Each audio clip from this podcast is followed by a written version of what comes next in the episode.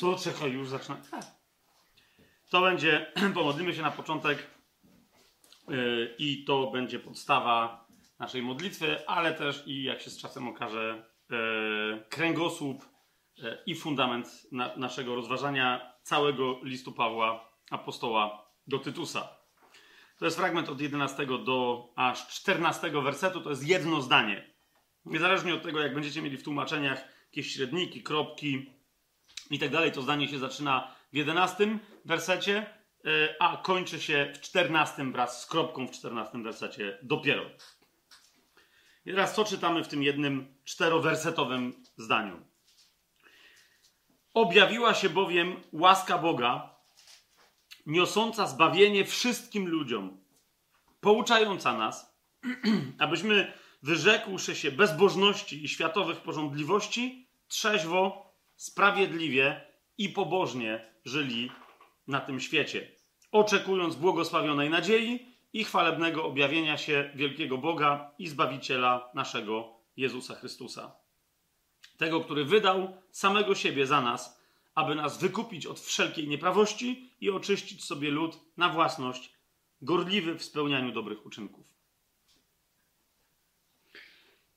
A, panie, Panie Jezu, Panie i Zbawco, wielki Boże i Zbawicielu, Ty, z którym przyszła łaska i prawda, Ty, z którym objawiła się łaska Boga, niosąca zbawienie wszystkim ludziom. Daj nam przy każdym studium, takim jak to dzisiejsze, takim jak te wszystkie, które mamy za sobą i te wszystkie, które jeszcze, jak dasz, mamy przed sobą.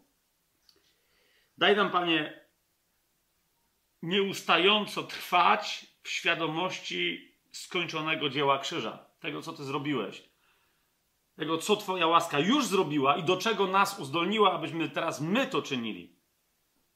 Daj nam, Panie, e, żyć takim poznaniem prawdy, które się będzie wyrażać praktycznym życiem w pobożności z dnia na dzień, z godziny na godzinę, z minuty na minutę.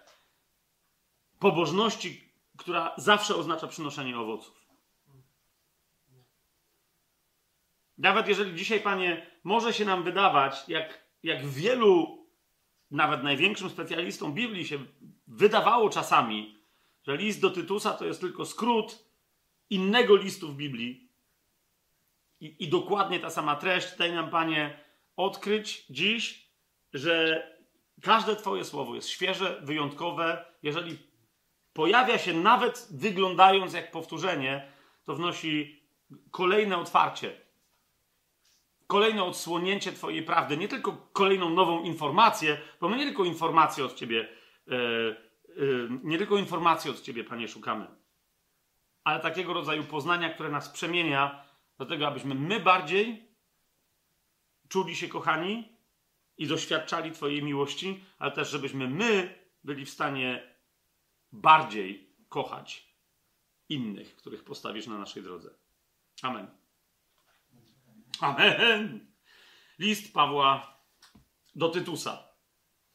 E, myślę, że dzisiaj również zrobimy cały. E, z tym, że będzie przynajmniej jeden temat, który sobie odłożyłem, który był mocno związany i wynikał logicznie już z pierwszego listu do Tymoteusza, do którego swoją drogą właśnie list Pawła do Tytusa jest bardzo podobny. On był, kto wie, czy nie, nie były napisane tego samego dnia, wręcz jak niektórzy sugerują, pewną dynamikę e, tego, tych dwóch tekstów. W każdym razie niedaleko obok siebie były napisane, e, ale chodzi o to, że i list do Tymoteusza pierwszy, i list do Tytusa porusza temat starszych, biskupów, diakonów, i ten, ten temat sobie zostawimy jako temat ekstra, który poruszymy następnym razem.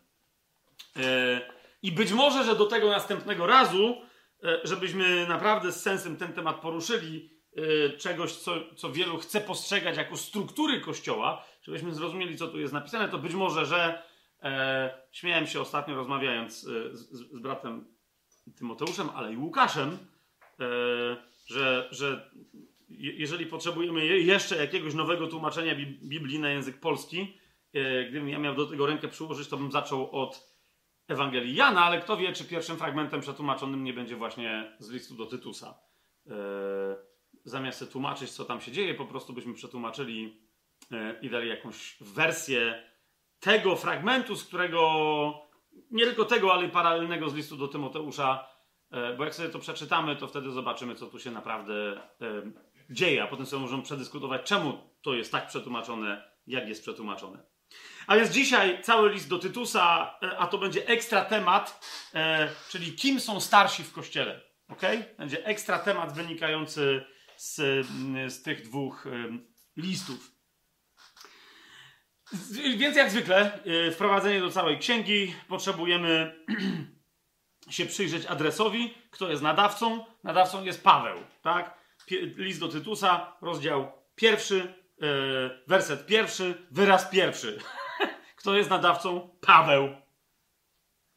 Potem dosyć zaskakująco, jak na zwracam wam uwagę, i jeszcze raz, kochani, my o wielu rzeczach, wielu niuansach tego listu dzisiaj sobie nie powiemy, no ale to my też nie robimy dogłębnego studium werset po wersecie. Niemniej zwracam wam od razu uwagę, jeżeli ja taką uwagę wrzucam, a wy potem chcecie sobie sami studiować, proszę przyjmijcie ją jako po prostu część swojej metodologii. Nie? Zwróćcie uwagę, w jak wielu listach Paweł przedstawia się tak rozwiniętym tytułem jak tutaj.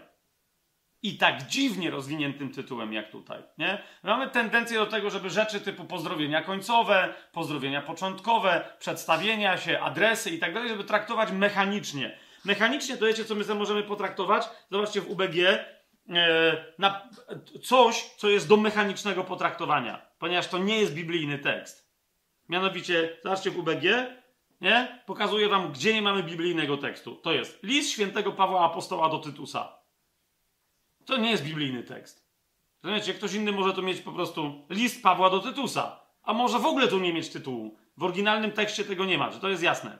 Tak? Nie ma w oryginalnym tekście e, sformułowania rozdział pierwszy, rozdział drugi, rozdział trzeci. Nie ma w oryginalnym tekście numerów wersetów, czy to jest jasne?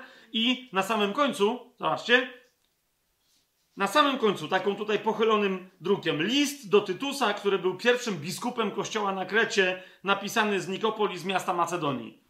Cały ten fragment jestem w stanie podważyć, zresztą byłoby to konieczne, żeby go podważyć, ale nie będę tego robił podobnie jak nie komentuję innych, wiecie, dopisków, które się pojawiają w Biblii, nawet jeżeli są dopiskami bardzo starymi do różnych manuskryptów. Czemu? Bo to nie jest fragment Słowa Bożego. Czy to jest jasne? Nie? I teraz ludzie rozumieją, że nie jest fragmentem Słowa Bożego, jak na przykład w środku mamy kolumnę yy, z cross-referencjami tak zwanymi, tak? Czy z odnośnikami, tu masz jakiś fragment, jakiś werset i masz inny werset, gdzie podobna rzecz się pojawia, możesz sobie sprawdzić, co to jest. To ludzie to rozumieją. Ale często, jakby wiecie, myślą, że to jest integralna część, część słowa. Nie? Taki, wy, taki wyraz, który y, potrzebuje poważnego studium, jak sela w psalmach, rzeczywiście jest słowem natchnionym i nie bardzo wiemy czasami po, o co chodzi z tym słowem. Nie? Komentarze typu, że kierownikowi chóru na melodię jakąś, to jest też słowo natchnione, bo to jest w oryginale, tak? Ale jak ktoś tam do tego dopisze jeszcze coś, więc my to musimy dobrze rozumieć, co jest grane, nie? I teraz, ja mówię o właściwym adresie, którego nie możemy traktować mechanicznie, tak jak tych różnych dopisków zwyczajowych, nie? Zwróćcie uwagę, jak przedstawia się y, tutaj Paweł y, w ramach swojego studium. I zauważcie, że y, y, wyjaśnienie całego adresu, a więc do kogo on pisze, pojawia się dopiero w czwartym wersecie. I teraz jeszcze raz zwróćcie uwagę, że to jest osobisty list. Cześć Tymek, tu Paweł. Nie? Tylko rozumiecie, to jest poważny Paweł, to jest poważny ty Tytus, tak jak poważny Tymoteusz, to jest poważna chrześcijańska komunikacja e, ludzi, którzy rozumieją to, co Pan Jezus powiedział, że my będziemy sądzeni z każdego niepotrzebnego słowa.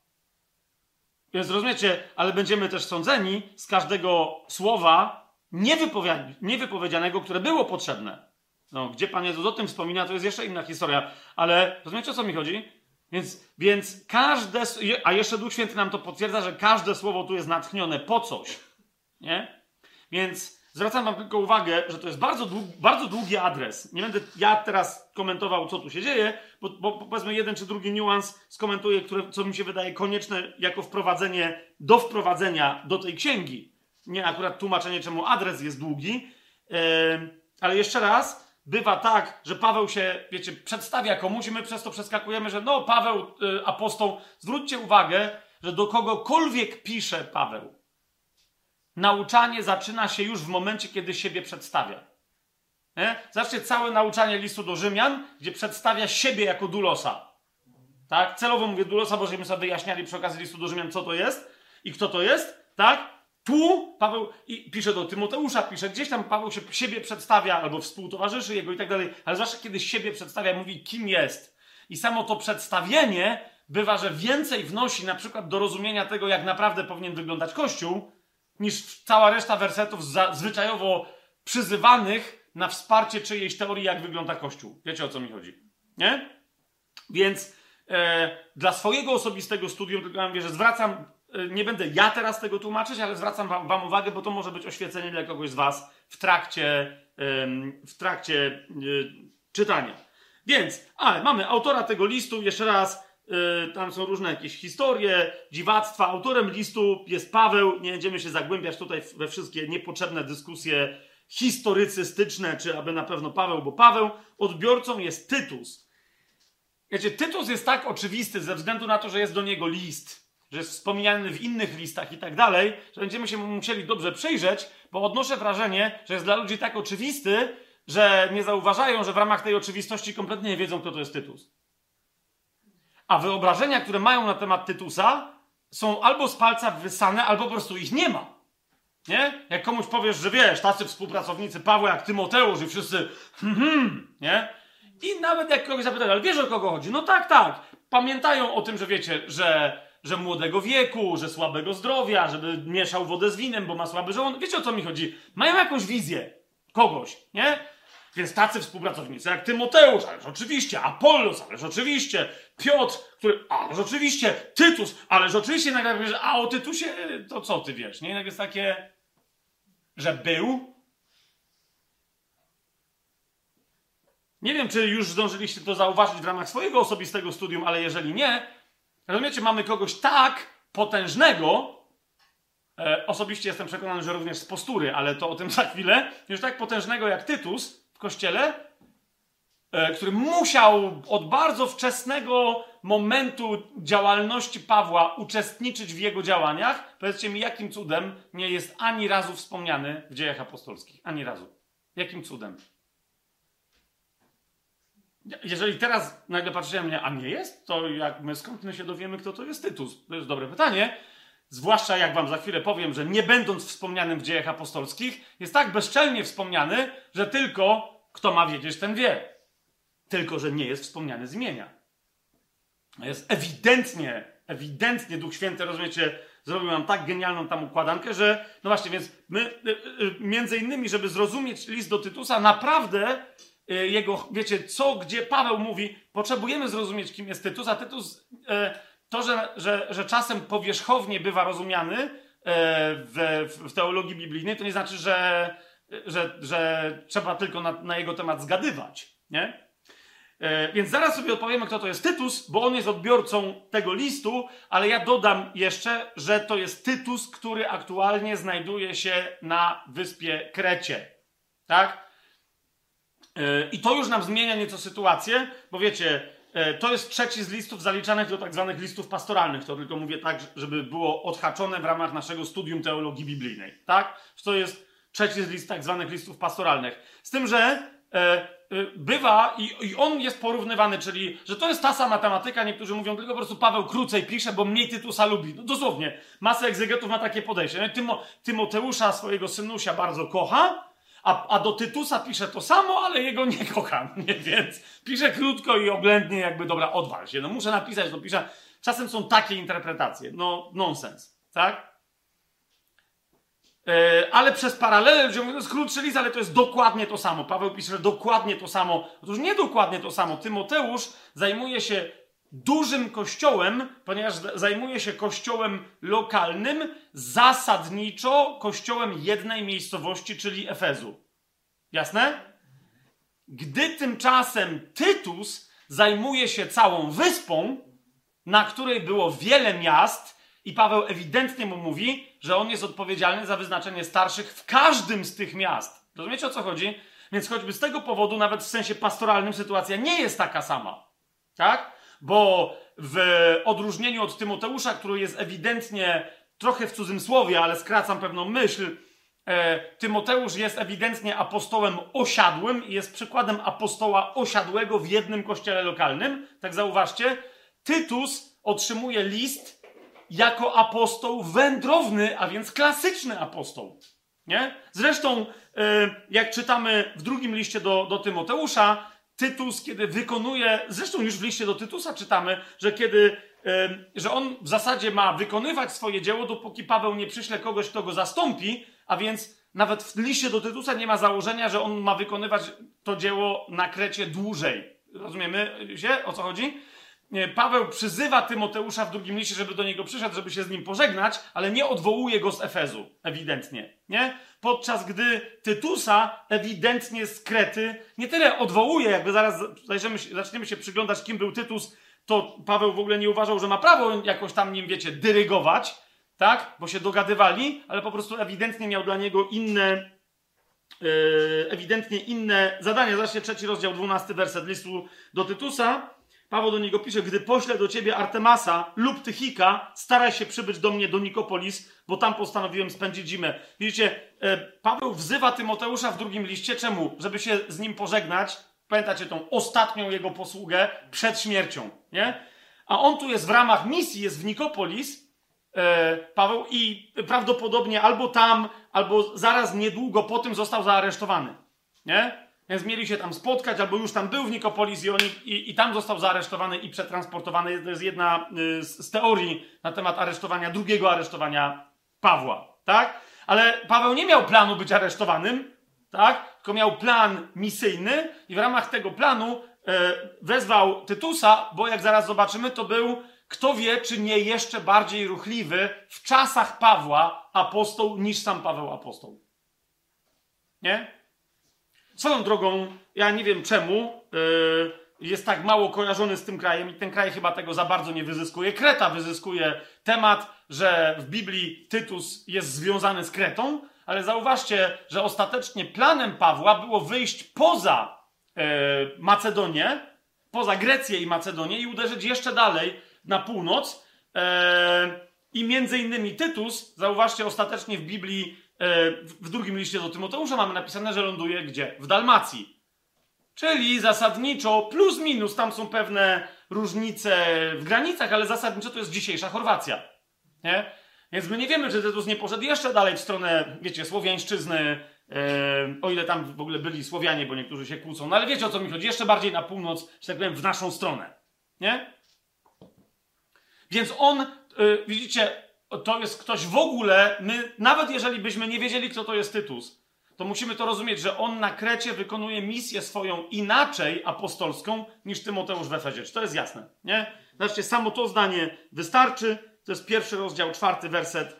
Do Tytusa, mojego własnego syna we wspólnej wierze. Tak? On to mówi i teraz piąty werset. Zostawiłem cię na Krecie w tym celu, abyś uporządkował to, co tam jeszcze zostało do zrobienia, i ustanowił w każdym mieście starszych, jak ci nakazałem. Nie?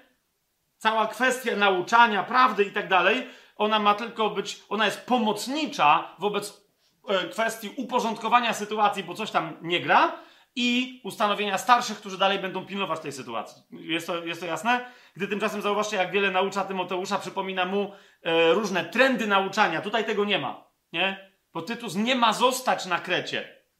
Więc e, Paweł mu tylko przekazuje strategię nauczania, dopóki tam jest, ze względu na to, kim są Kretańczycy, ale e, to nie jest, wiecie, przypomnienie całego nauczania apostolskiego e, w różnych jego aspektach, jak Tymoteuszowi, bo, bo to nie jest jego zadanie tam. I dlatego ten list jest o tyle krótszy, o ile nie ma tych wszystkich wątków teologicznych, które są u Tymoteusza. Jasność? Super. E, już powiedziałem, kiedy został ten list napisany. Znowu nie będę się teraz wdawać w różne tam, wiecie, badania, egzegezę e, i co z czego wynika, ale wygląda na to, że on był napisany z tego samego miejsca, w mniej więcej tym samym czasie. Jak powiedziałem, niektórzy wręcz, wiecie, mają taką koncepcję, że one są tak do siebie podobne, gdy chodzi, mają różne cele nieco, I z tego, i to, i to różnicuje te dwa listy, ale jakby w treści, w tonie, w wyrazach, którymi się Paweł posługuje, to jest tak, jakby Paweł podyktował dwa listy tego samego dnia. Pierwszy do Tymoteusza i do Tytusa. Nie? Pierwszy do Tymoteusza i do Tytusa. Później Tytus po tym liście, e, jak go dostał, niektórzy mówią, że kto wie, czy w ogóle e, któryś z tych dwóch, e, czyli Artemas albo Tychik, kto wie, czy po prostu nie przyniósł mu tego listu, rozumiecie, na Kretę, i on go przeczytał i zaraz jak go przeczytał, to już go na Krecie nie było, ponieważ wyruszył do Nikopolis, nie? My tylko wiemy, w drugim do Tymoteusza, zobaczcie, to jest drugi do Tymoteusza, czwarty, czwarty rozdział, nie? W tym, y, w tym zdaniu, gdzie Paweł Tymoteuszowi mówi, co się stało z, z Demasem, ewidentnie jakby tu gramatyka jest taka, że sugeruje, że no Demas opuścił Pawła. Nie opuścił go ani Kresens, ani, ani Tytus, ale oni go, w sensie takim, żeby go opuścić, bo umiłowali świat, no nie? To jeszcze więcej o tym później powiem, ale Kresens w misji wrócił do Azji, do Turcji, czyli do Galacji, a Tytus udał się do Dalmacji, nie? Ale skąd? Z Rzymu.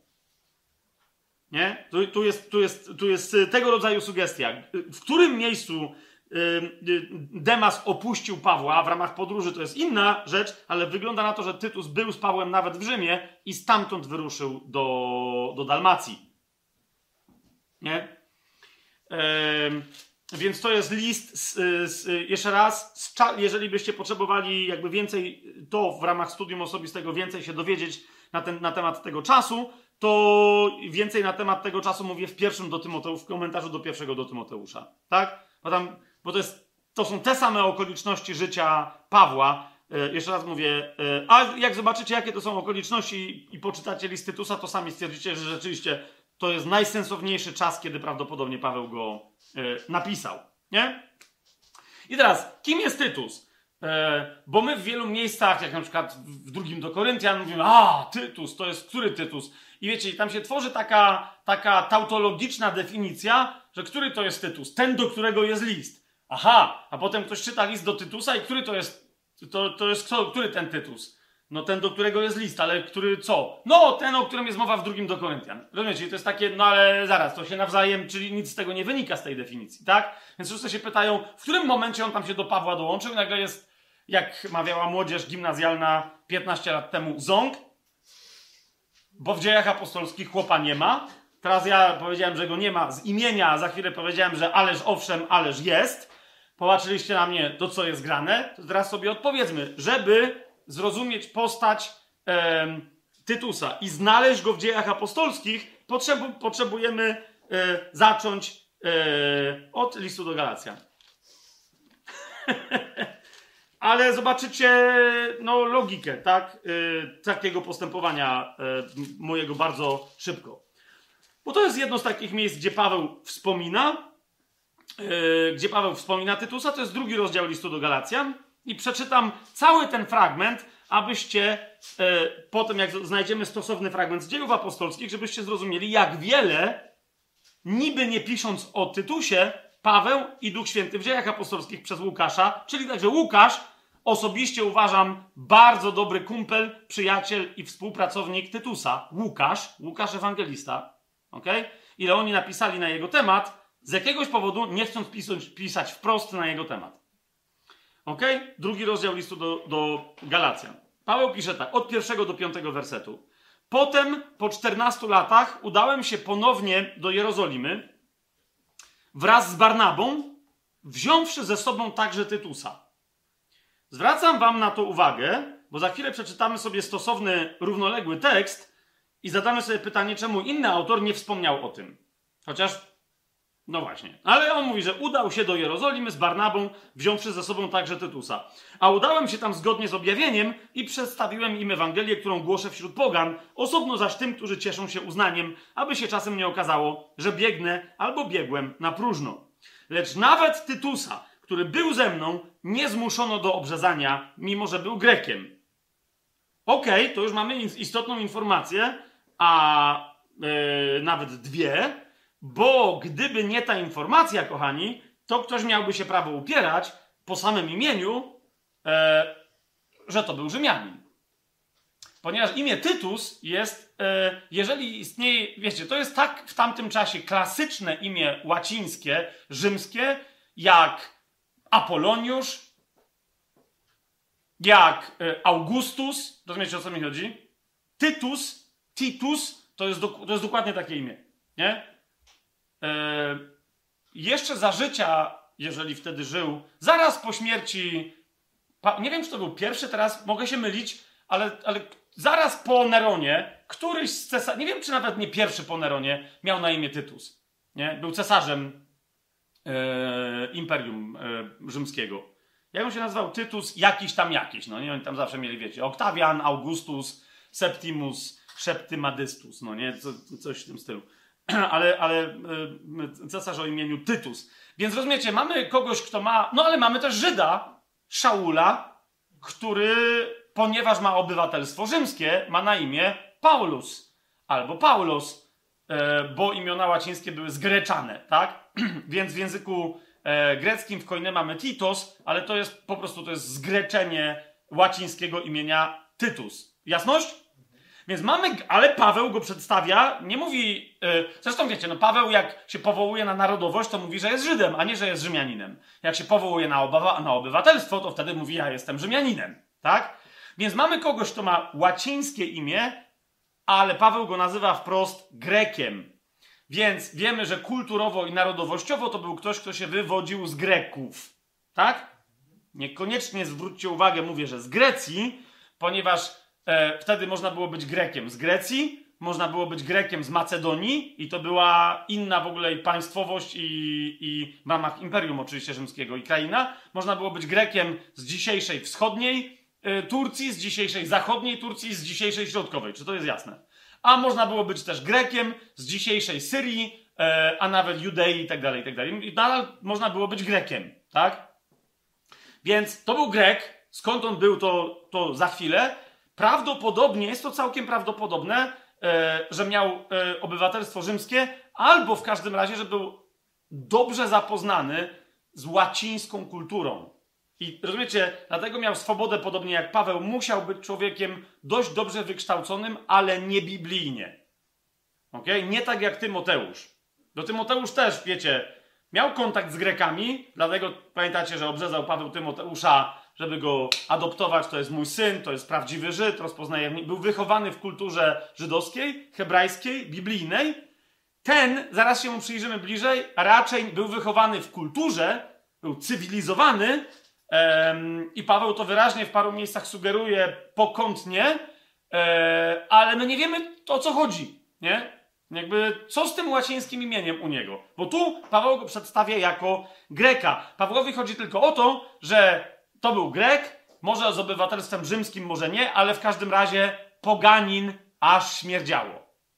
Jemu o to chodzi, nie? Że jeżeli on z nim poszedł do Jerozolimy, to rozumiecie? A tam było stronnictwo, które powiedziało zaraz, jak to chrześcijanin i nieobrzezany? No to właśnie to jemu o to chodzi. Jeżeli ktoś z nich miałby mieć problem, że jest śmierdzącym poganinem do obrzezania, to pierwszy to jest Tytus. Nie? To o tym Galacjanom mówi Paweł. Tu, kochani, od razu zwracam wam uwagę. My się jeszcze temu dalej przyjrzymy, ale powiedzcie mi, nie jest rzeczą dziwną, jak się jak się przyjrzymy jeszcze tekstowi, zwłaszcza z dzieł apostolskich, bo Paweł z Barnabą nie wzięli ze sobą jednego człowieka. Ok? Tylko paru, przynajmniej paru. I jednym z nich był Tytus. Czemu akurat o nim wspomina Galacjanom Paweł? W dodatku wspomina o nim, jakby go powinni, jakby go znali. Nie, nie tłumaczy im, że był taki przypadek, był chłop, co miał na imię Tytus, wiecie o co mi chodzi, tylko prostu mówi, że wzięli, wziąwszy ze sobą także Tytusa. Więc on pisze, jakby to był człowiek, kogo oni znają. Czy mógł Tytus być podobnie jak Tymoteusz Galacjaninem? Nie? Jeszcze raz, to jest tylko moje pytanie, na które wcale nie mówię, że odpowiem, ale samo pytanie jest dość dobre, więc je zadaję. Dalej. Paweł pisze, że nawet Tytusa, który był ze mną, nie zmuszono do obrzezania, mimo że był Grekiem, więc należało mu się, tak? A to z powodów prowadzonych fałszywych braci, którzy się wkradli, aby wyszpiegować naszą wolność, jaką mamy w Chrystusie Jezusie, aby nas zniewolić. Nie ustąpiliśmy im ani na chwilę, I teraz zwróćcie uwagę, co się dzieje. Paweł pisze w liczbie mnogiej, okay, którą zaczął w pierwszym wersecie, mówiąc o Barnabie i Tytusie, a nie tylko o Barnabie. Nie? Więc mówi, e, zauważcie, że e, nawet Tytusa, który był ze mną, nie zmuszono do obrzezania. Co Paweł sugeruje? Że on go nie musiał bronić. Może go bronił, jakby wiecie, teologicznie, ale nacisk nie był na Pawła, że on coś musi z tym zrobić, tylko na niego, że on się ma obrzezać. Rozumiecie o co idzie? Tu jest jedna sugestia, nie? I Paweł mówi: Ja się nie dałem, Barnaba się nie dał i Tytus się nie dał. On ewidentnie przedstawia Galacjanom Tytusa jako twardziela, nie? który jest w stanie się sam obronić, któremu nie będzie ktoś tłumaczył i który, który się nie boi nawet Żydów. Co w wypadku Galacjan było dosyć istotną informacją, bo oni się zaczęli ich bać, tych judaizujących yy, niby chrześcijan, tak? Więc nie ustąpiliśmy im ani na chwilę, nie, nie oddaliśmy ani pięci pola. Tak? Mieliśmy starcie i się nie cofnęliśmy ani o krok. To jest taka idea. Nie ustąpiliśmy im nie tylko, że ani o krok, ale nawet na chwilę i nie poddaliśmy się, aby pozostała wśród was prawda Ewangelii. Zauważcie, ja się nie poddałem, Barnaba się nie poddał i Tytus się nie poddał ze względu między innymi na was, Galacjanie. Ciekawe, co? Jeszcze raz zadam pytanie, czy jest możliwe, że Tytus był Galacjaninem? Okej, okay, okej. Okay. Dowiadujemy się w, każdy, w każdym razie, że e, Tytus, gdzie jest wspomniany w dziejach apostolskich, kochani? Nie, bo o jakiej sytuacji Paweł tutaj pisze? O sytuacji, otwórzmy sobie dzieje apostolskie, 14 rozdział.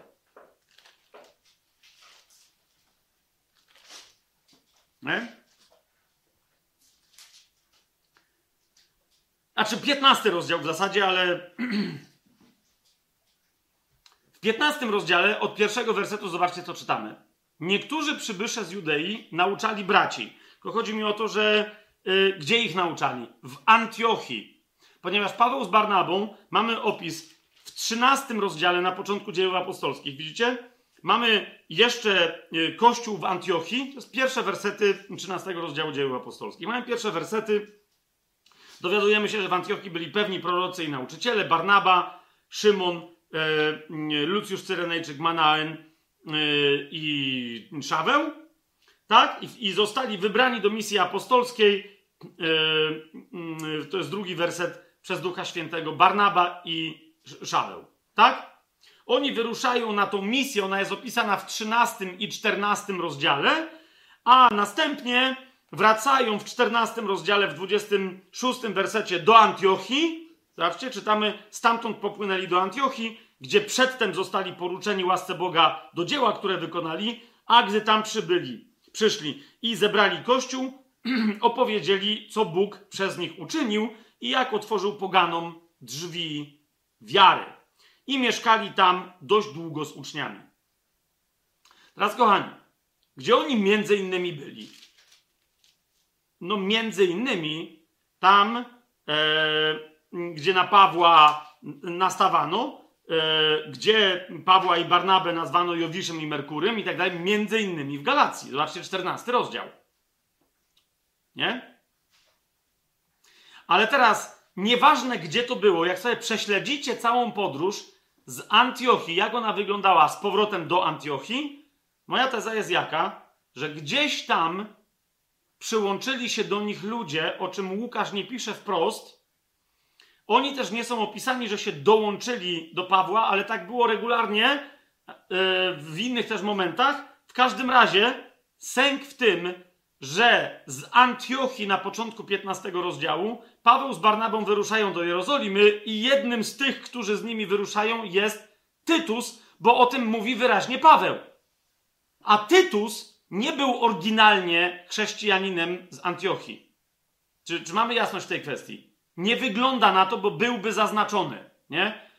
Chyba, że z jakiegoś powodu Łukasz w ogóle ukrywa jego tożsamość. Nie? Ale gdzie się pojawia na pewno Tytus? To jest 15 rozdział. Widzicie? Więc do Antiochii przybyli judaizujący chrześcijanie albo fałszywi bracia, udający tylko chrześcijan, jacyś sekciarze. Z 15 rozdział dziejów apostolskich, pierwszy werset. I czytamy, niektórzy przybysze z Judei nauczali braci, jeśli nie zostaniecie obrzezani, według zwyczaju Mojżesza nie możecie być zbawieni. Kiedy doszło do niemałych sporów i zatargów między nimi a Pawłem i Barnabą, postanowili, że Paweł i Barnaba, i tu macie Tytusa, oraz jeszcze kilku z nich, Paweł i Barnaba oraz jeszcze kilku z nich, z których Zauważcie, z, z, z, jakich kilku z nich? To jest Paweł i Barnaba, to jest dwóch, to jak, jakich jeszcze kilku z nich? Tak? No z tych, którzy byli nieobrzezani, do których ci judaiści mówili, musicie się obrzezać albo z Antiochii, albo z wyprawy Pawła. Nie? Czyli ci, którzy wrócili z tej wyprawy, yy, Paweł mógł powiedzieć z Barnabą, słuchaj, mamy, bo oni, rozumiecie, postanowili iść do Jerozolimy. Nie? Żeby opowiedzieć, zobaczcie, jak Pan przez nas zadziałał wśród pogan. Kto z nimi poszedł? Nieobrzezani, żeby być żywym świadectwem. Rozumiecie o co chodzi? Paweł mówił, Barnaba mówił i oni też mówili: Ja jestem żywym świadectwem, wyznaję Jezusa, czytam Słowo Boże. Nigdy w życiu wcześniej o niczym nie wiedziałem. Nie? Jednym z nich był Tytus. Według mnie oni mieli ze sobą reprezentację miast, przez które przeszli w czasie pierwszej e, e, wyprawy misyjnej i e, ludzie, którzy reprezentowali te miasta, paru, y, parę osób, oni mówili, o, co się działo w konkretnych miejscach. E, wiecie o co mi chodzi? Przeczytajmy dalej, zobaczcie. Więc yy, yy, postanowili, że Paweł i Barnaba, to jest drugi werset, oraz jeszcze kilku z nich pójdą w sprawie tego sporu do apostołów i starszych do Jerozolimy. I to jest dokładnie to wyjście do Jerozolimy, o którym Paweł mówi w liście do Galacjan w drugim rozdziale, że 14 lat później, bo to jest jego powrót do Jerozolimy po 14 latach, bo on w liście do Galacjan na końcu pierwszego rozdziału mówi, że byłem w Jerozolimie dwa tygodnie z Piotrem, pamiętacie to, nie? Potem mówi, a po 14 latach po co on tam poszedł? W tej sprawie, nie? Zresztą on mówi, że nie zmusili Tytusa, y, żeby się obrzezał, nie? Ale jak to się działo? Trzeci werset, zobaczcie. Wyprawieni przez Kościół, szli przez Fenicję i Samarię, opowiadając o nawróceniu pogan, czym sprawili wielką radość wszystkim braciom. Wiecie, to był trochę taki pochód demonstracyjny, nie? Paweł Barnaba i powiedzieli, poganie się nawrócili. Ta, jasne. Proszę bardzo. I oni wstawali, tak jest, Frygia, Antiochia Pizyzyńska, coś tam, Cylicja, nie? Reprezentuje, wiecie, nie? Jak hip-hopowcy. Reprezentowali. A gdy przybyli do Jerozolimy, zostali przyjęci przez Kościół, apostołów i starszych. I opowiedzieli o wszystkim, czego Bóg przez nich dokonał. Jeszcze raz, w jaki sposób? No właśnie w taki. Lecz niektórzy ze stronnictwa faryzeuszy, którzy uwierzyli, powstali i powiedzieli, zwróćcie uwagę, trzeba ich obrzezać. Kogo? Dokładnie tych gości, którzy zostali wysłani razem z Pawłem i z Barnabą, z których jeden to był Tytus. Widzicie, to jest dokładnie to, jak Paweł mówi, że nie zmusili go do obrzezania. Gdzie był moment, kiedy był zmuszany do obrzezania? To jest to, to było publiczne, nie? Trzeba ich obrzezać i nakazać, żeby zachowywali prawo i Mojżesza. I Atytus najwyraźniej się postawił, powiedział, że w życiu on nie taką Ewangelię słyszał. Paweł się postawił, mówi, nie taką Ewangelię głosiłem. Barnaba się postawił, mówi, ja przestrzegam całego prawa, ale dajcie spokój. I potem wstaje Piotr i staje po stronie, rozumiecie, Pawła, Barnaby i Tytusa. To jest bardzo istotne. Staje po ich stronie, yy, mówiąc, że on też yy, może by głosił inną Ewangelię, ale, no, no, ale głosił jaką głosił, dokładnie taką, jaką słyszy, że ogłosił Tytusowi i tam paru innym facetom Paweł. Jasne? Zatem tu mamy Tytusa. Teraz moje pytanie brzmi, dlaczego Łukasz który całkiem możliwe, że był jednym z najbliższych oprócz Pawła współpracowników Tytusa właśnie, dlaczego go tu ukrywa? Rozumiecie, bo dlaczego on go tu nie wspomniał? Paweł pisze do Galacjan i o Tytusie wspomina, a ten pisząc dzieje apostolskie go nie wspomina. Dlaczego? Zaskoczę was odpowiedzią moją, ale nie wiem. Natomiast gdybym miał w którąś stronę myśleć, to też i pomyślałem i dlatego nie wiem, bo nie ma według mnie żadnych konkluzji tutaj. To jest, widzicie, są też miejsca, na które za chwilę natrafimy, w ramach których Paweł bardzo sławnych ludzi w tekście ukrywa. A uwydatnia Tytusa. Otóż pamiętajcie, Łukasz pisze w drugą stronę niż pisał Paweł do Galacjan.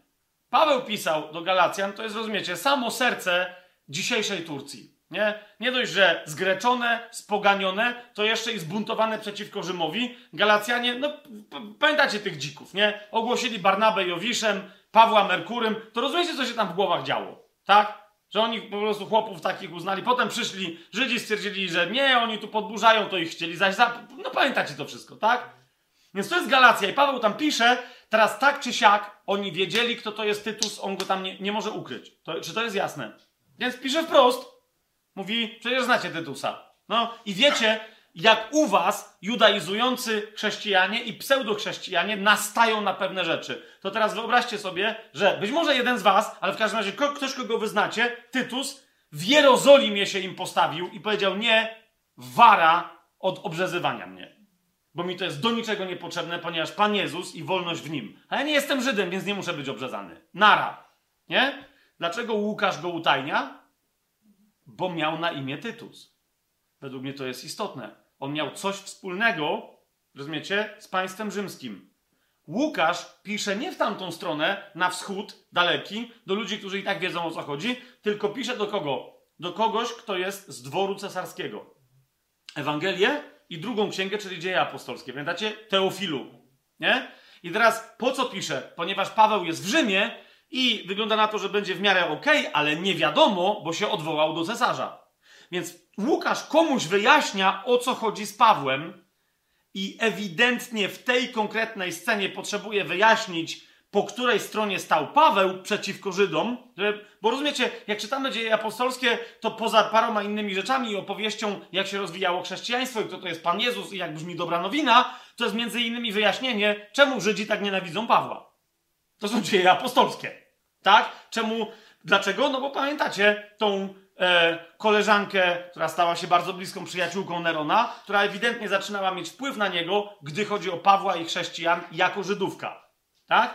Więc to było wyjaśnienie, które być może miało dotrzeć nawet do Nerona, żeby, żeby jakby rozważył sprawę, że Żydzi mają na pięku z Pawłem, a Paweł z nimi, ale z czego to wynika i niech on to potem rozsądzi, tak? Ponieważ wszyscy urzędnicy cesarza w dziejach apostolskich są przedstawieni w najlepszym wypadku, jako wiecie, oczekujący, że Paweł im zapłaci, ale nie znajdywali w nim żadnej winy.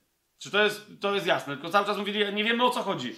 No Żydzi, nie wiemy o co chodzi. Paweł się odwołał do cesarza. No to okej, okay, ale naprawdę my tu nie mamy żadnego problemu, tu nie ma żadnego tematu, nie? Więc to jest wyjaśnienie, ale być może Łukasz rozumiecie, chciał ukryć ludzi, którzy mogli być znani na dworze cesarza. Czy to jest jasne, co, co mówię teraz? I w takim kluczowym momencie, gdzie powinien przedstawić Tytusa, on ani tu go nie przedstawia, ani w ramach pierwszej podróży apostolskiej nie przedstawia go jako. Rozumiecie o co chodzi? Jak zaraz sobie przeczytamy, kim był w rozumieniu Pawła Tytus i jakie mógł mieć związki z Łukaszem, to będzie naprawdę możemy być w szoku, czemu on go nie wspomniał.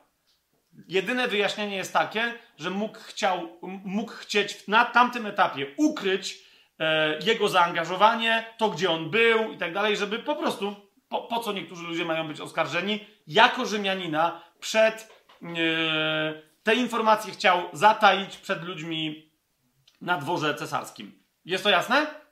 Zaraz zobaczymy inną sytuację, w ramach której Paweł robi dokładnie to samo, ale nie z Tytusem, tylko przy okazji Tytusa. Więc tu znajdujemy Tytusa. Paweł o tym do Galacjan jasno pisze. Łukasz o tym nie pisze, ale to jest jasne, że to chodzi o ten moment, początek 15 rozdziału. Mamy to? Swoją drogą, tak zupełnie swoją drogą, my do tego jeszcze będziemy wracać, ale ja lubię takie momenty. Mm, e, nie wiem, ile razy słyszeliście na temat rozważań, co to jest Kościół, jaka jest jego struktura i tak dalej, i tak dalej. Ile razy słyszeliście fragment z 14 e, mm, rozdziału, 27 werset. Ile razy w ramach nauczania na temat struktur Kościoła słyszeliście 27 werset 14 rozdziału dziejów apostolskich? Stawiam, że nigdy. Dlaczego? Ponieważ ktoś, kto by się powołał na ten werset, musiałby wyjaśnić, jak to się stało, że Kościół w Antiochii, absolutnie wzorcowy, według mnie aż do dzisiaj, dla całego ciała Chrystusa, nie miał nabożeństw. Nie miał żadnego miejsca regularnych spotkań, ani pory regularnych spotkań w ogóle. Oni się nigdy nie spotykali w całości. Zauważyliście to? Widzicie teraz to w tym wersecie? Yy, pytanie brzmi, jak to było, że mieli zgromadzenie na początku 13 rozdziału? I co to była za wspólna służba? Bo często ta wspólna służba jest przedstawiana jako nabożeństwo. Że oni tam mieli regularne nabożeństwo. Jakby mieli, to wystarczyło przyjechać i zaczekać na nabożeństwo w 27 wersecie. A zauważcie, oni zwołują cały Kościół. Stąd moja teza, że oni w 13 rozdziale mieli też jakąś okazję, być może wiecie, na modlitwach, po domach, gdzieś tam. Duch Święty powiedział wszystkim, jest specjalne wydarzenie, musicie się zebrać, bo muszę wam coś ważnego powiedzieć. No oni się zebrali i co im ważnego powiedział? Żeby odłączyli Barnabę i Pawła i żeby oni wyruszyli w misję apostolską. I potem co? Potem najwyraźniej nie mieli spotkań. Nie wiem, mieli, nie mieli, ale rozumiecie, jak, wrócił, jak wrócił Paweł z Barnabą, to nie było tak, że wrócili we wtorek, zaczekali do niedzieli. Nie? Że wrócili w czwartek, zaczekali do soboty czy coś, bo oni po prostu musieli zwołać cały Kościół. Ewidentnie, nie tylko w tym miejscu, tak? Sugestia jest, że to już jest Kościół, który działa kompletnie inaczej niż działał Kościół w Jerozolimie. Model jerozolimski nigdy nie został w, w Kościele w sposób właściwy, po, w zasadzie prawie pod żadnym względem e, powielony. Ale o tym będziemy mówić, jak będziemy mówić o strukturze Kościoła opisywanej przez Pawła do Tymoteusza i do Tytusa, ale to jest coś, czego Tytus, rozumiecie, że tak powiem, wysał to z mlekiem matki Kościoła. Nie? To, wy, to jest tutaj. Jeżeli on, wró- jeżeli on był w Antiochii już, to był, rozumiecie, to, to był jednym z tych, który był świadkiem zwoływania Kościoła, bo oni wrócili z misji. To była jedna duża wyda, to była, to była konferencja. Poświęcona czemu? Wrócili misjonarze i mówią, jak się sprawy mają. Tak? Lub też on wrócił z nimi i zobaczył, jak wygląda Kościół. Po prostu. Nie? Jak jest potrzeba, to się Kościół zwołuje, a jak nie ma, to co się spotykać? Żeby bić pianę? Więc to jest, y, to jest, to jest pierwsze nasze spotkanie właściwe z, y, z Tytusem. List do Galacjan y, i to, jak Paweł wspomina o Tytusie w, i, i 15 rozdział dziejów apostolskich. Mamy to? Mamy to? Następna rzecz, kiedy Paweł wspomina, jakby nieco chronologicznie rzecz ujmując, e, Tytusa, to jest drugi e, list do Koryntian. I on go tak wspomina, rozumiecie, wiedząc, że Koryntianie już dobrze Tytusa znają i, i że Tytus wykonał wśród nich niesamowitą apostolską robotę. Nie? Apostolską, to nie był żaden, rozumiecie, e, um, listonosz od Pawła to on tam był e, z apostolską robotą w Koryncie. W pierwszym liście w ogóle Paweł go nie wspomina, ale między innymi mówi o składce, jak pamiętacie, na, na ubogie kościoły w, w Judei. Pamiętacie to? Dobra. I teraz, e, no i tam Paweł też tłumaczy, że tam macie różne nerwowe historie, co się to z wami dzieje, żebym sam nie musiał przyjść.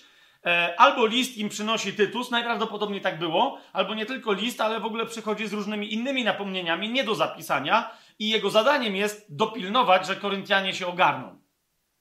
I teraz w drugim liście, który jak pamiętacie, jest pytanie, czy jest drugim, czy jest trzecim, czy którym, bo pomiędzy były jeszcze inne, tak, ale w drugim liście Paweł wspomina o tej wizycie Tytusa w, w, w Koryncie, skąd się on tam w ogóle wziął i o następnych jeszcze możliwych powodach obecności Tytusa z powrotem w tamtym miejscu.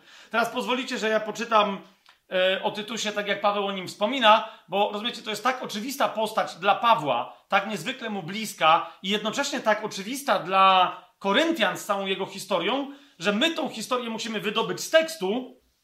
E, oni nie musieli, ponieważ wtręty, które Paweł ma do Koryntian, polegają na tym, że oni wiedzą, jaka jest historia i on też wie, tylko się odnosi, żeby im jakby powiedzieć, o którym momencie historii on mówi, a my nie wiemy za bardzo, nie? Więc prześledźmy to y, od początku. Najpierw w drugim do Koryntian, w drugim rozdziale. Paweł mówi o swojej podróży, w ramach której się zaczął dowiadywać, co się dzieje y, tu, tam, co się dzieje w Koryncie. I jak chcecie prześledzić, co to było tutaj, co to za historię, to sobie sprawdźcie z dziejami apostolskimi i wtedy wszystko wyjdzie. Nie będziemy my teraz tego robić, ale w każdym razie Paweł pisze tak, dwunasty werset. Gdy zaś przybyłem do Troady, aby głosić Ewangelię Chrystusa, a drzwi zostały mi otwarte w Panu, nie zaznałem spokoju ducha, bo nie znalazłem Tytusa, uwaga, mojego brata. Rozstawszy się więc z nimi, wyruszyłem do Macedonii. Czyli on głosił w Troadzie, ale zobaczcie, Paweł już na, już na wstępie, on mówi naturalnie, a zaraz tu pokażę wam jeszcze więcej, po prostu o Tytusie, do którego jak pisze, nazywa go swoim synem. Nie? Stąd dodatkowa informacja tam się nam pojawi w liście do Tytusa, że prawdopodobnie Tytus jest, wszyscy egzegaci się z tym zgadzają, że Tytus jest kimś, kogo Paweł zrodził w, w, wierze. Tak? I to jest to. Nie, nie jest adoptowany tak jak Tymoteusz, ale Paweł wszystkich, którym głosił Ewangelię, oni przyszli do Chrystusa przez jego głoszenie, nazywa e, swoimi dziećmi, czy zwłaszcza synami. Ale tu mamy już kogoś, kto jest samodzielnym apostołem. Rozumiecie? Paweł go komunikuje, co on będzie robił, czasem go wzywa, czasem mówi, zostań tu czy tam. To jest ktoś, kto jest w jego służbie i współpracuje z nim, ale kto jest też samodzielny w tej służbie. Zauważyliście? Paweł wie, że on ma być w Troadzie, myśli, że go znajdzie, ale nie. Teraz czemu wyrusza do Macedonii? Bo ludzie mu powiedzieli, że tam wyruszył Tytus. Co, to, co, co nam to sugeruje, kochani? Bo my czasem czytamy takie teksty i okej, okay. zauważcie. Paweł opisuje Tytusa jako kogoś, za kim on podąża. Nie? Jedzie do Troady, tam, jest, tam są otwarte drzwi, głosi, ale potem, dobra, zostawiliśmy starszych, kogoś, jak to Paweł czynił, ale potem mówi, co ja mam teraz robić? Muszę znaleźć Tytusa. A gdzie Tytus głosi? W Macedonii. To jadę do Macedonii. Nie? Już nie pierwszy raz będzie wtedy to jego podróż, ale dokładnie o tym e, Paweł mówi, że e, e, to, to jest trzynasty werset. Skoro nie znalazł Tytusa, to wyruszył do Macedonii. I potem w ogóle pisze Paweł o czym innym. Nie? Dlaczego? No bo on wie, jakby żeby im umiejscowić, że skąd się te jego refleksje biorą, czemu się pojawia Tytus i tak dalej, to będzie za chwilę, ale mu się przypomniało, że bo jak jechałem tu, to tam, a nie było Tytusa, to pojechałem za nim do Macedonii. Drugi raz wraca do historii z Macedonią Paweł dopiero w siódmym rozdziale. o to mi chodzi, no nie, że to jest, nie? Tak naturalne jest wspominanie dla niego o Tytusie do Koryntian. W siódmym rozdziale, w piątym wersecie Paweł mówi tak. Kiedy bowiem przybyliśmy do Macedonii, widzicie, tam było, że wyruszył do Macedonii za Tytusem. A tu wraca do historii, że no i wreszcie przyszliśmy do tej Macedonii, nie? I co się wtedy stało? Mówi, kiedy przybyliśmy do Macedonii, nasze ciało nie zaznało żadnego odpoczynku, ale zewsząd byliśmy uciśnieni. Na zewnątrz walki, a wewnątrz obawy. Lecz Bóg, który pociesza uniżonych, pocieszył nas przez przybycie Tytusa. Co się okazało, że Tytus nie wyruszył do, do Macedonii najwyraźniej, jak, jak, jak Paweł się dowiedział, znaczy wyruszył, ale wyruszył przez Korynt nie? inną drogą. I teraz spotkali się w Macedonii, tak? I więc to go ucieszyło, ale czemu? Nie tylko przez jego przybycie, mówi Paweł, zostaliśmy pocieszeni, ale też przez pociechę, jakiej on doznał wśród was, gdy opowiedział nam o waszej tęsknocie, o waszym płaczu, o waszej gorliwości względem mnie, tak że uradowałem się jeszcze bardziej. Widzicie o co chodzi? On nie wiedział, myślał, że znajdzie Tytusa w Macedonii. Ten poszedł do Macedonii, ale przez Korynt. Zobaczcie sobie, jak to na mapie wygląda. Zauważcie samodzielność Tytusa, samodzielne działanie wśród, yy, yy, wśród Koryntian oraz co? Jeszcze raz, nie, nie, nie będziemy wchodzić w język, ale Paweł tutaj mówi, mogli być tak zachwyceni Tobą, bo, bo tu troszeczkę, jak pamiętacie historię, może niechcący, ale Paweł z Tytusem na Koryntianach zagrali e, strategię zły, dobry policjant. No bo wiecie, Paweł napisał ostry list i najwyraźniej wysłał z tym listem Tytusa. Tytus nami, ale napisał, nie, że tu wysyłam. E, to, to był prawdopodobnie nawet nie ten, który my znamy z Biblii jako pierwszy, tylko być może jeszcze ten drugi. Ale nieważne, chodzi tylko o to, że Paweł mówi, bo żebym nie musiał przyjść. Bo z rózgą przyjdę i pamiętacie te, te takie historie, nie? A przyszedł Tytus, który pewnie zadziałał jakoś inaczej. Rozumiecie? I teraz Koryntianie mogli być zachwyceni nimi powiedzieć, no, to ty do nas przychodź. A już Pawła trzymaj z daleka, proszę, nie? A Tytus tam wrócił i mówi Pawłowi, człowieku, oni cię kochają, nie? Wiem, bo mnie przyjęli, tam za chwilę Paweł jeszcze o tym więcej mówi, jak oni, e, jak został, mm, e, jak Tytus ucieszył się przyjęciem przez Koryntian, nie? Ale co jest istotne, że on przyszedł i mówi, niezależnie od tego, jakim tonem do nich piszesz i tak dalej, oni y, zrobili to, co zrobili, ponawracali się, poczyścili sytuację, nie ze względu na moją usługę, ale ze względu na ciebie. Rozumiecie?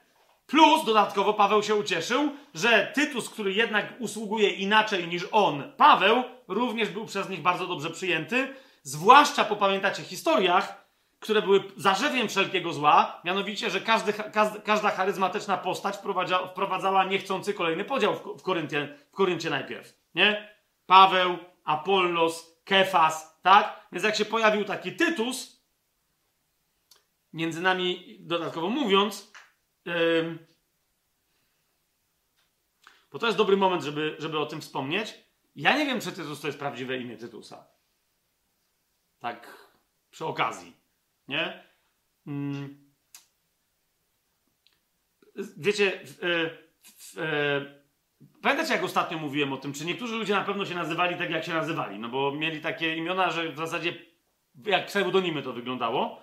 Zauważcie, jak kryje, e, jak kryje Łukasz Tytusa, że w ogóle go nie wspomina. Nie? Ktoś, pamiętam, jak kiedyś o tym rozmawialiśmy, było no to, ale jakby trzeba go było bardzo ukryć, to czemu w takim razie Paweł go ujawnia gdzie indziej? Moje pytanie brzmi, czy imię Tytus nie jest w ogóle, rozumiecie, czy go nie, nie kryje skutecznie, na tyle, żeby to była ksywa znana dobrze wśród, e, wiecie, ludzi mówiących po łacinie, ale cała reszta w ogóle wiedziałaby o kogo chodzi, ale wiecie, prawdopodobnie nazywali go inaczej, nie?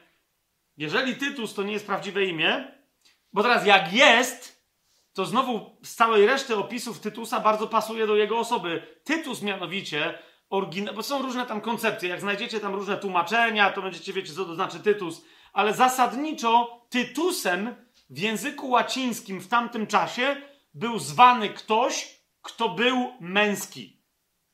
Dostawał przydomek Tytus, nie? To jest trochę tak, jak my kogoś mówimy, że prawdziwy taki twardziel, no nie? Czy po angielsku badass, taki, wiecie o co mi chodzi, taki, taki po prostu gość, nie? Taki Jason Statham, taki ktoś taki, że on się nie musi bić, ale ty widzisz, że jakby, no widzisz, że to jest męski, męski typ. Wiecie o co mi chodzi? Nie wiem, czy on był dużej postury, czy jaki, ale to znaczy Tytus, nie? I ewidentnie, e, wiecie, Tytus regularnie, jakby nawet jak dostaje zadania od Pawła, to są dokładnie takie zadania, które ma wykonać chłop. Nie wiem, czy rozumiecie, o co mi chodzi, no nie? Co genialnie go kontrastuje z Tymoteuszem. Z znowu, no nie? Bo Tymek tam naprawdę to jest taki, wiecie, taki, no taki, taki Tymuś. I proszę, nie patrzcie tu na Tymoteusza, tylko chodzi mi, no wiecie, słabujący, w bardzo młodym wieku już ma słaby żołądek. Wiecie o co mi chodzi? Od małego mamusia z babcią go wychowały, czy, ale wiecie, taki kujonik, no, no rozumiecie, taki nerd, no nie, nie wiem, czy jak to się teraz gada na to, nie? To jest Tymoteusz. I, a jeszcze ludzie tam nim, wiecie, pomiatają, a on jest mądrzejszy od nich, no ale młodziutki, a nie umie się tam wys wysłowić i tak dalej, nie? A jak zobaczycie Tytusa, to on dostaje, trochę niektórzy uważają, że wow, co się tu dzieje, nie? Bo, bo, bo dosłownie e, po grecku Paweł mu na przykład mówi jo, widzisz tam całą tą bandę, nie? No tak, trzeba im zamknąć mordy. Dokładnie jest... Co? Jest takie, jak to... Niektórzy naprawdę są poruszeni, i całe dyskusje, czy to jest w ogóle natchniony list, bo jak Paweł tak mógł w ogóle mówić. Jak się przyjrzymy bliżej, co on tam naprawdę powiedział, to zrozumiemy, ale chodzi mi o to, że tam widać, że to jest, wiecie, typ, do którego się mówi konkretnie, a on wie, co ma robić. No nie, po prostu coś takiego, nie? Niemniej też typ, który ewidentnie dla rozmemłanych Koryntian był konkretny i dlatego oni ewidentnie go tam, wiecie, polubili, nie? E, plus, plus, nie był to ani nerdzik, y, z Żydziała Greczyna Tymoteusz, y, ani Żydzior Paweł z całym jego, wiecie, tym wszystkim, czego Grecy po prostu, zwłaszcza Koryntianie, nie lubili, nie? To był taki gość, który najwyraźniej przypadł im do gustu. Y, wręcz, y, no, język pewien i tak dalej, którym Paweł się do niego zwraca, sugeruje e, albo zawód mm, niekoniecznie legionisty, ale jak niektórzy mówią, e, medyka, e, wojskowego. Nie? Medyka wojskowego, bo słowo, którym się posługuje, które występuje raz tylko w całej Biblii, którym się Paweł tylko i wyłącznie do Tytosa posługuje, kiedy mu wyjaśnia, po co go zostawił, znaczy wyjaśnia, przypomina mu, po co go zostawił na Krecie. Nie? To rozumiecie, to, to jest, to jest, to jest jak, tu zaraz wrócimy, ale przeskoczmy sobie, żebyście to zobaczyli, to jest pierwszy rozdział Tytusa, czwarty werset, e, przepraszam, piąty werset. Zostawiłem cię na Krecie w tym celu, abyś uporządkował to, co tam jeszcze zostało do uporządkowania. Nie? I rozumiecie, tu jest, tu jest techniczne wręcz takie sformułowanie. Coś jakby wycofujemy się, ale trzeba zaminować pole. Rozumiecie o co chodzi? Żebyś dokończył tą robotę. Albo e, trzeba, trzeba obsadzić placówki, zostawić proste instrukcje na wypadek ataku e, i, i, trzeba to zostawić jak najszybciej, jak najlepiej ogarnięte. Nie rozumiecie o co mi chodzi? To jest, tak, to jest jedno określenie. Jak widzicie, tam jest dużo dodanych takich polskich wyrazów, żeby wyjaśnić, co tu się dzieje. To jest jedno szybkie, e, takie wojskowo-medyczne określenie nie? Na, na uporządkowanie rzeczy, nie? ogarnięcie tematu. To jest, to jest taki, taki wręcz slang. Niektórzy, ja, ja tam się wiecie, nie znam na slangach e, e, wojskowych z, z, pierwszego wieku naszej ery, ale wierzę tym, co twierdzą, że się znają i to udowodnili na różne inne sposoby, że mówią, no to tak to brzmi. Nie? I Paweł tylko do Tytusa tak, tak mówi. Więc taki Tytus, wracamy do drugiego, do Koryntian, do, do siódmego rozdziału, w, w, znalazł Pawła w Macedonii, przychodząc z Koryntu, przyniósł mu wieści jakieś, no i w wyniku tych wieści Paweł pisze list z powrotem następny do Koryntian. Jasne? To jest właśnie ten, który czytamy. Tylko, że no, skoro Tytus też zaniósł ten list, to jakby Koryntianie to znają i dlatego Paweł nie wyjaśnia tej historii, tylko do niej się odwołuje. Czy to jest jasne? Cool. Teraz, dalej w siódmym rozdziale jeszcze Paweł o nim wspomina. Mianowicie e, w trzynastym wersecie mówi, tak więc zostaliśmy pocieszeni waszą y, pociechą. Od 13 do 15 wersetu. A jeszcze bardziej uradowaliśmy się radością Tytusa, bo jego duch został pokrzepiony przez was wszystkich. Bo jeśli w czymś chlubiłem się wami przed nim, nie zostałem zawstydzony. Zobaczcie, kolejna informacja o Tytusie. Rozumiecie? Tytus miał swoje, y, że się tak wyrażę, w cudzym słowie sukcesy apostolskie. I Paweł też, nie? I całkiem możliwe, że oni, ja to tak sobie wyobrażam, jeden jedyny chłop, z którym Paweł twierdzi, że coś takiego miał, no nie? Że się dziubali. Że ten mówi, nie wiem, gdzie on gdzieś był i mówi, story, my tu, wiesz, nie, jak się nowy... Miesiąc, całe miasto nawrócone, dzielnica czerwonych latarni, wszędzie normalnie kościoły domowe i tak dalej, nie? Paweł mówi, stary, nie było cię w Koryncie, nie? I to było takie, wiesz, Koryntianie to są ludzie z takim i takim sercem i tak dalej, nie? Eee, to nam wyraźnie sugeruje, zobaczcie, że to był Grek, ale który nie znał Grecji właściwej. Wiecie o co chodzi? E, on wygląda tu wręcz, jakby to był ktoś, kto lepiej znał Macedonię, jakby był z Teraz to też nie ma dowodu żadnego w tekście, nie? Ale jak Paweł mówi, e, że przyjdą Macedończycy i żeby się przed nimi nie wstydził, to jedyną osobą, o której osobiście mówi to samo, że się popisywał Koryntianami, to był to był Tytus, przed którym się nimi popisywał. Nie? W cudzysłowie popisywał. Nie? Tylko mówił, stary, to są goście, nie? A tu się okazało, że no to Tytus do nich polas i mówi, Bogu dzięki okazaliście się, że jesteście goście, bo... Nie? Tytus przyszedł i mówi, ty, rzeczywiście, niesamowity kościół. Nie? A, a Paweł mówi... Więc mówi, jeżeli w czymś chlubiłem się wami, bo jeśli w czymś chlubiłem się wami przed nim, nie zostałem zawstydzony. Czternasty werset. Lecz tak, jak mówiliśmy wam, wszystko zgodnie z prawdą, tak też nasza chluba przed Tytusem okazała się prawdziwa. A jego serce jeszcze bardziej skłania się ku wam, gdy wspomina posłuszeństwo was wszystkich i to, jak przyjęliście go z bojaźnią i drżeniem. Zauważcie, co Tytusa ujęło? Posłuszeństwo, ich bojaźń i drżenie. Widzicie o co mi chodzi? A oni zobaczyli, że to jest naturalne, że no jasne, no taki chłop, no to z czego się ma cieszyć, nie? I dlatego go polubili. Ale zobaczcie, nie? Tytus równa się chłop, nie? Przyszedł, gościuwa i, i tyle. To jest Tytus. Dlaczego to jest dla nas istotne? Bo wtedy zaczniemy łapać, co się dzieje w liście do Tytusa, nie? Będziemy mieli właściwy kontekst dzięki zrozumieniu adresata tamtego listu. Wraca do, y, do y, swojego serdecznego przyjaciela Tytusa Paweł w ósmym rozdziale. I teraz zwróćcie uwagę, co się dalej dzieje. Nie? Kiedy Paweł pisze, zobaczcie sobie w dziejach apostolskich, na jakim etapie, to jest jeszcze jego wolne działanie. Tak? On tu nie, on nie jest uwięź, to nie jest jego droga e, do, po odwołaniu się z Jerozolimy do Nerona. Rozumiecie o co mi chodzi? I już na tym etapie Tytus ma tak jasny apostolski autorytet, zauważcie, że Paweł mu niczego nie rozkazuje, ale go prosi. Zobaczcie, szósty, y, ósmy rozdział, szósty werset. Poprosiliśmy Tytusa, aby tak jak wcześniej zaczął, tak też dokończył u was tego dzieła łaski, bo on tam był między innymi w związku ze zbiórką na tych ubogich świętych e, w Judei i to jest to, czyli jak zaczął, to niech do was wróci i niech teraz on kończy, nie? Ale zauważcie, to nie był rozkaz, to nie było, e, to, to, to było, to było poproszenie go. Cały zespół apostolski go poprosił, czy mógłby to zrobić. W szesnastym wersecie tego ósmego rozdziału Paweł kontynuuje. Bogu niech będą dzięki, który wszczepił taką troskę o was w serce Tytusa, że przyjął tę zachętę, a będąc bardziej gorliwym, dobrowolnie wybrał się do was. Teraz bardziej gorliwym od kogo i co tu się dzieje, to jest, nie będziemy teraz tego rozwijać, bo mieliśmy troszeczkę gdzie indziej uwagi na przykład na temat Apollosa, który nie było jasne, czy jest aż tak gorliwy na przykład, że pójść do Rzymian. No wiecie o co mi chodzi, no nie? Okej.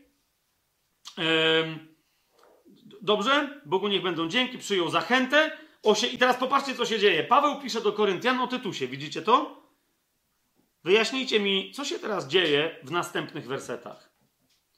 Bo wysyła z Tytusem, i wiecie, i teraz tak, list pisze, przychodzi Tytus i razem z nim ko, ktoś, kogo wszyscy znają. I teraz Paweł o nim pisze, przedstawiając go, że on przychodzi tam z decyzji Pawłowej między innymi, ale nie przedstawia go z imienia. Popatrzcie, posłaliśmy razem z nim brata, którego sława w Ewangelii rozchodzi się po wszystkich kościołach. No to czyli też w Koryncie, tak? No to, no to nie mógł napisać, że Łukasza? Teraz ja nie wiem, czy to jest Łukasz, ale ja jestem z tego nurtu, e, że jeżeli już bym kogoś miał wskazać, to to jest Łukasz. I nie będę teraz wam mówić dlaczego. Jak chcecie, zainteresujcie się tym tematem. Nie pamiętam, czy o tym mówiliśmy przy, przy okazji studium drugiego do Koryntian wspomniałem, że może wspomnimy i może nie wspomnieliśmy, nie? Ja osobiście uważam, że jeżeli ktoś tu najbardziej pasuje, to jest Łukasz. Nie? To jest Łukasz. Ten sam Łukasz, który jak pisze dzieje apostolskie, utajnia Tytusa w relacji z obecności jego w Jerozolimie, która była kluczowa, bo o niego poszło, żeby się obrzezał, tak? Jak Paweł do Galacjan pisze. Więc, a tutaj Paweł, rozumiecie, jeżeli to jest Łukasz, a wiele na to wskazuje, że to jest Łukasz, jeszcze raz, jest wiele tutaj wątków, czemu on miałby być sławny, tak dalej, tak dalej. E, ale tu Paweł go, dlaczego on pisząc do Koryntian go utajnia? Zwróćcie uwagę, to było serce, ok? Greckiej kultury, greko-greckiej, że się tak wyrażę. Nie macedońsko-greckiej, nie turecko-greckiej. To było serce greckiej kultury. Korynt. Nie? Łukasz jest kulturalnym, cywilizowanym, wykształconym lekarzem greckim i być może, rozumiecie o co chodzi?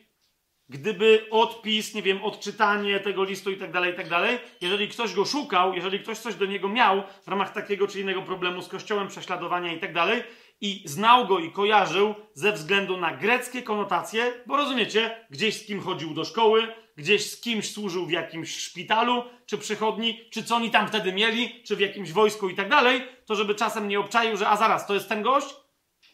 Nie? To czyli tam znajdę Łukasza. Widzicie o co mi chodzi? Zauważcie, w jak wielu momentach, jeżeli to jest gość sławny we wszystkich kościołach, to tam też, nie? Ale Paweł zawsze wiedział i był czujny, podobnie jak Łukasz i wielu innych, kiedy co się pisze, a kiedy kto ma wiedzieć, ten wie. Wiecie o co chodzi? Więc my, jak wielokrotnie o tym nasi bracia i siostry misjonarze nam mówią, yy, myślę, żyjemy w czasach, kiedy ludzie wszystkie informacje sprzedają wszędzie publicznie za darmo. Jak kiedyś trzeba było ludziom za to płacić i szpiegów wynajmować, nie? Facebook, Instagram, Twitter, TikTok, co chcesz. Możesz śledzić człowieka i wiedzieć dokładnie z godziny na godzinę, co on robi w wypadku niektórych. Chrześcijanie w kółko zdradzają masę rzeczy, które nie są do zdradzenia. Rozumiecie? W sytuacjach, które grożą nawet pozbawieniem życia czy zdrowia naszych braci i sióstr, którzy są na misjach. No właśnie co tam się działo? Tam nie było zdjęć, nie było inwigilacji żadnej, nie było internetu i tak dalej i nadal oni dbali o przekaz informacji. Na tyle przekazać informację, żeby przekaz był zrozumiały, jaką historię opowiadam, a na tyle ją zataić, żeby czasem ktoś niepotrzebnie przeciwko naszym jej nie wykorzystał. Tak? Dalej mamy napisane, a nie tylko to, że został wybrany przez kościoły na towarzysza naszej podróży w tym dziele łaski, którym służymy ku chwale samego Pana i ku, ku, ku okazaniu waszej gotowości. Ten dziewiętnasty rozdział według mnie jeszcze bardziej zdradza Łukasza. A jeżeli byście się zastanawiali, jak, to, to jeszcze tylko jeden trop wam teraz podsunę, no bo chcemy skończyć dzisiaj list do Tytusa, a nie będziemy rozważać zagadek z drugiego do Koryntian. Mianowicie rozważcie to, co przy dziejach apostolskich wam mówiłem, że tam się pojawia taka, yy, że, że w dziejach apostolskich pojawia się sekwencja my i nie my. Nie? W sekwencji my, kiedy nagle pojawia się yy, liczba mnoga yy, w pierwszej osobie, czyli kiedy Łukasz pisze my, to znaczy, że tam jest Łukasz. Nie? I, I wtedy zobaczcie, gdzie jest Łukasz, a gdzie go nie ma i czemu miałby być sławny jako twórca już wtedy być może, bo teraz niektórzy mówią, że no ale to on Ewangelię pisał później na potrzeby e, tego, co się działo z Pawłem w Rzymie. To było później, tak? No tylko moje pytanie brzmi, czy byłby w stanie wtedy na prędce napisać Ewangelię, czy też być może zbierał ją wcześniej w różnych miejscach, poszukując wędrujących apostołów, świadków zmartwychwstania Chrystusa i tak dalej. Czy rozumiecie, co ja mówię? Dobrze, idziemy, yy, idziemy dalej. W 22 i 23 wersecie 8 rozdziału tego drugiego do Koryntian jeszcze doczytujemy. A posłaliśmy z nimi, bo zauważcie tu, jest jeszcze trzeci tajemniczy zawodnik, czyli z Tytusem, i z kimś, kogo ja tu sobie hipotetycznie nazywam Łukaszem. Czy to jest jasne, że potem nie było, ja mówię, że się z wszystkich hipotez tam mnie najbardziej przekonuje, ale nadal my nie mamy jednoznacznego dowodu, tak? A z nimi jest jeszcze ktoś, mianowicie posłaliśmy z nimi naszego brata, którego pilność wielokrotnie wypróbowaliśmy w wielu sprawach, a który teraz jest o wiele bardziej pilny, ponieważ ma do was wielkie zaufanie. Więc mamy trzeciego gościa, którego już Paweł przedstawia im, czyli mówi tak, Tytusa, no to jest Tytus, to go znacie. Ten inny gość, o którym nie mogę napisać, ale wy wiecie, kto to jest, więc go nie muszę przedstawiać. A ten trzeci, no to wam go przedstawiam, ale sytuacja jest podobna, też nie napiszę z imienia, kto u was był. To rozumiecie, to jest też jasna sugestia w tekście. Kto ma wiedzieć, ten, ten wie, a poza tym mordy na kłódki, tak? Niektórym chrześcijanom tak trzeba powiedzieć i on dokładnie, to jest, rozumiecie, to jest dokładnie to, nie? Te, te, cały ten zapisek jest dokładnie taki, rozumiemy się? że ja wam mówię o kimś tak sławnym i nie piszę, jak on ma na imię, to rozumiemy się. Jak się ktoś będę, będzie pytał, kto tam u was był, to powiedzcie jakiś sławny gość, ale nie będę jak miał na imię. Kto ma wiedzieć, ten wie. I 23 werset, cała ta myśl się kończy znowu na Tytusie, a jeżeli chodzi o Tytusa, jest on moim towarzyszem, bo Paweł jakby stwierdza, że przedstawia sławnego ewangelistę, przedstawia kogoś, tam, a w zasadzie Tytus oni go znają, ale w zasadzie on im nigdy Tytusa nie przedstawił na piśmie. Rozumiecie? I tu Paweł jakby się orientuje i mówi, a jeżeli chodzi o Tytusa, jest on moim towarzyszem i współpracownikiem wśród was. Jeżeli zaś chodzi o naszych braci, to są wysłannikami kościołów i chwałą Chrystusa. Pamiętacie, co tu jest napisane? Kim są? Są apostołami wysłanymi przez inne kościoły. Nie? I on mówi, y, autorytet apostolski Tytusa wynika z zespołu apostolskiego, który ja prowadzę. Nie? W pewnym momencie Paweł, gdzie ma swój kościół stacjonarny? Teraz to jest moje realne pytanie do Was. Gdzie Paweł po Antiochii ma swój kościół stacjonarny? Następny. Odpowiedź brzmi nigdzie. Znaczy, jego zespół jest kościołem stacjonarnym. Rozumiecie, to jest kolejny bardzo ważny element układanki na temat tego, jak wygląda realnie kościół. Nie? Macie zespół apostolski, ale zauważcie, pojawiają się następne kościoły, które wysyłają apostołów, tak jak niegdyś uczyniła Antiochia, wysyłając w misję apostolską Barnabę i Pawła. Pamiętacie o czym mówię? Teraz są inni apostołowie wysłani przez inne kościoły. Natomiast Tytus nie jest z takich apostołów, Tytus jest z zespołu apostolskiego Pawła. Jasne? Kolejna bardzo ważna informacja na temat, y, na temat um, Tytusa.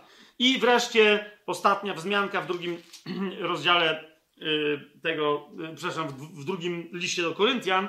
Znajdziemy ją w dwunastym rozdziale. Jakby ktoś jeszcze miał wątpliwości, czy Tytus jest apostołem i, i w duchu apostolskim Pawłowym działa i tak dalej, czy jest tylko członkiem zespołu apostolskiego jako ktoś inny obok Pawła. To jest dwunasty rozdział, osiemnasty werset. Uprosiłem Tytusa i wysłałem z nim brata Widzicie? Jeszcze raz, jest, tu jest podkreślone, że nie tylko myśmy tu prosili Tytusa, bo on tam miał jakieś plany, mówi, dobra, okej, okay, to ma sens, idę, tylko Paweł tu mówi, ja go musiałem uprosić, bo, bo to nie było oryginalnie w jego planach, nie? A nie mogłem mu rozkazać. Potem powiecie, no ale na Krecie Paweł mu rozkazał. Okej, okay, to o tym za chwilę. to jest wtedy inna sytuacja. Ale zobaczcie, on mówi o nim wprost, jako o apostole. Czy Tytus was wyzyskał? Wcześniej było pytanie, czy ja jako apostoł was wyzyskałem. Nie? Paweł mówi, w zasadzie każdy inny może was wyzyskiwać, ale ja jako apostoł was nie wyzyskałem. I teraz on idzie w moim duchu, szedł w moje ślady. Czy Tytus was wyzyskał? I patrzcie, liczba mnoga. Czy nie postępowaliśmy w tym samym duchu? Czy nie kroczyliśmy tymi samymi śladami? Nie? On mówi, to jest nie tylko apostoł, ale też apostoł, że tak wyrażę, z mojej szkoły, który nie postępuje jak inni apostołowie, ale ja ich nie oceniam, mówi Paweł, bo pamiętacie, Paweł mówi, czy nie mam prawa mieć żony? Tak? Ale do was, czy mam czy nie mam, do was bez żony przychodziłem. Czy nie mam prawa brać pieniędzy za to, co robię? Mówi, ale, ale od was nie brałem, mimo że godzien jest robotnik zapłaty swojej i nie zawiążesz pyska wołowi młócącemu. Pamiętacie całe to nauczanie? Że kto naucza, ma być utrzymywany przez Kościół. Paweł mówi, ale ja nie!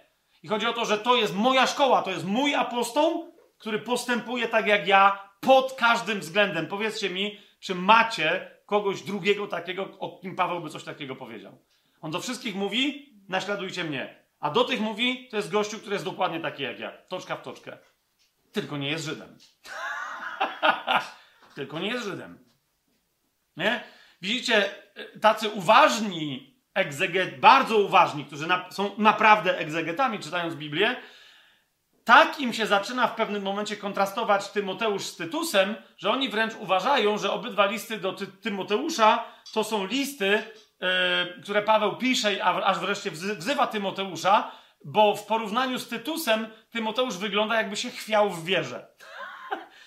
znaczy, ja się, wiecie, jak się naprawdę patrzy, jak wygląda Tytus, to niektórzy mówią, ej zaraz, a może to nie jest, może on tam nie jest żadnym wzorem do naśladowania, tylko spokojnie.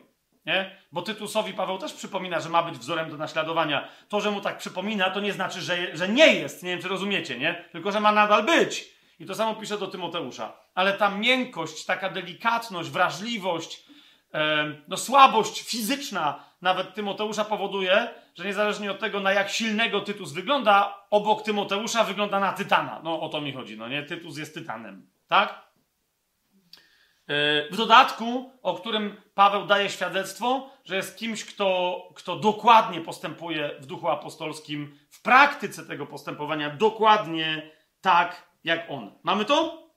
No i wreszcie przejdźmy do pierwszego, do listu do, do Tytusa, w którym y, czytamy, y, y, że, że Tytus znajduje się na Krecie. Za chwilę się dowiemy, że Kreta. No, no, no, no, właśnie, nie? że Kreta to jest dziwne miejsce. Zauważcie, Paweł ma wąty, tak wyrażę po nowochódzku, do różnych ludzi i delikatnie je wyraża, kiedy oni publicznie przeciwko niemu występują. Pamiętacie na przykład listy do Tymoteusza? A to jest chyba jedyne miejsce w całej Biblii, gdzie w ogóle ktokolwiek, już nie tylko, że Paweł, ale ktokolwiek ma wąta do całego narodu. Przynajmniej tak to wygląda z pozoru. Zauważcie, Paweł zostawi, pisze w, w piątym wersecie, że zostawił Tytusa na Krecie, żeby wykonał zadanie konkretne, e, ale to zadanie na czym polega? Zobaczcie od 11, pierwszy rozdział od 11 wersetu. Trzeba im zamknąć usta, gdyż całe domy wywracają, nauczając czego nie należy, dla brudnego zysku. Jeden z nich, ich własny prorok, czyli ktoś z Krety, jakiś kreteńczyk, powiedział: Kreteńczycy to zawsze kłamcy, złe bestie, brzuchy leniwe. I Paweł mówi: I miał rację. Co wyraża kulturalnie, świadectwo jego jest prawdziwe. Ale rozumiecie, to jest takie, trzeba im zamknąć mordy, to są, to są, to są opasłe, leniwce, kłamcy itd., tak itd. Tak I to wszystko jest prawda. No nie. Teraz jeżeli gdzieś macie genialny przykład e, sarkazmu Pawła, ewidentny, to jest właśnie tutaj. Nie? Ale o tym za chwilę. I on jest naprawdę, on jest naprawdę ewidentny, on jest w samym środku tej, tej wiadomości zawarty. E, I jeżeli ktoś czyta po żydowsku albo po polsku i nie rozumie, co się tu dzieje, e, bo kapujecie, że Paweł e, tu robi coś takiego. Wyobraźcie sobie, że Paweł pisze dzisiaj do jakiegoś zboru. i pisze, bo jak, bo jak pisze Adam Mickiewicz w Dziadach części trzeciej i pisze do jakiegoś zboru w Polsce. Wszyscy w, Polsce albo są niedouczeni, nie, ale wszyscy są douczeni, więc to jest tylko taka hipotetyczna kwestia, albo są douczeni. A wtedy wiedzą, że z wszystkich części dziadów Adama Mickiewicza trzecia część jest najbardziej okultystyczna i satanistyczna. Dziady samo w sobie oznaczają po prostu wywoływanie duchów, tak? No ale trzecia część to już jest w ogóle odlot. Z całą lucyferiańską e, mm, e, rozumiecie, wypowiedzią, monologiem przeciwko Bogu, nie? I dosłownie coś takiego Paweł cytuje, pisząc do Tytusa. Więc jakby czujecie, że zaraz. Coś tu się ciekawszego dzieje, niż tylko, że Paweł nie lubił kreteńczyków. Nie? O tym za chwilę. Ale Paweł zostawia e, Tytusa w takim miejscu i teraz, zauważcie, pisze, zostawiłem cię na Krecie, to jest pierwszy rozdział, piąty werset, w tego typu, rozumiecie, okolicznościach, abyś uporządkował to, co tam jeszcze zostało do zrobienia i ustanowił e, w każdym mieście starszych, jak ci nakazałem. Spójrzcie, Paweł to zostawił mu jako nakaz. Mówi, nie możesz wyjechać z Krety i to był nakaz. Niech ci to zajmie ile chce, ale ja cię potrzebuję gdzie indziej, ale to musisz zrobić. Czy to rozumiecie? Ty masz wyznaczyć starszych we wszystkich miejscowościach na Krecie. Tak? Niektórzy natomiast nie zauważają, komentując ten fragment, że niczego więcej mu nie nakazał. Nie? Zostawił, czyli ja cię opuściłem, ty zostałeś na Krecie i dogadaliśmy się, ja pojechałem gdzie indziej. Teraz co ty masz tam robić? Ty wiesz, co masz robić. Masz wyprostować sytuację, bo to, to, to, to ten fragment tu oznacza. Nie tylko, że dokończyć to, co ja zacząłem, tylko to, bo to również można yy, przetłumaczyć jako wyprostować sytuację do końca. Jasne? To jest gość, który wie, jak się prostuje. Nie? I on to, i on to zrobi. On to zrobi szybko. Tak? Ale on ma nakaz tylko do tego, żeby wyznaczyć starszych. E, jest, to jest apostoł Krety, ewidentnie, tak? Ale nie jednego miasta na Krecie, tych miast tam wtedy było wiele. No i tak jak już mówiłem ostatni raz, yy, w stosunku do chronologii życia Pawła, widzimy go już w Chorwacji e, dzisiejszej, czyli w Dalmacji, mniej więcej to jest, to jest zasadniczo ta sama kraina, czyli jakby wiecie, po drugiej stronie Włoch, po drugiej stronie Adriatyku, tak? Wszyscy wiedzą, gdzie jest Chorwacja, okej. Okay. I, i, i Dalmacja nieco głębiej sięgała w ląd w pewnych miejscach niż sięga dzisiaj Chorwacja, ale zasadniczo ciągnęła się też wzdłuż wybrzeża, trochę tak jak Chorwacja dzisiaj. Nie? Sprawdzicie, jest sporo map e, w internecie Imperium Rzymskiego, akurat Dalmacja. W każdym razie to jest czwarty rozdział drugiego listu do Tymoteusza, dziesiąty werset. Paweł tam mówi, że e, jak wzywa Łukasza, żeby do niego przyszedł do Rzymu, to, to informuje nie Łukasza, tylko Tymoteusza, to informuje go, że spotkają się z Łukaszem, ale nie spotkają się z Tytusem, ponieważ Tytus już wyruszył dalej. Nie? Wiele osób zwraca na to uwagę, że to, to jest cały czas facet, który ma siłę, tak jak Paweł, który nieustannie jest w ruchu, yy, i że po prostu jakby ich zamienić, czyli jakby Tytus miał siedzieć w Efezie i tam się wdawać w debaty teologiczno-filozoficzne yy, i tak dalej, to po prostu to on by nie zdzierżył, a Tymoteusz jakby miał latać od miasta do miasta po Krecie, to też by nie zdzierżył. Nie? Wiecie, rozumiecie, że o co mi chodzi? Kontrastujemy yy, jednego z drugim, nie tylko osobowościowo, ale fizycznie oni się różnili.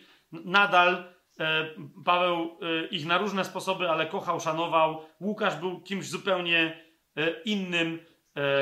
Wie, wiecie, z listu do, do Tytusa na przykład wyczytamy, że ten, którego próbowali przeciwstawiać Pawłowi w Koryncie, Koryntianie, czyli Apollos, jest teraz jego, nie tylko z tego miejsca, bo, bo na przykład w innych miejscach też Paweł o tym mówi, ale tu ewidentnie, czyli Apollos, zauważcie, Paweł go przedstawia jako swojego bliskiego współpracownika, to jest jeszcze inny zawodnik. To jest list do Tytusa, trzeci rozdział. Yy, trzynasty werset. Jak prosi, żeby Zenasa uczonego w prawie i Apollosa starannie wyprawił, aby im niczego nie, yy, nie brakowało.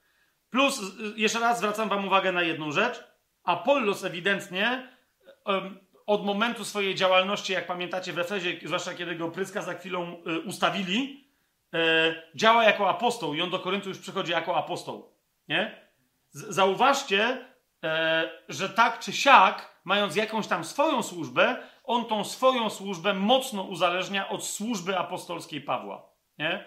Apollos wokół siebie nie stworzył zespołu, wygląda z tego, że nigdy, i on, yy, Paweł regularnie jest z nim w kontakcie, prosi go, żeby się pojawił tu, tam, siam, tu, nie wiadomo, gdzie Apollos się wybiera, ale mówi, hej, mamy odpowiedzialność także za takich ludzi, to nie jest nasz apostoł z naszego zespołu, ale to jest apostoł, z którym mamy jedność, wypraw go tak, żeby mu niczego nie brakowało. Kogo? Również Zenasa. Z Zenasem to jest dobry żart, tutaj jeden z wielu, e, który jeszcze raz, ale to jak będziemy mówić o różnych żartach, w liście do Tytusa to jeszcze tutaj wrócimy, bo Zenas to jest jednym z najlepszych żartów, jaki można. E, w sensie, jak Tytus przyszedł do, tam do, do Zenka i mu, i mu powiedział, co, ty patrz, co tu napisał Paweł, nie? To nawet jak on, że albo się nie wkurzył i się zaczął śmiać, albo jak się wkurzył, to wtedy Tytus z Apollosem zaczęli się śmiać, dokładnie z tego, że Paweł wkurzył e, Apollosa. Rozumiecie? Ale o tym, ale o tym za chwilę. po co Paweł, e, już prawie zacząłem mówić, e, no bo tyle, Tytus dowiadujemy się, że idzie do Dalmacji i nie sądzę, żebyśmy mogli znaleźć w Biblii więcej czegokolwiek, co by nam stuprocentowo przekazywało, jaki był Tytus. Ale czy po tym, co powiedziałem, mniej więcej widzicie jego osobę. Nie, chodzi mi teraz, że fizycznie, no nie, że wyglądał jak amerykański futbolista, czy nie o to mi chodzi, tylko e, bo ja też nie twierdzę, że on fizycznie był jakieś niezwykle jakieś tam postury, tak? Tylko to był po prostu, to był Tytus nomen omen, jak sama nazwa wskazuje. Nie? I teraz do takiego faceta Paweł pisze list. Po co pisze ten list, nie? Niektórzy mówią, no, że to jest w piątym wersecie wyjaśnione. Nie, w piątym wersecie jest wyjaśnione nie po co Paweł pisze list, tylko jest wyjaśnione po co Paweł zostawił Tytusa na Krecie. Tak?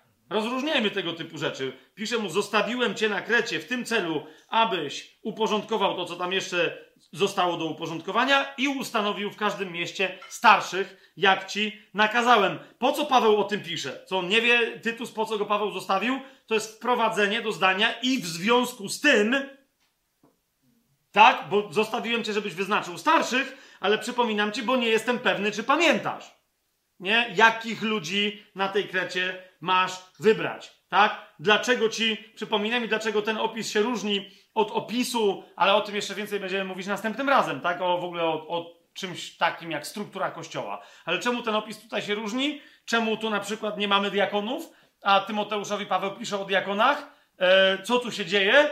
Czemu ten opis jest nieco inny niż tam? Bo sobie porównamy wtedy te dwa opisy, ale ten, ta różnica wynika głównie z tego, kim są Koryntianie, a kim są Efezjanie. Czy to jest jasne? Nie? I Paweł mu mówi, jakby ogólne zasady są, zasady są takie, ale E, ten opis starszych, których ma wybrać Tytus, jest nieco inny od tych w Efezie, bo Koryntianie są nieco inni. I na inaczej nieco pewne aspekty osobowości człowieka, którego apostoł ma wybrać na starszego, trzeba rozpoznawać i muszą być bardziej podkreślone, a inne nie muszą być aż tak podkreślone. Czy, czy mamy tu jasność w tej, w tej kwestii? I teraz dlatego potem Paweł cytuje Kreteńczyka, który sam mówi o Kreteńczykach, żeby mu przypomnieć, no właśnie co? Że są kłamcami? Drugi raz na to wam zwracam uwagę, żeby podbić nieco zainteresowanie i żebyście potem sobie raz na zawsze zapamiętali, że Paweł nie jest tutaj hejterem kreteńczyków. Nie? Tylko zwraca uwagę yy, żartobliwie, w ewidentnie żartobliwy, żartobliwy sposób yy, Tytusowi na jedną bardzo istotną rzecz. Na jaką? Na taką, na którą zwraca mu już uwagę w pierwszym wersecie. Nie? Widzicie, z tego, jak teraz zobaczycie, co jest celem napisania tego listu, dowiemy się, że jak Tymoteusz był człowiekiem, który się znał na prawdzie, ale trzeba mu było przypomnieć o tym, jak się prawdę praktykuje, nie? Tak, Tytusowi Paweł przypomina, ty wiesz, jaka jest praktyka, ale ludzie muszą rozumieć, na jakiej bazie mają tak praktykować, żeby z tego nie powstała religia. Krótko mówiąc, chodzi o balans między prawdą a pobożnością, między znajomością Jezusa, duchową, wewnętrzną, a następnie praktycznym wyrazem tej znajomości w codziennym życiu, w moim życiu. Jest to jasne, co teraz powiedziałem? Więc Cel tak naprawdę, zobaczcie, znajdujemy w pierwszym rozdziale, w pierwszym wersecie już. Zanim Paweł pisze, do kogo pisze, to mówi tak: Paweł, sługa Boga i apostoł Jezusa Chrystusa, według wiary wybranych Bożych. Znaczy ludzi, których Bóg wybrał sobie. Tak? A nie jakichś wybrańców, o których my decydujemy, tylko których sobie Bóg wybrał. I według czego? I według poznania prawdy, która jest zgodna z pobożnością. Nie? Według poznania prawdy, która jest zgodna z pobożnością. E, o ten balans chodzi. Tymoteusz miał bardziej tendencję w stronę nauczania, w stronę e, analizy, w stronę rozkładania słowa. No pamiętacie tam te wszystkie rzeczy? Bo się znał na piśmie, nie? Ten miał tendencję do tego, e, e żeby szybko, najwyraźniej z tekstu całego wynika, żeby szybko dawać ludziom rozwiązania, nie? Stąd ta myśl niektórych, że to jest albo lekarz, albo jeszcze lepiej wojskowy lekarz, albo po prostu wojskowy. Nie? To jest to, że. I teraz on mu mówi: pamiętaj, poznanie prawdy i wynikająca stąd praktyka życia codziennego. Praktyka życia codziennego wynikająca z prawdy. Powiecie zaraz, no ale. No, no, no właśnie, my mamy w, w chrześcijaństwie problem My mamy dwa problemy w chrześcijaństwie. Ludzi, którzy się zawikują w rozważania teoretyczne, z których się potem nie potrafią wywikłać i nie wiedzą, co mają codziennie w życiu robić. I mamy drugich, yy, z dru ekstremistów, bo chodzi mi o ekstremistów, nie wszyscy są ekstremistami, którzy codziennie wiedzą, co mają robić, bo mają takie czy inne prawa, prawidła, yy, przykazania do przestrzegania. Wiecie o co mi chodzi? Muszą to wypełnić, tamtego unikać, yy, ale nie wiedzą czemu. Jakby odpowiedź jest, no bo, no bo Biblia tak mówi, ale czy prawda tak mówi? To to jest różnica, nie? I Paweł o czym przypomina jemu? Pamiętaj, masz czego nauczać? Uczynków życia, a nie martwych uczynków. Pamiętaj, żebyś czasem niechcący, bo, bo rozumiecie, Tytus jest praktykiem. Niektórzy mówią, to po co mu Paweł przypomina od początku do końca, w ramach celu tego, po co do niego napisał, czyli pobożności, cały czas Paweł nie mówi o pobożności mu, ale o dobrych uczynkach. I oni mówią, po co Paweł przypomina Tytusowi o dobrych uczynkach, jak on jest według ciebie takim praktykiem, że on jest skoncentrowany na uczynkach? Bo on mu przypomina nie o uczynkach, tylko o dobrych uczynkach. A dobre uczynki nie wynikają z reguł na temat tego, jak my się mamy zachowywać, z żadnej formy prawa. Czy to jest jasne? Tytus o tym wiedział, bo on się starł z prawnikami, z legalistami, pamiętacie, w Jerozolimie, i on się nie dał obrzezać. Tyle tylko, że to był, wiecie, taki strict chłop, nie? To jest to, to jest to. Ktoś przyszedł i powiedział, wiesz co, bo tu mamy problem. No jak macie problem? Ty rób to, ty tamto. Tylko wiesz, on potem poszedł i on wiedział, czemu tak zdecydował, na bazie jakiej zasady wewnętrznej i rozpoznania w duchu, a inni potem mogli powiedzieć, Tytus powiedział, że trzeba robić tak i tak. I zrobili sobie z tego prawo. Czy rozumiecie? Więc to jest celem, przypomnienie Tytusowi o tym, żeby zbalansował praktykę, do której miał łatwość najwyraźniej prowadzenia ludzi. To się robi tak i tak. W nauczaniu też był ok, więc Paweł, ty, Paweł mu nie przypomina za wiele, tylko mówi, wiesz jak jest, to to, nie? I tego się trzymaj, ja wiem, że ty wiesz. Jest apostoł, samodzielny, ale po co pisze do niego list? Aby pamiętał o balansie między wewnętrznym poznaniu prawdy, między osobistym doświadczeniem Jezusa, a następnie praktykowaniem go w życiu Kościoła i w ogóle w normalnym życiu na, na, na styku ze światem. Czy to jest jasne? W liście do Tytusa w pierwszym rozdziale od 11 do 13 e, wersetu, zauważcie, e, Paweł do niego mówi, trzeba im zamknąć usta. Komu? Kreteńczykom? Nie. Najpierw usta trzeba zamknąć tym, zobaczcie dziewiąty werset, którzy się sprzeciwiają. A zwłaszcza z tych, którzy się sprzeciwiają, tym, którzy są niekarni. Zobaczcie dziesiąty werset. Jest bowiem wielu niekarnych, oddających się czczej gadaninie i zwodzicieli, zwłaszcza wśród obrzezanych. I teraz zauważcie, Tymoteuszowi Paweł podaje strategię, jak z nimi rozmawiać, jak z nimi głosić, tematy, pamiętacie, nie? Tytusowi on tego nie mówi. Nie? Tylko mu mówi, kiedy z nimi rozmawiasz, rób to krótko. Czyli mówi im, tym gościom trzeba zamknąć usta. Ale nie! Jak niektórzy sobie wyobrażają, że trzeba podejść i w mordę. No, jakby rozumiecie, to, to tu nie jest. On mówi, nie, nie, nie. Zmierzaj do sedna, bo umiesz. Nie?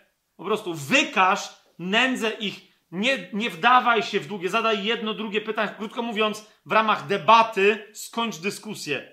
Nie? Czasem, jeżeli trzeba, posłuż się autorytetem, po prostu powiedz, że nie, dosyć, to jest, to jest bredzenie. Czemu? Bo to jest niezgodne z Biblią. To, to i to. Ale nie ma żadnego ale. Przestudiuj, wróć do mnie, pogadamy na osobności, nie zajmuj czasu Kościołowi. Jasne? To jest to, komu trzeba zamknąć usta w ten sposób? Zwodzicielom. Tak? Dlaczego? Bo wywracają całe domy, ludzie się spotykali po domach. Tak? I nie chodzi mi o to, że kościoły, czyli były zbory, które się zbierały po domach, tylko całe domy były nawrócone, więc domy były kościołami. Tak? Wywracają całe domu, domy nauczając, czego nie należy. I druga bardzo istotna rzecz, robiąc to dla zysku. Nie będę rozwijać tego tematu, bo to samo się działo u Tymoteusza w wielu innych miejscach, tak? Bo rozumiecie, cały czas dziesięcina, składka, coś tam, dej pieniądz, dej pieniądz, komu, o rozumiesz, prawda w Biblii jest taka i taka i taka i celem tych wszystkich jest prawd, żeby na końcu ktoś dał mu pieniądze, nie? Jak nie zagłoszenie, to za sakramenty. Znaczy uśmiechacie się, a o tym nigdy nie powiedziałem, ale rozumiecie, że yy, wczoraj czytałem, dzisiaj, który dzisiaj jest?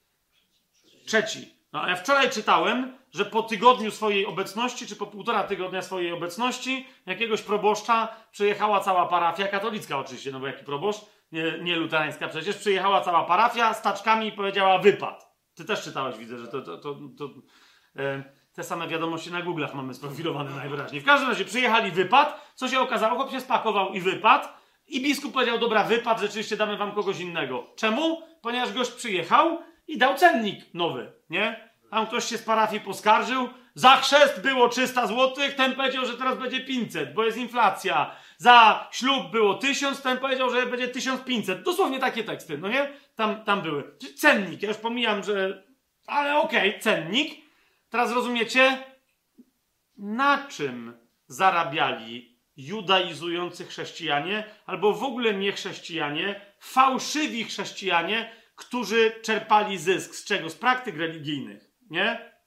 Brali za chrzest, tylko że tam chrztem było obrzezanie, tak? Jak się, rząd, jak się mąż obrzezał, no to już na szczęście, przynajmniej o tyle, że Żydzi nie byli barbarzyńcami i nie obrzezywali kobiet, chociaż wiecie, że jest też taka praktyka absolutnie barbarzyńska, tak? Nie mająca absolutnie żadnego sensu.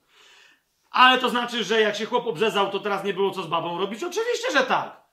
Trzeba było jej mykwę przeprowadzić, żeby była uczciwą żoną uczciwego Żyda, tak? Tego też trzeba pouczyć o, o, o mykwie. W mykwie, rozumiecie, to trzeba przygotować specjalne baby, co będą robić mykwę dla bab, a chłopa, co będzie wiedział, jak sam swoją mykwę zrobić, tak? Za to wszystko jest pieniądz, jak za sakramenty, rozumiecie, o co chodzi? I to jest to, z czym Paweł od początku walczył. To nie tylko i on cały czas to nie chce pisać wprost, ale to jest dokładnie to. Bo co to znaczy głosić ze względu na zysk? Rozumiesz, końcem twojego głoszenia musi być oczywisty pieniądz. Jeden głosił dziesięcinę, drugi głosił obrzezanie. Za pieniądze, a za co? Rozumiecie, przecież to, była, no, to był normalny zawód, nie? To, że dzisiaj trochę jest mniej tych okazji, więc to jest zawód ogólnie zwany rabinem, ale chyba nawet są gminy osobne, gdzie normalnie ten chłop, co, co obrzezuje w gminie żydowskiej, po prostu się tylko tym zajmuje. Rozumiecie, to jest, kiedyś to był zawód osobny, nie? I tu jest to. Chrześcijanie nagle zaczęli nawracać Żydów, innych coś tam, były mniejsze widoki na religię, to trzeba było się stać niby chrześcijaninem i dalej latać z nożykiem i szukać kogo by tu łopciąć. Za pieniądze. Oczywiście, że tak. I wszystkie inne rzeczy też za pieniądze. Nie?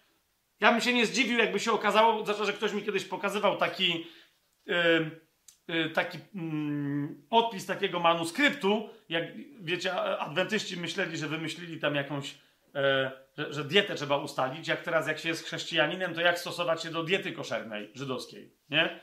No wiecie, ktoś mi tam chciał w ogóle sprzedać taki ten, żebym to miał, ja to będę jako relikwię nosił, ale że chyba z drugiego wieku był odpis jakiejś takiej diety dla chrześcijan, jak mają stosować koszerność e, z prawa mojżeszowego. No z drugiego wieku, obczajacie to? To jest dokładnie to. Teraz ja nie twierdzę, że w związku z tym byli jacyś dietetycy, ale też z drugiej strony chyba nikt z nas nie jest na tyle nietrzeźwy, żeby uważać, że zawód dietetyka to jest dopiero XXI wiek. Nie? Regularnie w każdym wieku się pojawiali, albo dla królów, albo dla kogoś, albo z idiociałych religijnie ludzi pojawiali się specjaliści, którzy tłumaczyli. Nie? To jest koszerne, to jest bezglutenowe, to jest i tak dalej, to jest keto. Rozumiesz? Tylko, że my wyznajemy teraz religie dietetyczne, tam jakieś, które okazują się być przynajmniej jakoś działające, nie? A tam wtedy nie bardzo było wiadomo o co chodzi. To było o co chodzi. Nie wiadomo o co chodzi. Ale tak Bóg powiedział. Zatem, kochani, to jest pierwsze, nie? Po to Paweł mu przypomina, głoś prawdę, ale, ale nie wdawaj się w... Jak to masz zrobić? Skutecznie, żeby zamknąć tym usta, nie? Po drugie, kiedy będziesz wyznaczać starszych? Okay? E, bo mówię jeszcze raz, no ale co tu się dzieje? Co, co się tutaj wyprawia? Kochani, chcę wam przypomnieć, że Paweł na Krecie e, zaczął wprowadzać porządek najwyraźniej z Tytusem, ale proszę was, Kreta, wiecie kiedy się nawróciła? Pamiętacie kiedy się nawróciła? Czy nie pamiętacie kiedy się nawróciła? To jeszcze było daleko do nawrócenia Pawła. Otwórzmy sobie dzieje apostolskie i zdziwmy się wszyscy razem. Uwielbiam te momenty. Nawet jak nie jesteśmy wszyscy razem, tylko sam się dziwię, no nie? Nagle mówię, ty, ej, rzeczywiście, kapujecie, że Kreta się nawróciła w tą pięćdziesiątnicę. Dokładnie w tą. Drugi rozdział dziejów apostolskich. Tak? Drugi rozdział dziejów apostolskich. Ósmy werset. Jak to jest, że każdy z nas słyszy swój własny język ojczysty?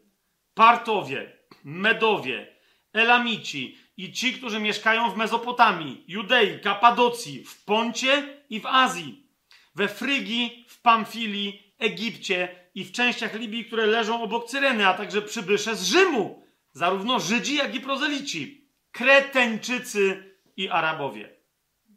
Słyszymy ich głoszących w naszych językach wielkie dzieła Boże. Nie? Teraz powiecie, no ale tu jest też wymieniona Azja i tak dalej, i tak dalej. A tam przecież też Paweł szedł i dopiero głosił Ewangelię. To jest wszystko prawda. Bo widzicie, my nie wiemy, którzy z tych Kreteńczyków dali się wtedy ochrzcić.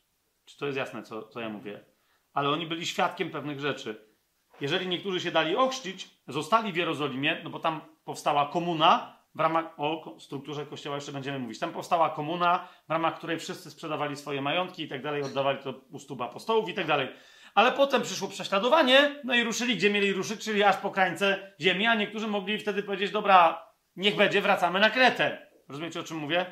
I niektórzy w ten sposób wrócili. Y, pytanie, y, kiedy się zaczęło, zaczęło chrześcijaństwo judaizujące? Albo judaizm pseudochrystianistyczny? Dokładnie wtedy. Niektórzy Żydzi, rozumiecie, oni nie bardzo wiedzieli, ale patrzcie, tam byli Żydzi prozelici, przepraszam, nie Żydzi, tylko Rzymianie prozelici żydowscy yy, z Półwyspu Apenińskiego. To nie byli nawet Żydzi.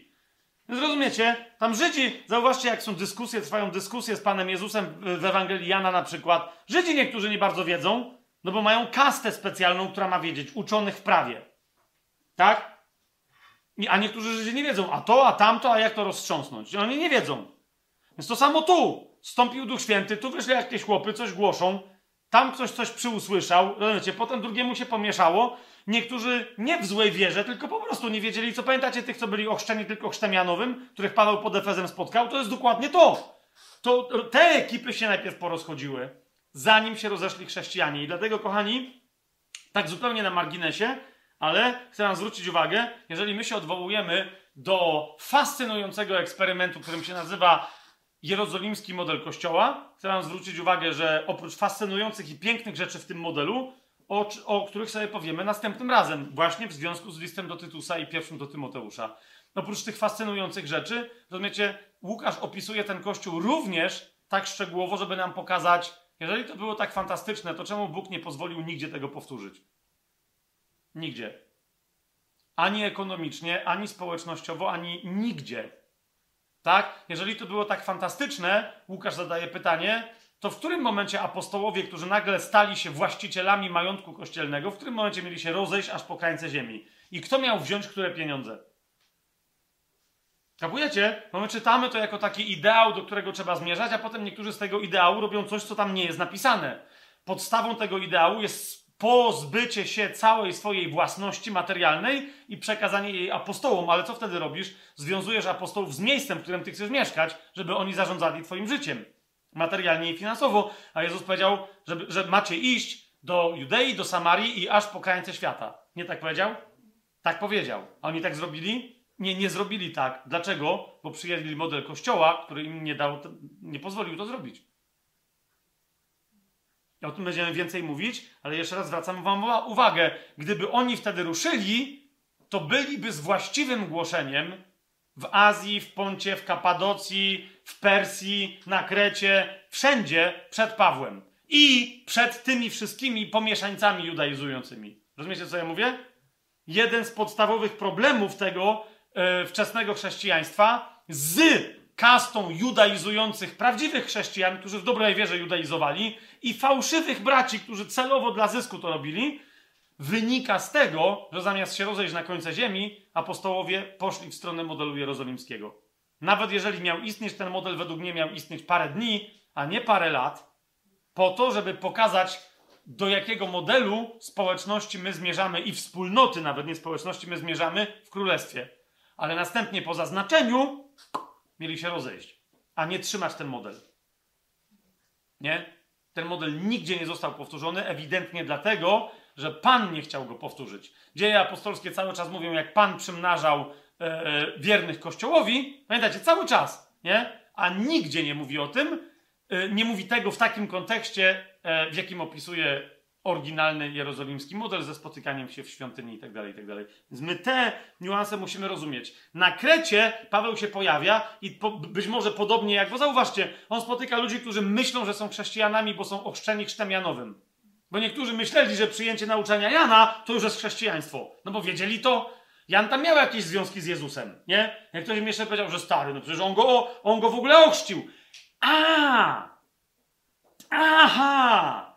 O to chodzi. Czyli chrześcijanie to są ludzie, którzy wyznają Jana Chrzciciela, bo Jezus im kazał. A, wiecie, to była jedna z koncepcji. I Paweł takich gości spotyka, dwunastu, pamiętacie, pod Efezem i mówi, a wiecie, kto to, a, a w Duchem Świętym byliście ochrzczeni? Nawet żeśmy nie słyszeli, że taki gościu w ogóle istnieje. No to zaraz. I widzicie, ludziom, którzy są przekonani, że praktykują chrześcijaństwo, oni dopiero głoszą chrześcijaństwo. Tu macie praktyczny przykład wyprostowywania historii. Pamiętacie Apollosa w Efezie, którego prostuje Pryska za, za chwilą? Który myśli, że jest chrześcijaninem, a oni mówią, dobra, ale jeszcze raz. Łaska, przyjacielu, nie prawo. Nie? I on dopiero. A, jest jeszcze bardziej gigantycznie. Mega! Jedziemy z tym koksem. No i od tej pory Żydzi już go nienawidzili. Tak? Więc rozumiecie, co robił Paweł z Tytusem i co Paweł i Tytus miał dokończyć na Krecie? Dokładnie to. Głoszenie masie ludzi, którzy myśleli, że są chrześcijanami. Myśleli, że są Żydami. Myśleli, że są prozelitami. Myśleli, że judaizują. Ale co stanowiło ich problem? To, że byli Kreteńczykami. Nie wiem, czy pamiętacie, jak wam mówiłem, że jest w języku greckim, w Grece koine, taki wyraz e, koryntianować, czy albo koryntować, nie? E, prowadzić się tak jak, tak jak się prowadzą Koryntianie, no nie? I ktoś mógł być w ogóle nie z Koryntu, mógł być z Dalmacji albo z Rzymu, ale też koryntował. Wiecie o co mi chodzi? Albo niebieskim ptakiem był, albo panią do towarzystwa nie za, nie za darmo. Rozumiecie o co mi chodzi? Żył z nie wiadomo jakich rzeczy, klimat, nie? Albo też w ogóle był rozchełstany życiowo, jak baby i chłopy na yy, korynckich zborach. Otóż, kochani, Kreteńczycy byli też tak charakterystyczni, że w języku greckim istnieje słowo. Ja teraz nie będę cudować, że wiem, jakie to jest połączenie, więc będę to, to, dokładnie musiał wyjaśnić, żebyście nie połączyli tego wyrazu. Yy, kretenować. Nie wiem, czy to jest związane ze słowem kretyn następnie, czy kretynizm, czy że ktoś się zachowuje jak kretyn, bo nie do końca o to chodzi, ale trochę tak. I o tym pisze Paweł Tytusowi, mówi zwróć uwagę. Na co? Ludzie mówią jacie, ale Paweł jest hamem. Popatrzcie, co się tutaj dzieje. Jeden z nich, ich własny prorok, czyli jeden z Kreteńczyków, mówi Paweł, powiedział: Kreteńczycy to zawsze kłamcy, złe bestie, brzuchy leniwe. Czy Paweł mówi, no on sam dał świadectwo. Otóż, kochani, tym autorem, nawiasem mówiąc, to jest bardzo ciekawe zjawisko, o którym też za chwilę wspomnę, ale tym autorem jest niejaki Epimenedes. Ok? Jak sobie sprawdzicie, yy, myślę po prostu w Google'ach, w internecie, jak sobie wpiszecie hasło paradoks e, kłamcy albo paradoks Epimenidesa, który jest jakby odmianą paradoksu kłamcy, to zobaczycie, że dokładnie to, co Paweł tu robi, to nie jest do końca, nie chodzi o cytat z Epimenidesa, ale chodzi o de demonstrację paradoksu Epimenide Epimenidesa. Na czym on polega? Jeżeli Epimenide, Epimenides, jeżeli Epimenides jest kretańczykiem i on mówi, że kretańczycy zawsze kłamią, to znaczy, że kłamie, a więc z tego wynika, że oni nigdy nie kłamią. What?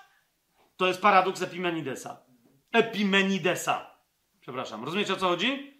Więc co Paweł mówi? Jeden z nich i jeszcze nazywa go, zauważcie, Paweł nazywa jakiegoś chłopa prorokiem. Dlaczego? Ponieważ ta postać to jest jeden z tak zwanych siedmiu mędrców greckich. Teraz, czy ich było siedmiu, czy coś, ja już jak czytałem o całej tej jego postaci, to było, rozumiecie, że Epimeni, Epimenides jako małe dziecko e, e, poszedł na wycieczkę. Taka jest legenda o nim z ósmego wieku przed naszą erą, przed Chrystusem. Epimenides jako dziecko poszedł na wycieczkę. Tak o! No nie wiadomo czemu rodzice mu pozwolili, co to była za wycieczka. Zwłaszcza, że w ramach tej wycieczki okazał się nagle, jak to się nazywa, grotołazem.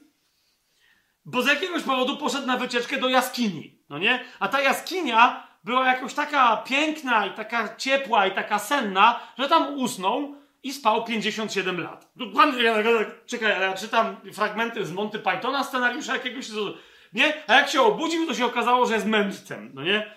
Teraz nie wiem, to jest, to jest jakaś pogadanka, żeby dzieci dłużej spały, będą mądrzejsze, czy coś, nie wiem, no nie?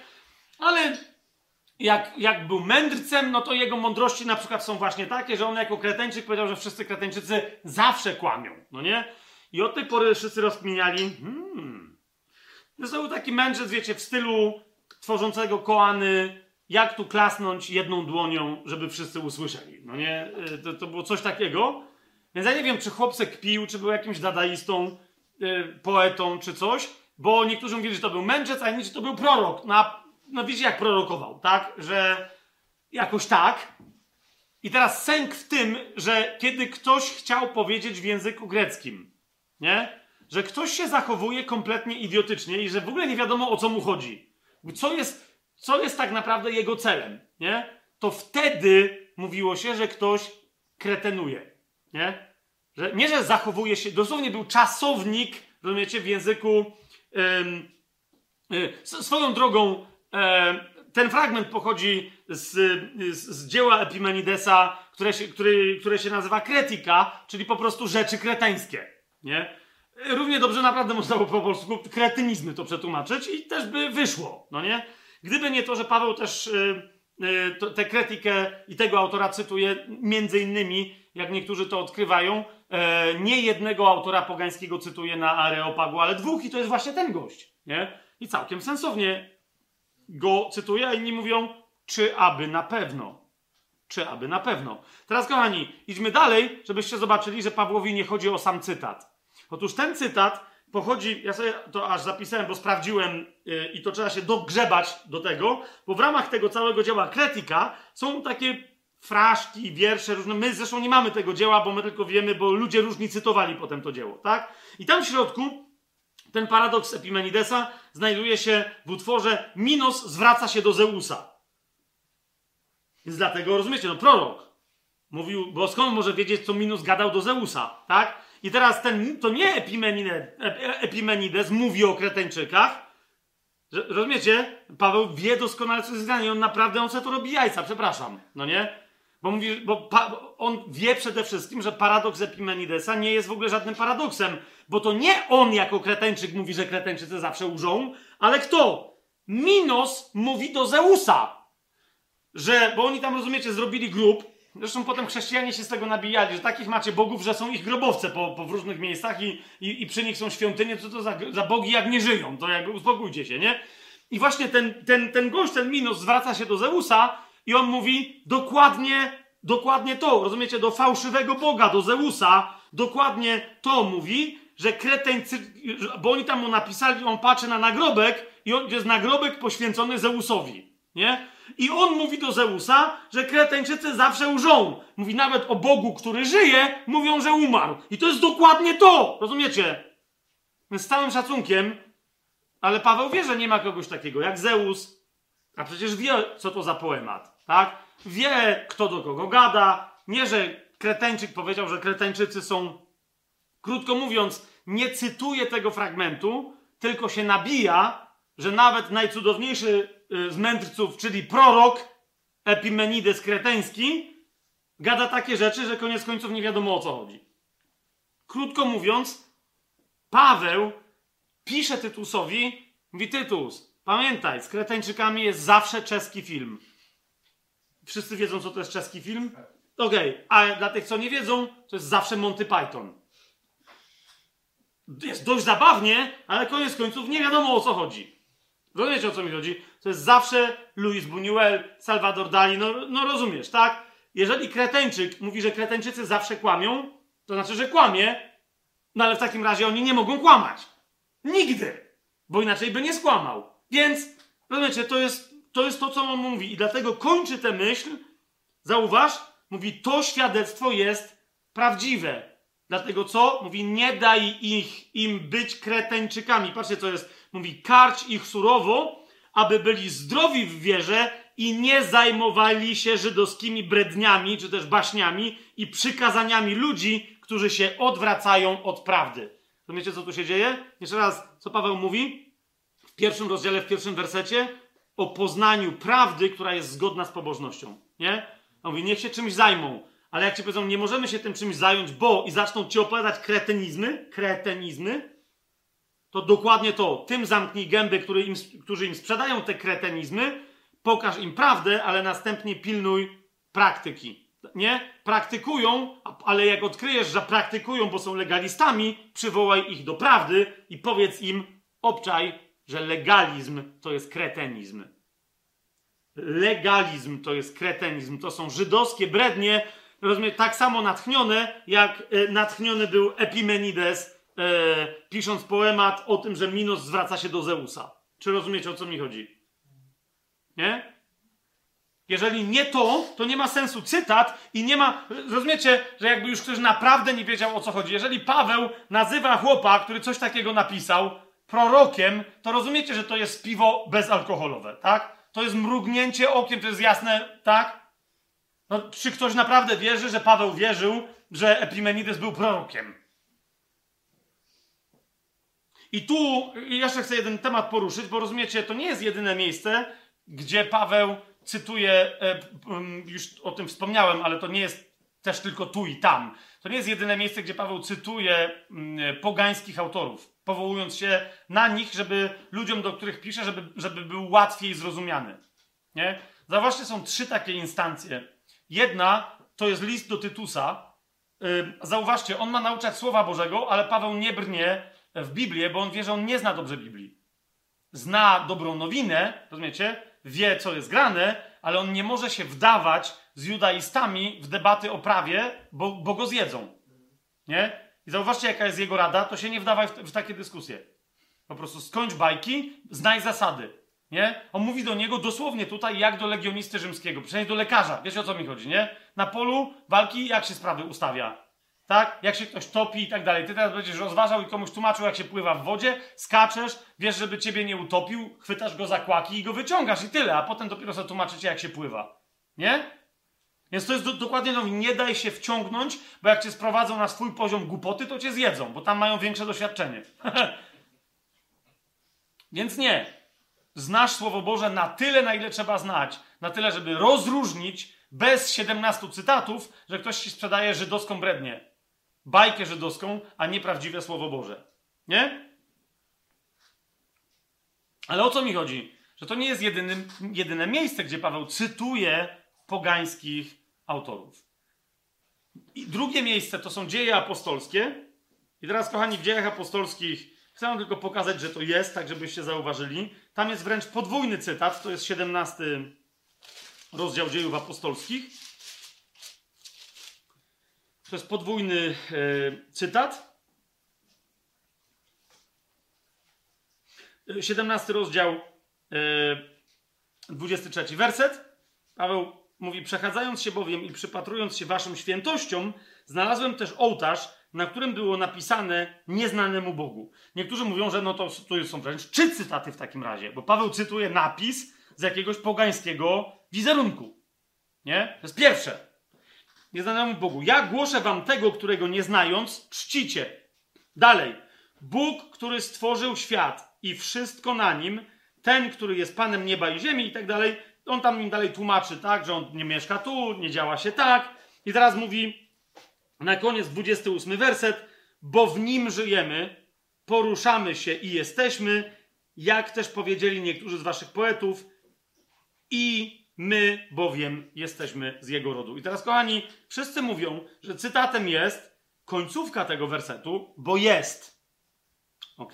Bo jest z poety. Yy, nie, pamiętam teraz, nie pamiętam teraz jakiego, ale wielu innych zwraca uwagę, że ty, ej, zaraz, ale początek tego wersetu to jest też cytat z kogo? Z tego samego Epimenidesa, z tego samego poematu, gdzie dokładnie to jest, różnica jest tylko paru wersów w tym poemacie między tym, że Kretańczycy zawsze łżą, a tym, bo w nim żyjemy, poruszamy się i jesteśmy. Tylko teraz rozumiecie, to, było, to, to jest cytat, który mówił o Zeusie oryginalnie w tym. W tym nie?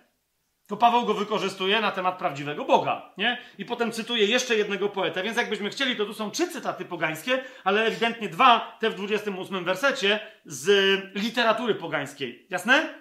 I jeszcze jeden cytat Pawła.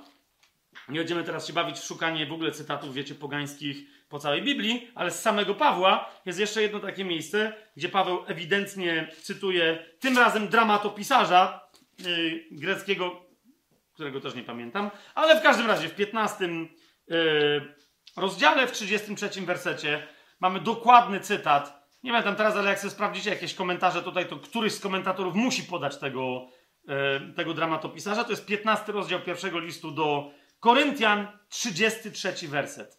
Nie? Czyli Paweł mówi: Nie łuczcie się. No i tu jest dana kropka, gdy według mnie powinien być dany dwukropek, a następnie cudzysłów na otwarcie cytatu. Złe rozmowy psują dobre obyczaje, zamknąć cytat. To jest cytat z jakiejś tam sztuki. Teraz chodzi o to, że to jest w ogóle problem, bo ludzie czasem, niektórzy komentatorzy podają dramatopisarza, który nawet w swojej sztuce zacytował jeszcze innego dramatopisarza. Nie jakby się odnosił, więc jakby tam są różne, tam, tam są podane dwa nazwiska, ale tak czy siak to jest, mamy cytat z literatury, z poezji, yy, w sensie z prozy, z poezji i z dramatu yy, starożytnego. Nie? Teraz, kochani, dlaczego o tym mówię? Bo zwłaszcza pisząc, teraz tak, pisząc do Koryntian, yy, oni lubili imprezy, w tym między innymi teatr. Więc zauważcie, cytuję nawet chrześcijanom powiedzenie, które było dobrze znane z teatru, bo to była taka bardzo w tamtym czasie popularna sztuka. Nie? Coś takiego, jakby ktoś, nie wiem, cytował. E, nie wiem, jaki wy możecie mi zacytować. Albo ja wam, w sensie, bo nie o to mi chodzi. Jakiś cytat z, nie wiem, polskiego dramatu czy jakiegoś. Z, z, a, z Misia, okej, okay, czy to z filmu może być. No, no dobra, dobra, dobra, dobra najśmieszniejsze cytaty z polskich komedii. No właśnie, no nie? swoją drogą tam to też była komedia, którą Paweł tutaj cytuje.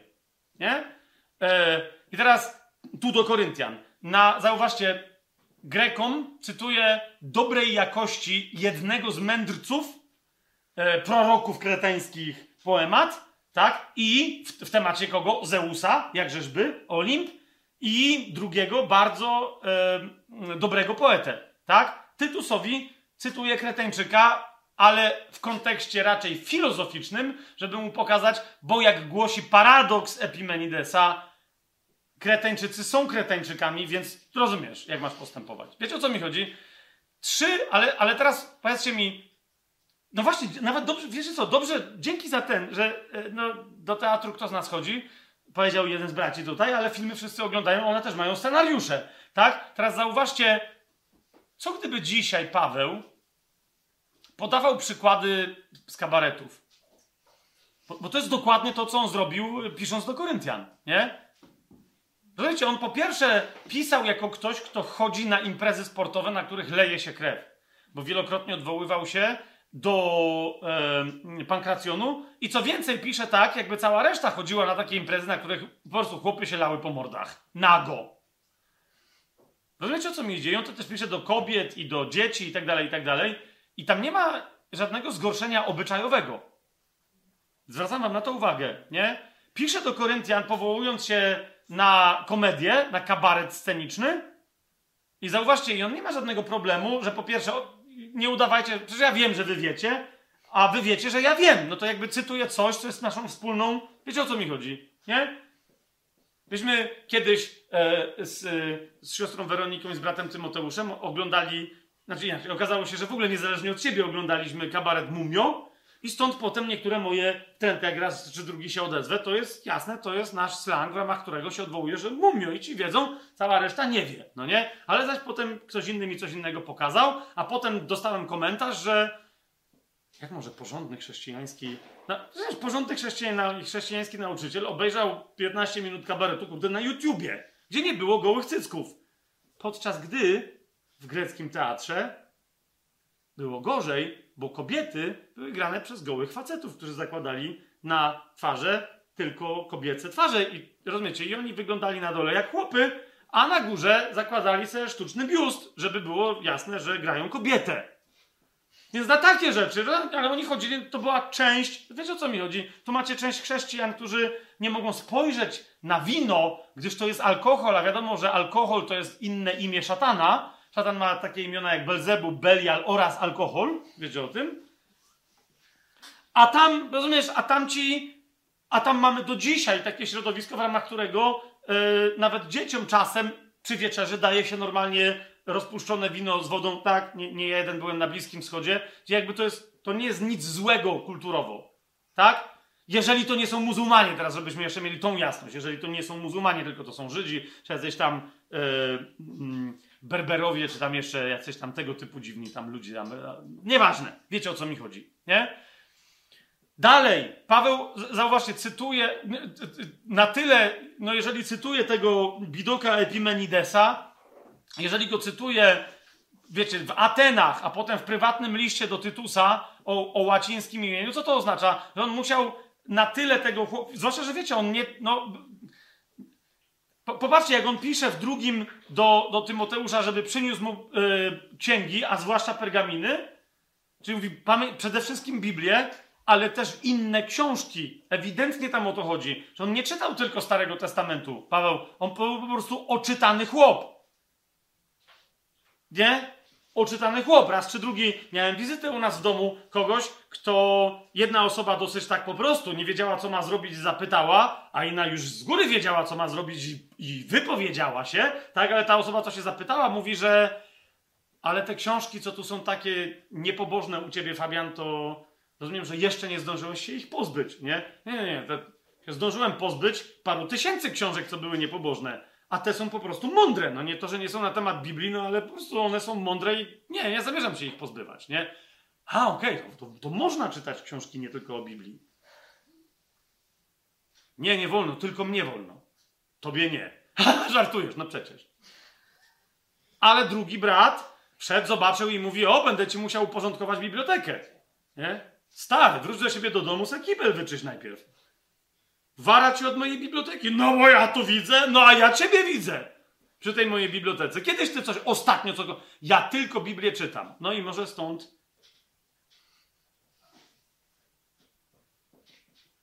Tu już trzeba zobaczyć moją minę. Jak ktoś słucha na jakimś podcaście bez wideo, to nie wie. Tu...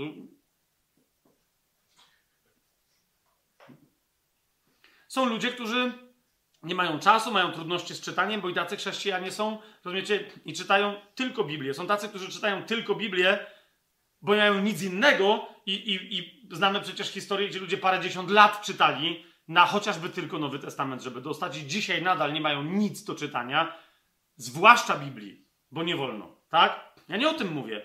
Ale w momencie, kiedy, rozumiecie, są ludzie, gdy są powołani do nauczania w kościele i tak dalej, i tak dalej, to Czemu my mamy nagle, rozumiecie, jakiś taki niedorozwój intelektualny? Kiedy Biblia nam pokazuje jednego z najpotężniejszych po Panu Jezusie, który swoją drogą też wielokrotnie robi różne ciekawe rzeczy, kiedy naucza i cytuje różne ciekawe rzeczy, do różnych ciekawych rzeczy się zwraca, ale cała Biblia nam pokazuje, rozumiecie, cytaty z książek, które, cała, Stary Testament również. Cytaty z książek, których nie ma w Biblii. Teraz, czy to znaczy, że i niektórzy mówią, o, to są apokryfy, które może są natchnione? Nie! To jest tylko dowód na to, że ktoś bierze jakiś tekst i on wtedy jest natchniony, gdy jest zacytowany we właściwym kontekście, ale żeby mógł to zrobić, najpierw musiał przeczytać inną książkę niż Biblia. Rozumiecie? Skąd to zdumiewające gorszenie się ludźmi, którzy śmieli przeczytać nie, nie Biblię i nie książkę o Biblii? Rozumiecie, że są ludzie, którzy są zgorszeni, że są pisarze, którzy piszą powieści chrześcijańskie, bo po co czytać coś innego niż tylko Biblię? Ja potem to jest wcale mnie nie dziwi, jak często z takimi ludźmi, zwłaszcza takimi zacietrzewionymi, rozmawiam się wtedy okazuje, że oni nawet Biblii nie rozumieją, a niektórzy nawet jej tak naprawdę nie czytają. Oni się tylko rzucą, rzucają, żeby czytać Biblię, a potem się okazuje, że niczego nie czytają. Nie dlatego, że nie mają dostępu, tylko im się nie chce. Ale swoją religię mają. Więc jeszcze raz, wiecie, kochani, ja się zastanawiałem, jakby Paweł e, zamiast pisać do kościołów takie posty na Facebooku wrzucał dzisiaj. Ile by hejtu zostało od poważnych, profesjonalnych chrześcijan, jakim jest dzięciołem i co to za jakieś śmieci on cytuje. Co on w ogóle czyta w swoim życiu? Jakiegoś poganie, jeszcze w jakim kontekście on to cytuje? Pogański wiersz wywyższający Zeusa, jakiegoś pseudomędrca, jeszcze nazywanie go prorokiem? Widzicie to jak, nie? Jak dymy z uszu od razu idą niektórym, nie? Święte oburzenie. Proszę was. Rozumiesz? Nie? A są tacy, którzy przyprowadzają do Chrystusa teraz całe rzesze, jeden drugi nawrócony raper, jeden drugi znawca hip-hopu, który cytuje amerykański, murzyński, wypełniony przekleństwami rap. Rozumiecie? I, i, i czarnoskórzy yy, ludzie, którzy się wychowali na rapie, słuchają go i mówią, wreszcie łapiemy o co chodzi w Ewangelii i się nawracają. A on nie cytuje Ewangelii, a potem zaczynają czytać Biblię dopiero. Kapujecie? I oni często cytują rzeczy, które w ogóle są wręcz jakby skierowane przeciwko Ewangelii. Oni je cytują. Od małego słyszeliście, że i goś jedzie, ma dobry flow, nie? Cytuje dwie zwrotki, tam dwie zwrotki. Parę szesnastek, tam niekoniecznie tam dwie zwrotki. Tak? Cytuje, a potem mówi, ale prawda jest taka. Nie? I potem jedzie normalnym rapem, znaczy zbudowanym na Słowie Bożym. Bo Bóg tak umiłował świat, że Syna swego jednorodzonego dał, aby każdy, kto w Niego wierzy, nie umarł, ale życie wieczne miał. Ale oczywiście to był żaden flow, tylko na prędce z jednego fragmentu pokazałem wam, że z wszystkiego w Biblii można, wiecie, i nagle będzie, co ty robisz ze Słowem Bożym? Wstrząsające. Ten bierze Biblię i śpiewa do jakichś e, szarpi drutów, jakiś metal, gdzie wiadomo, że to jest muzyka, którą, która należy do szatana. Ten rapuje, gdzie jest wiadomo, że to jest muzyka, która należy do złotołańcuchowych szarpi łańcuchów.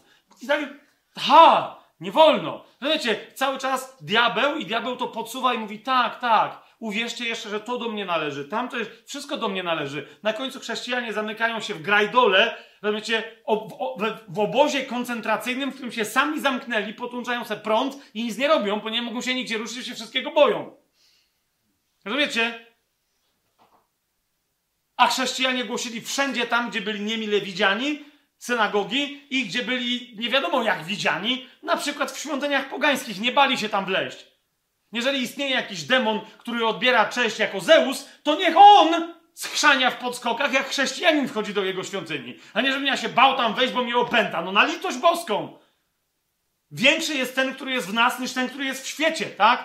Więc nawet jak on wymyślił metal, cokolwiek, my mu to bierzemy i mówimy, stary, nie tak to się robi. I masz nagle lepszy metal, lepszy hip-hop, lepsze reggae, lepszą sztukę, lepszy film. Wszelkiego rodzaju sztukę, o to mi chodzi. Rozumiecie? I teraz, jakby, jeżeli coś, popatrzcie, że to u Pawła to widać. On się, on nawet nie ma jakiegoś takiego, on się nie tłumaczy z tego, że to robi. Rozumiecie? Bo przynajmniej e, był cały problem z, ju, z judaizującym pseudochrześcijaństwem, ale przynajmniej takiej hipokryzji nie było. Rozumiecie? Żeby ktoś tu miał wąty, to ty w teatrze byłeś? No okej, okay, no dzisiaj, no to rozumiecie jeszcze raz, co to oznacza, że e, no kulturalny człowiek z całym szacunkiem, z całym szacunkiem akurat wchodzimy w taką fazę, że zasadniczo dzisiaj w teatrze, jak nie ma pornografii odgrywanej na żywo, to nie jest to dobra sztuka, no nie? Więc nie wiem, czy nie lepiej obejrzeć porządny film na internecie czy w kinie, gdzie wiesz, że no, dzieciom pewnych rzeczy nie pokażą, na przykład na YouTubie, niż iść do teatru, bo rozumiesz? Bo do teatru ani z dzieckiem, ani z mamą byś nie poszedł. Rozumiesz, o co mi chodzi? No to przecież nie wiadomo co. Trzeba uciekać stamtąd. I nie chodzi mi tylko o kontrowersyjne sztuki, bo tam, wiecie, z figurą Jana Pawła II ktoś coś robił, tylko dosłownie każda sztuka.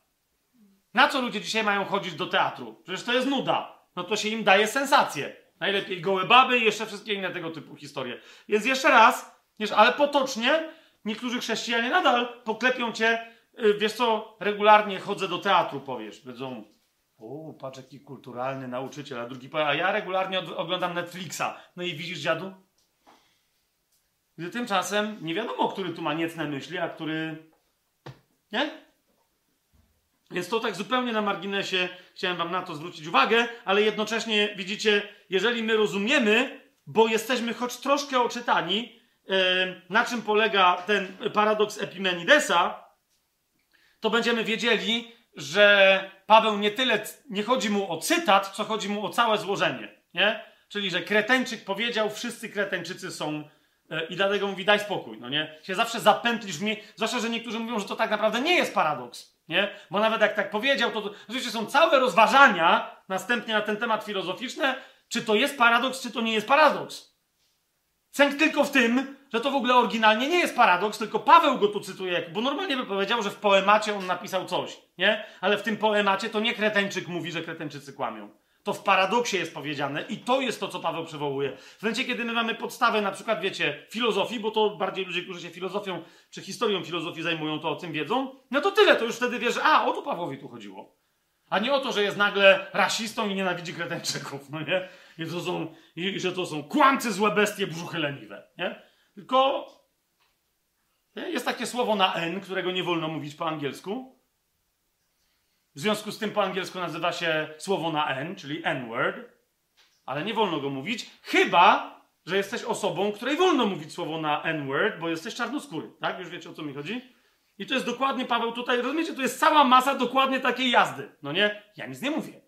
Ale to Kreteńczyk powiedział, że. Nie? A z drugiej strony każdy wie o co chodzi. Dalej. Um,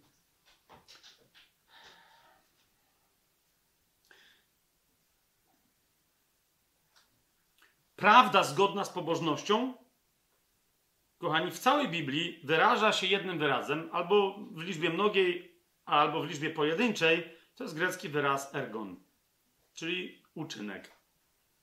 Ono w niektórych miejscach to słowo jest tłumaczone jako dzieło, a w niektórych miejscach jest tłumaczone jako uczynek. A za każdym razem chodzi o to samo.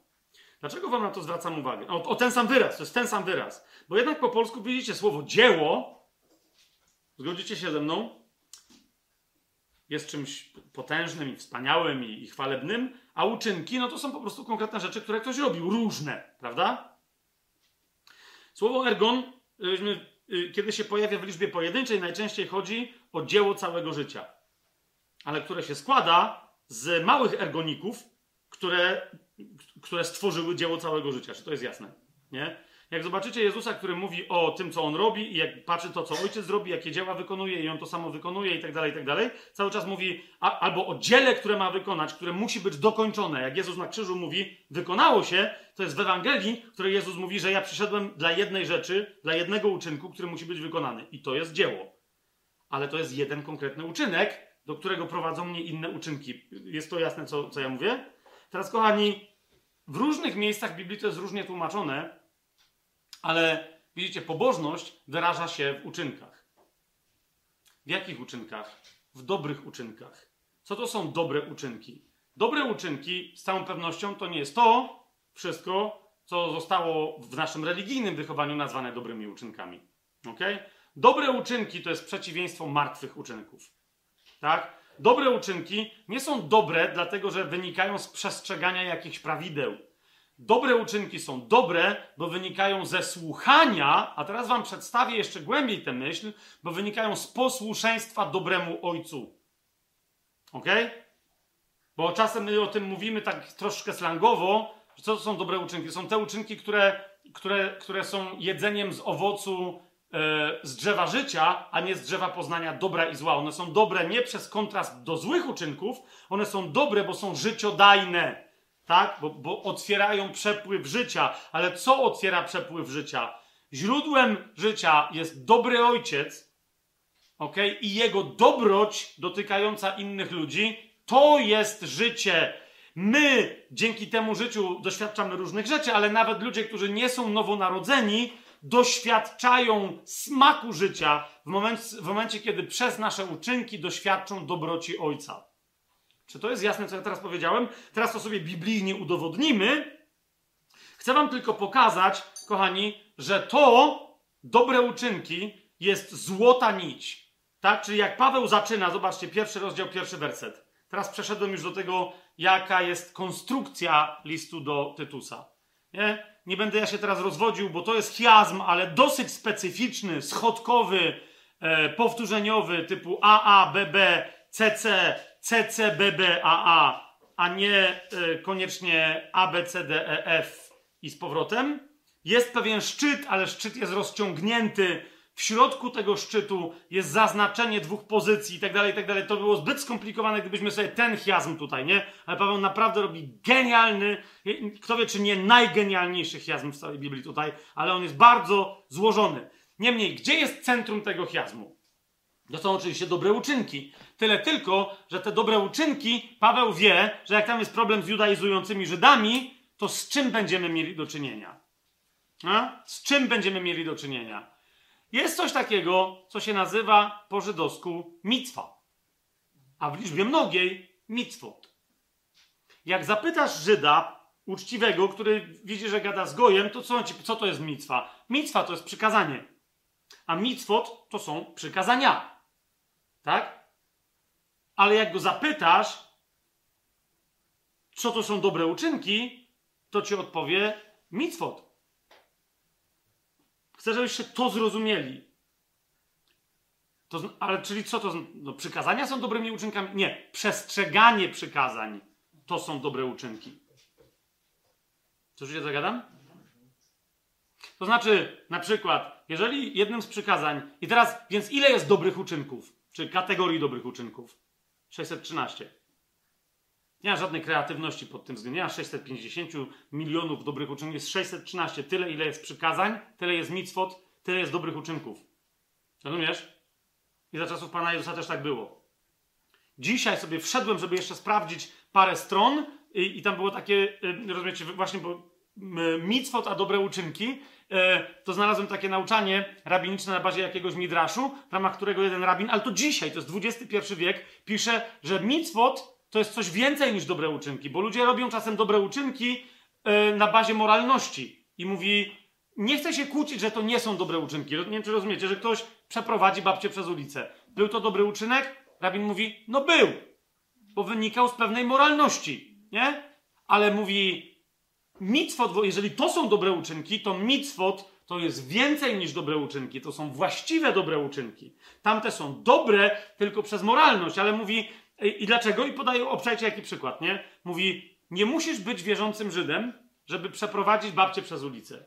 Żeby wspomóc kogoś, żeby mieć czasem odruch serca. Wie, wiecie o czym mówię? Nie musisz być. Ale musisz być dobrym Żydem, żeby wiedzieć, że zrobienie czegoś absurdalnego jest dobrym uczynkiem. Na przykład, że nie zjesz świni. Nie? Albo, że w szabat nie ruszysz się więcej niż ileś tam y, kroków. Nie? Ktoś się powie, to jest absurd. Ale Bóg tak kazał. Więc skoro ty jesteś posłuszny Bogu, zauważcie, to to jest dobry uczynek. Dobro wynika z posłuszeństwa Bogu.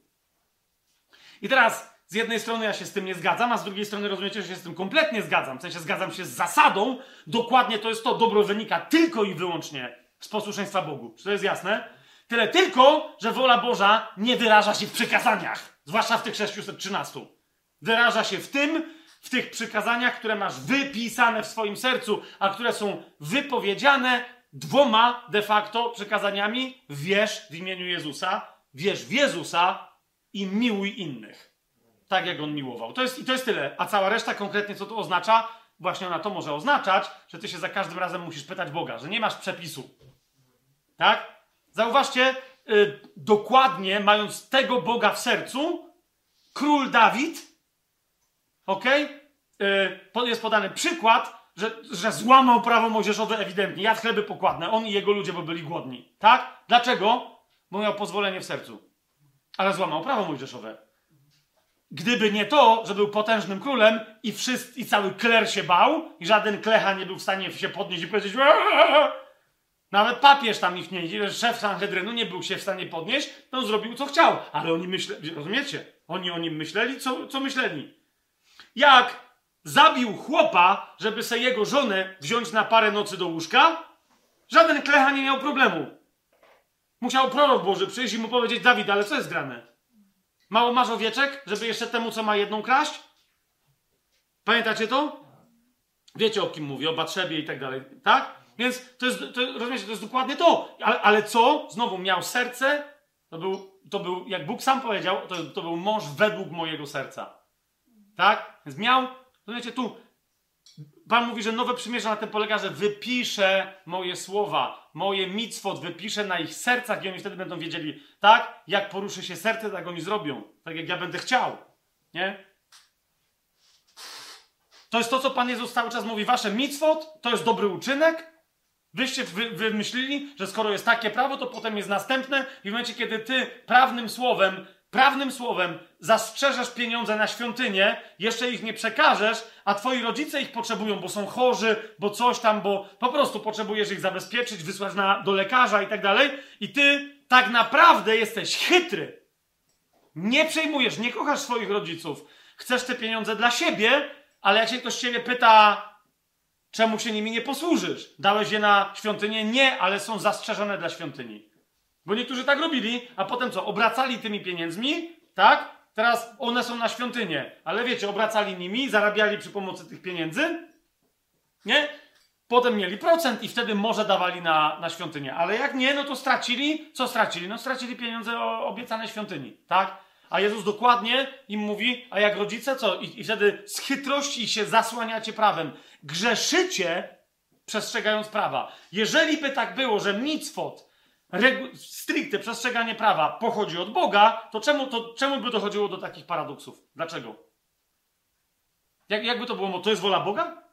Albo zobaczcie, ile razy ktoś mówił, że jest szabat. W szabat nie wolno uzdrawiać. I rzeczywiście, jakby się przyjrzeć, nie ma co tam za dużo co, co cudować. Nie wolno, bo jeżeli leczenie jest pracą, a nie wolno pracować w szabat, to nie wolno, tak? A Jezus na to wściekły w Ewangelii Marka patrzy na wszystkich i mówi tak? No to zabrońcie mi. I mówi, podnieś tą rękę. Nie? A chłop podniósł, nawet nie wiadomo, wiecie, tam Jezus jest powiedziane, że on z gniewem spojrzał, on się mógł go przestraszyć i podniósł. O, uzdrowiona.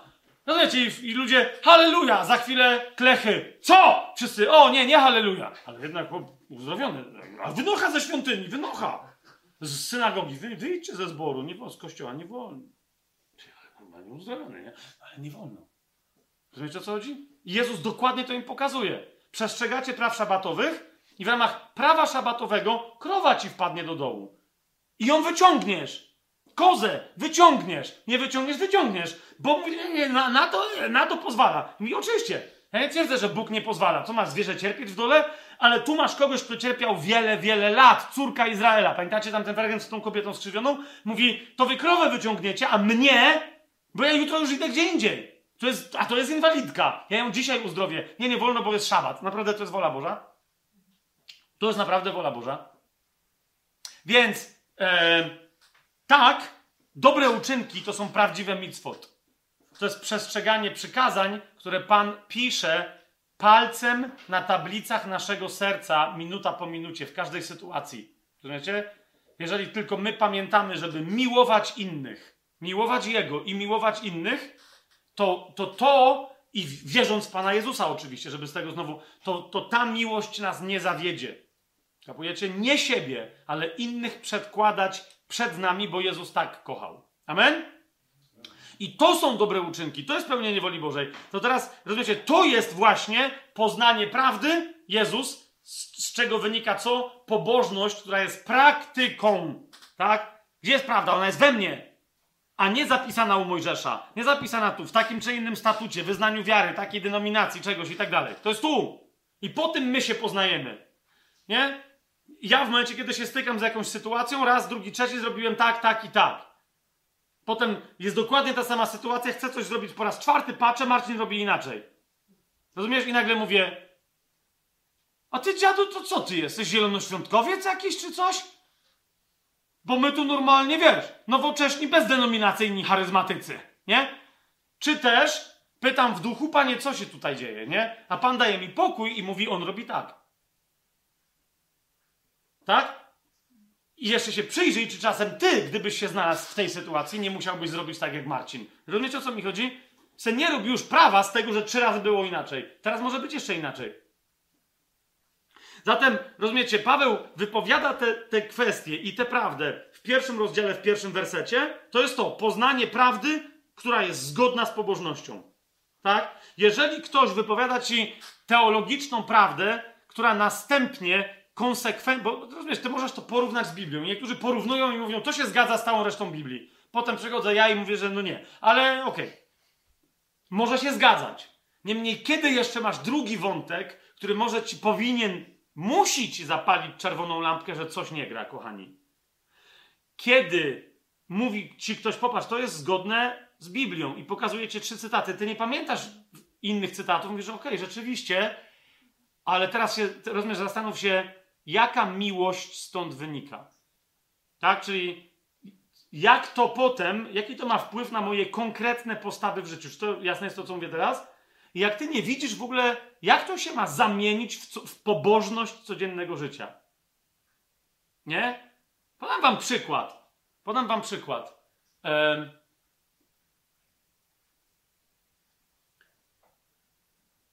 ludzie, którzy się modlą. Taki przykład będzie, nie? Ktoś ci powie, że Fabian, my, tu, my się modlimy, nie powiesz, że to nie jest biblijne. No, powiesz komuś, że modlitwa, modlitwa jest niebiblijna? Nie, nie, ale ja mam tu problem z tą waszą modlitwą, bo to było uwielbienie, a co uwielbienie jest niebiblijne? No, było. Jest i będzie. Uwielbienie jest absolutnie biblijne. Nie? Ale ja się nie zgadzam z waszą modlitwą. I jak to? No, no nie zgadzam się z waszą modlitwą. To, było, to była modlitwa, to było uwielbienie. Zebrał się Kościół, same wierzące osoby w imieniu Jezusa. Co masz coś przeciwko językom? Nie, nie mam. Nie mam.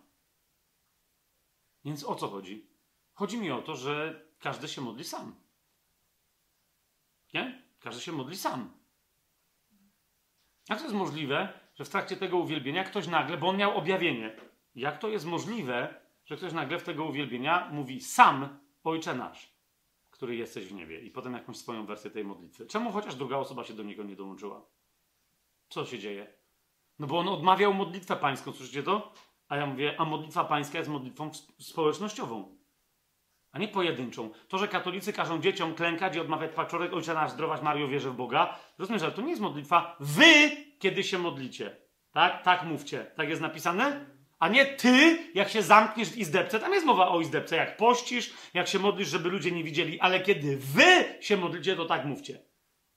To będziemy churalnie teraz odmawiać, jak w kościele katolickim. A czy ja to powiedziałem? Czy Pan Jezus tak powiedział, że to churalnie ma być odczytane z Biblii? Co on powiedział? Nie, tylko rozumiesz, to nie była ta modlitwa. Dalej, ten się modlił Ojcze Nasz, drugi, drugi obok krzyczał, mówi, Panie, więcej, więcej, więcej, nie? A ten mi mówi, ale ja się nie modliłem dla siebie, bo żeśmy słuchali tajemnego planu, Fabian, i powiedziałeś, żeby się tak nie modlić dla siebie, ja się modliłem dla nas. Jeszcze gorzej.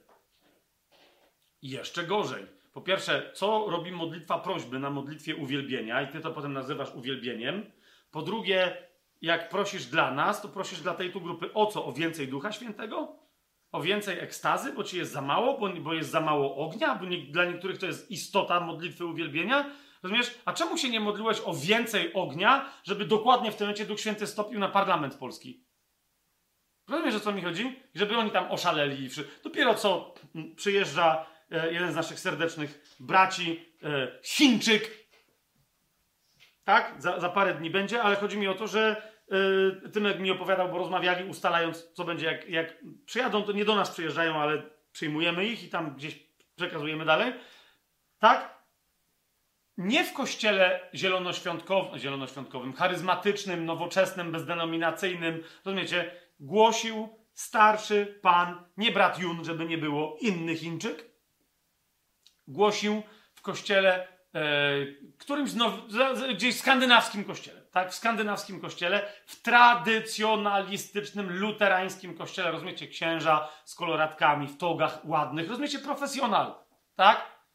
I teraz on mówi, że normalnie, jakby był w normalnym zborze, to by zaczął testować, co tu jest grane, kazał, kazałby się im uspokoić, ale rozumiecie, głosił Ewangelię, rozkłada im Słowo Boże z listu, nie wiem, nie wiem z czego, bo nie pamiętam, głosi z Biblii i tak dalej, i tak dalej, i w pewnym momencie stępuje duch na całą tą kongregację kleru luterańskiego. Kapujecie? Oni tam siedzą, tam nie ma jakichś nie wiadomo jakich uwielbień i tak dalej. Stępuje jak w domu Korneliusza, w środku głoszenia, rozumiecie, i oni zaczynają płakać, modlić się na językach, e, nie tarzać się po ziemi, bo nie stracili kontroli, ale niektórzy kładą się na ziemię, pokutują, krzyczą na głos i tak dalej, i tak dalej. Nie? Jak mówię, jak on przyjedzie, to jeszcze będziemy więcej o tym gadać, ale chodzi mi o to, ja mówi, nie? To ja nie musiałem im przerwać. Dlaczego? Bo oni nawet nie wiedzieli, że takie rzeczy się dzieją po jakichś kościołach. To by po prostu, wiecie, grupa starych już pastorów, którzy nagle zetknęli się na pytanie, jak w Chinach Duch Święty się porusza, on zaczął im głosić Słowo Boże i świadectwo, i po prostu oni byli otwarci, zgłodniali, Duch Święty ich dotknął. Ale z drugiej strony, wiecie o co mi chodzi? Kiedy ludzie se sami takie rzeczy wywołują, tak? I oni ci powiedzą, ale to wszystko jest w Biblii. No nie, w Biblii nie ma. W Biblii jest Duch Święty, który robi takie rzeczy, a nie ma ludzi, którzy jak Duch Święty im takich rzeczy nie robi, żeby oni go zastępowali. Nie? Więc jest masa tego typu historii, że jest coś w Biblii. Jeszcze raz. Natomiast następnie zapytaj, na jaką praktykę życiową jakaś prawda komuś się zamienia. Nie?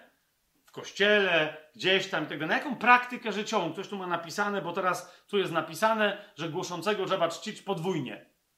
Nie? I w związku z tym pensję ma pastor, który regularnie jest zmuszony głosić kazania w danym zborze. Ale ja mówię, no ale w całej tam pozostałej Biblii, co jest w, w, w, tym, w tej księdze, tak? Co jest tam dalej napisane? Wcześniej napisane, że podwójna cześć się należy wobec czego licząc? Wobec pojedynne, pojedynczej czci, czyli normalnej wypłaty dla wdowy. Jeżeli ten zbór ma wdowę, to pastorowi albo komuś innemu, kto niekoniecznie rządzi zborem, tylko kto głosi Słowo Boże, które naprawdę ludzi karmi, należy się dwa razy tyle, co wdowie. Rozumiecie o co mi chodzi? Tam jest jasny, do Tymoteusza Paweł to pisał, dopiero co to rozważaliśmy, tak? To wtedy jak najbardziej. Ale w momencie, kiedy ty robisz zupełnie co innego, wyciągasz mi fragment z kontekstu, w ramach którego mówisz mi, uważajcie na to, że wy nie macie pieniędzy, żeby wspierać wdowy i dzieci, bo wypłacacie pensję czterem pastorom, to robisz dokładnie coś przeciwnego, to czyli prakty, rozumiesz, co, że ty mi się powołujesz na fragment? ale w, w, całości tego słowa jest powiedziane, że masz robić odwrotnie niż robisz. Więc rozumiecie, o co mi idzie? Nauczanie wynikające z Biblii, nawet jak ty nie wiesz, co tam jest dalej, ale widzisz, że to się ewidentnie rozmija z miłością. Tak? To już ci powinno zapalić lampkę, że to jest jakieś poznanie jakiejś prawdy, ale która nie jest zgodna z pobożnością. A wtedy co to jest? To nie jest prawda. Tą prawdą zawsze jest miłość. Zobaczcie razem ze mną pierwszy list do, do Tymoteusza żeby sobie najpierw to jeszcze przypomnieć. Pierwszy rozdział, pierwszy list do Tymoteusza od piątego wersetu. Jeszcze raz w tym kontekście przeczytajmy ten fragment. Końcem zaś przykazania, i zauważcie, to jest po czwartym wersecie, żeby się nie zajmowali baśniami żydowskimi, bredniami. To samo, co Tytus ma zrobić, tylko on ma zrobić szybciej. Tymoteusz ma ich zniszczyć, rozumiecie, te brednie, nie ich, tylko, tylko te ich knowania ma zniszczyć przy pomocy znajomości Biblii. Tamten przy pomocy oczywistego balansu, pobożności, która wynika z prawdy i prawdy, która prowadzi do właściwej pobożności. Jasne? Ale tem, Tymoteuszowi też Paweł o tym mówi. Patrzcie, końcem zaś przekazania jest miłość płynąca z czystego serca, z prawego sumienia i wiary nieobłudnej. Od czego niektórzy odstąpili? Od czego? Od miłości płynącej z czystego serca, yy, z prawego sumienia i wiary nieobłudnej. Rozumiecie? Mają obłudną wiarę, nawet jeżeli demonstrują miłość, to jest miłość, która nie płynie z czystego serca. Pokazują pewne rzeczy jako miłość, ale to nie jest miłość, to jest obłuda. I potem lądują w prawie. Od czego niektórzy odstąpili, zwrócili się ku czczej gadaninie, chcąc być nauczycielami prawa, nie rozumiejąc ani tego, co mówią, ani tego, co stanowczo twierdzą. Tu jest najp, to jest dokładnie to. Paweł tu pokazuje dokładnie ten balans też Tymoteuszowi. Nie? Balans, o którym my słyszymy ile razy, rozumiecie? Ja słyszałem osobiście, na przykład w kościele katolickim, ale niestety nie tylko, na przykład nauczania na temat pierwszego listu do Koryntian, 13 rozdziału, fragmentu znanego bardziej w kręgach e, niewierzących jako hymn o miłości. Rozumiecie, tam dokładnie Paweł mówi, że miłością nie jest coś, co ludzie przedstawiają jako miłość. Na przykład, zobaczcie 13 rozdział razem ze mną pierwszego listu do Koryntian. Nie, niektórzy mówią, ponieważ kocham Boga, to mam charyzmaty. Paweł mówi, pierwszy werset, chociażbym mówił językami ludzi i aniołów, a miłości bym nie miał, stałbym się jak miedź brzęcząca albo cymbał brzmiący. Rozumiecie?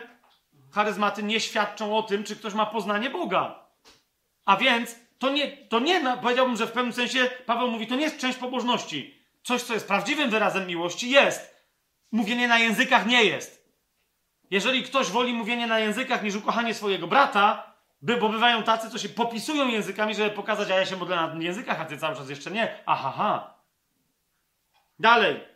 Chociażbym miał dar prorokowania i znał wszystkie tajemnice i posiadał wszelką wiedzę, i chociażbym miał pełnię wiary, tutaj macie różne postawy chrześcijańskie. Kogoś, kto zna Biblię całą, albo takim się mieni i tym się zasłania. Mówi, hej, to jest to, co było y, do Tymoteusza w Efezie, tak? Oni wiedzą. Paweł mówi, no ale jak miłości nie mają, to co o co chodzi? Inni prorokują, mają poznanie, tak? Mają mowę właściwą, rozumieją rzeczy jak należy, mają wiarę, są cudotwórcami. Tak, żebym góry przenosił, a miłości bym nie miał, byłbym niczym. Jeszcze inni przychodzą i mówią, właśnie, bo to są pierony charyzmatyki. My tu zupełnie rozumiemy, my mamy miłość, ona się wyraża czym? Działalnością charytatywną. Pomagamy imigrantom, biednym, dzieciom, to jest dokładnie to. Chociażbym rozdał na żywność dla ubogich cały swój majątek. Inni wtedy przychodzą i mówią, no właśnie, liczy się tylko to, co ty Bogu w bólu oddajesz. Asceza, post, czuwania nocne, czytania Biblii wielogodzinne, nawet jak nie rozumiesz wsłuchanie się w gości, którzy tracą twój czas, ale ty jesteś miły dla nich, nie, nie, wiesz, że to poświęcasz im 7 godzin dziennie i tak dalej, i tak dalej. Chociażbym wydał całe swoje ciało na spalenie, mówi Paweł. Asceza, samoumartwienie, a miłości bym nie miał, nic nie zyskam. W czym się wyraża miłość? Zauważcie, wszystkie te rzeczy, Paweł, które wymienia, są we mnie. Chociażbym ja, chociażbym ja miał to, chociażbym ja rozdał tamto, chociażbym ja się okazał takim czy innym. Ja, gdziekolwiek pojawia się ja, tam nie ma miłości. A w każdym razie miłości nieobłudne. To jest obłuda. Po prostu. To jest umiłowanie samego siebie, jedna z tych fałszywych, diabelskich miłości końca czasów. Jedna z tych trzech miłości, o których Paweł pisze w drugim e, liście do, do Tymoteusza. Miłość zawsze rozpoznasz tam, gdzie ktoś rezygnuje z siebie dla kogoś poza sobą. Po prostu. Po prostu. Więcej miłości miewają niewierzące matki, które zaczynają się poświęcać dla swojego na przykład chorującego dziecka, niż wielu chrześcijan, którzy o miłości nauczają. Po prostu. Więcej miłości, przepraszam, tych, którzy mogą być teraz urażeni, jeżeli zamiast myśleć będą urażeni, to ja wiem, że wy nie, ale naprawdę więcej miłości ma niewierzący yy, żołnierz polski, który idzie i ginie za ojczyznę, bo przynajmniej kocha ojczyznę bardziej niż siebie. Rozumiecie? Kocha coś bardziej niż siebie i to jest więcej miłości nieobłudnej. Nie do Boga, ale rozumiecie? Przynajmniej nieobłudnie, nie siebie. To nie jest miłość egoistyczna, niż chrześcijanie, którzy w kółko o tym nauczają, a potem cały czas pytają się, co ja z tego mam i co jeszcze z tego mogę mieć. W sensie duchowym, w sensie materialnym, w sensie emocjonalnym. Czemu jeszcze jestem chory? Czemu mam prześladowanie? Czemu jeszcze nie mam domu z basenem? Czemu jeszcze nie mam czegoś?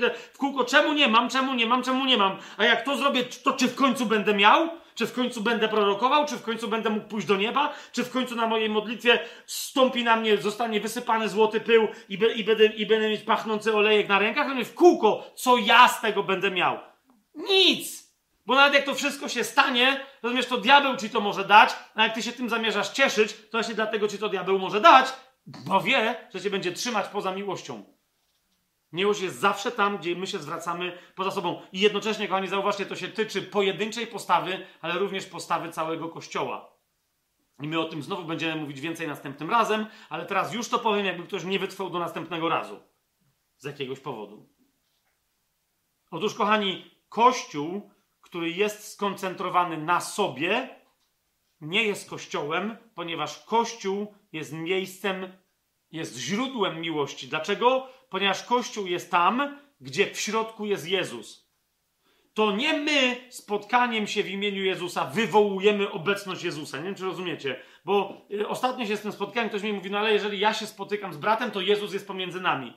Dlaczego? Bo ja jestem chrześcijaninem, on jest chrześcijaninem, to się na pewno spotkaliśmy w imieniu Jezusa. Na pewno? Na pewno? Ja nie przeczę, że ty jesteś chrześcijaninem i on, ale czy wy się spotkaliście w imieniu Jezusa? Tak? W imieniu Jezusa to się spotkałeś dzisiaj rano z żoną, jak się obudziliście w jednym łóżku, tak? No tak średnio, bo, bo się nie odzywaliśmy od wczoraj. Widzisz o co mi chodzi? Więc się nie spotkałeś z nią dzisiaj w imieniu Jezusa i co zapomniałeś, co mówi Słowo Boże wczoraj, że poza tym, jaką ma warstwę symboliczną, to także konkretnie i dosłownie, niech nad waszym gniewem nie zachodzi słońce. Tak? To w jakim ty imieniu Jezusa się dzisiaj z nią spotkałeś? W żadnym. A co ona nie chrześcijanka? Chrześcijanka. A ty nie chrześcijan? Chrześcijan. No to mogą się chrześcijanie spotkać nie w imieniu Jezusa? Większość chrześcijan dlatego musi chodzić do kościoła w niedzielę takiego czy innego, ponieważ nie rozumieją, co znaczy spotkać się w imieniu Jezusa ze swoją żoną czy ze swoim mężem, ze swoimi wierzącymi dziećmi itd., tak itd. Tak Ale skoro tego nie wiedzą, to idą do kościoła i nadal myślą, że kościół sam z siebie jest spotkaniem w imieniu Jezusa, więc idą do kościoła i nie są w żadnym kościele, bo nadal się z nikim nie spotkali w imieniu Jezusa. Kto się spotyka w imieniu Jezusa, kochani? Ktoś, kto rozpoznaje Jezusa pomiędzy sobą a kimś drugim. Rozumiesz? To jest spotkanie w imieniu Jezusa. Widzimy się, tak? Siostra Weronika. Dzisiaj się widzieliśmy. Ja miałem tam, pana kiedyś mi usłużyła, miała sen proroczy, dzisiaj ja się zwróciłem z czymś innym i tak dalej. Myśmy nie mówili sobie, że w imieniu Jezusa, ale był Jezus. Pamiętasz, co mi chodzi? Co inne? Nie będziemy teraz udawać, że my jesteśmy skoncentrowani na Jezusie, jak gadamy o tym, że próbowałem pokarmić Junię, córeczkę waszą, tak? Łyżką, nie wiem, czy to widzieliście, bo, bo zauważyłem, że o, Junia zaczęła już jeść łyżką, ale tak trochę jest upaprana, więc poszedłem się z nią przywitać, po czym pomyślałem, może ja ją pokarmię. I wtedy zaczęła być upaprana nie tylko na buzi, ale wszędzie. Nie? I teraz zawołałem Weronikę. Jakby nie ma co udawać, rozumiecie, że obsługa Juni w wyniku mojego niewłaściwego karmienia łyżeczką, że to jest nagle kościół, spotkanie w imieniu. Wiecie o co mi chodzi? To, że Jezus się przechadza pomiędzy nami, nie. Ale dosłownie za chwilę ze słowa na słowo przeszliśmy do snu proroczego do czegoś i to było dokładnie to. Nie musieliśmy, okej, okay, w imię Ojca i Syna, halleluja, siostro, pozdrawiam, czy nie zbudowaliśmy sobie ambonki, to teraz ja tu mówię, potem Weronika tam by weszła, ja bym siadł jako kongregacja i między nami jest Jezus. Nie! Natomiast ja sobie zdałem z czego, że to jest moment, w którym Jezus chciał, żebym ja ją o coś zapytał, tak jak on kiedyś chciał, żeby ona mi przekazała swój sen. Wiecie? I to jest to, to jest moje rozpoznanie, tu jest Jezus. Więc w takim razie to jest moje spotkanie z nią w duchu, w imieniu Jezusa, w ramach którego mieliśmy Kościół, my we dwójkę na polu tutaj stojąc, bo rozpoznaliśmy obecność Jezusa. Teraz, teraz to jest duchowa sprawa. I wymieniliśmy krótko i mieliśmy ten Kościół przez dwie minuty, tak? E, ale czy, czy rozumiecie, o czym ja mówię? My chodzimy za barankiem, a nie spotykamy się gdzie chcemy, jak chcemy i byle po co, a baran, i przywołujemy baranka jak jacyś spirytyści. Tak? Więc jeżeli, rozumiesz, jeżeli ty widzisz, skąd ty będziesz wiedzieć, że się spotykasz z nim w imieniu Jezusa? Dokładnie w momencie, kiedy spotykasz brata, siostrę na ulicy, tego tobie się spieszy, on też, ale rozumiesz, nagle jest moment, w którym stwierdzasz, ej, to nie jest przypadek, że myśmy się spotkali. To jest dokładnie moment, w którym rozpoznajesz, skoro to nie jest przypadek, to jest, przypadek to jest znak czego? Obecności Jezusa. I przez 20 sekund, ale masz z tą osobą Kościół. Kapujesz? Jeżeli tam Jezus jest, to jest pytanie, po co On chciał, żebyśmy się zobaczyli, nie? Rozumiesz, ty się do kogoś uśmiechasz, ten ktoś ci coś mówi i tak dalej. Drugie, po czym rozpoznasz, że jest pomiędzy wami Jezus, którego wy rozpoznaliście? Że nie masz w sobie ani krzty, ani odrobiny ochoty, żeby coś brać lecz tylko, żeby dawać. Chyba, że nie masz w sobie w ogóle krzty ani ochoty na nic, to właśnie prawdopodobnie po to jest ta druga osoba, bo ona ci da. Czy to jest, rozumiesz o co mi chodzi? Ona ci usłuży. To, to jest, I to jest Kościół.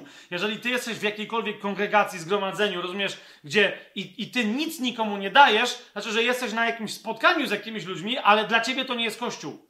Co więcej, jeżeli tam jest ktoś, kto ma dawać, ale nie tobie, rozumiesz, to całkiem możliwe, że ten ktoś z tobą też nie ma kościoła. Po, po prostu. Po tym rozpoznajemy Jezu i On jest miłością, a miłość nie jest skoncentrowana na sobie. Syn człowieczy nie przyszedł, aby mu służono, lecz aby służyć innym. I to jest dokładnie, rozumiesz, jeżeli ty tego w sobie nie masz, to nie masz sobie nastawienia umysłu, które było w nim. Więc jak możesz mówić, że twoja obecność jest w imieniu Jezusa, skoro nie masz sobie tego nastawienia umysłu? Kościół, który się spotyka, żeby się spotkać, jest skoncentrowany sam na sobie. Ktoś mi mówi, że ma służbę. Jaką ty masz służbę? Kawiarenkową w kościele. Czy co obsługujesz? Spotkania kościoła. To nie jest służba. To jest służenie kościołowi, ale to jest kościół, który służy sam sobie. Ty co robisz? Głoszę kazania, ty co prowadzę piosenki, śpiewamy i tak dalej. Ale wszystko to robimy po to, żeby się spotykać. A kto wam się kazał spotykać? To, co ma robić Kościół? Kościół ma kochać. Jeżeli was Bóg zgromadził jako 17 osób, rozumiesz, to się gromadzicie po co? Żeby w tej grupie usłużyć komuś innemu niż wy, a nie sobie. To jest Kościół. Jeżeli się gromadzicie, żeby sobie nawzajem usługiwać, to już z miejsca, prawie zawsze, prawie od początku, czasem nie, ale, bo niekoniecznie wiecie, za pierwszym razem, nie? Ale jak za drugim, jak za trzecim razem grupa się nie zmienia, jest to cały czas to samo i, ona się, i oni sobie nawzajem usługują, co, jaki to jest znak, że to nie jest Kościół, to nie jest spotkanie w imieniu Jezusa. To jest ludzkie spotkanie na bazie ludzkich więzi, w ramach którego ludzie oczekują, że coś dostaną. Oni przyszli, żeby brać, nie żeby coś dawać. I wtedy nawet jak przyjdzie ktoś, żeby dawać, wychodzi z takiego spotkania, wiecie, pastor wypalony, tak? Yy, pasterz kościoła domowego wypalony, sfrustrowany. Co ja jeszcze źle robię, że to wszystko. Nic źle nie robisz. Po prostu nie rozpoznajesz, że ty przyszedłeś dawać, tylko rozumiesz, kto najlepiej będzie brać? Inni ludzie, którzy też przyszli dawać, nawet jak nic nie mają. Będzie dane tym, będzie wzięte tym, którzy mają, a dane tym, którzy nic nie mają. Rozumiesz? Więc ty nawet jak, jak masz potrzebę, żeby brać, nadal przychodzisz, żeby jeszcze więcej dać. Co miał Jezus do dania? Niektórzy mogliby powiedzieć, jak dźwigał krzyż, ostatni złoczyńca, najgorszy tego dnia na całym świecie, w centrum świata, czyli w, w Imperium Rzymskim. Co miał do dania? Co miał do dania, wisząc na krzyżu, jak już nie mógł mówić? Rozumiecie? A on cały czas dawał. Cały czas. Nie przestał dawać. To jest Kościół. Rozumiecie? A ci, którzy brali od niego, wtedy i naprawdę brali, tych parę osób, kobiety i Janek, stojący pod krzyżem, zauważcie, oni nic nie mieli dodania, niechcący dawali świadectwo jak nikt w historii przed nimi, a i niewielu po nich. Bo tam stanąć wtedy pod krzyżem, wiecie o co chodzi? A oni nadal więcej dostali, niż sami mieli dodania. Kapujecie? To jest Kościół. To jest Kościół. Kto to są moi bracia? Matka twoja i bracia. Kto to jest moja matka? Kto to są moi bracia? Mówi Pan Jezus. Ci, którzy słuchają Słowa Bożego i je wypełniają, są moją matką i są moimi braćmi. Po prostu. I dokładnie to Jezus, rozumiecie, oni stoją w obecności Jezusa, tak? Tam masz kościół pod krzyżem, w ramach którego Jezus mówi, teraz wy jesteście rodziną. To nie jest moja matka, to jest twoja matka, to jest, to jest twój syn, kobieto, tak? Mnie już nie, nie będzie się miał kto tobą zająć. Proszę bardzo, tak? I teraz zauważcie, co się dzieje. Jezus umiera, tam dalej stoi Kościół, kompletnie bezradny. On nic nie robi, nic nie głosi, on się boi, że za chwilę będzie zlinczowany i zginie jeszcze, na, rozumiecie, pod tym krzyżem.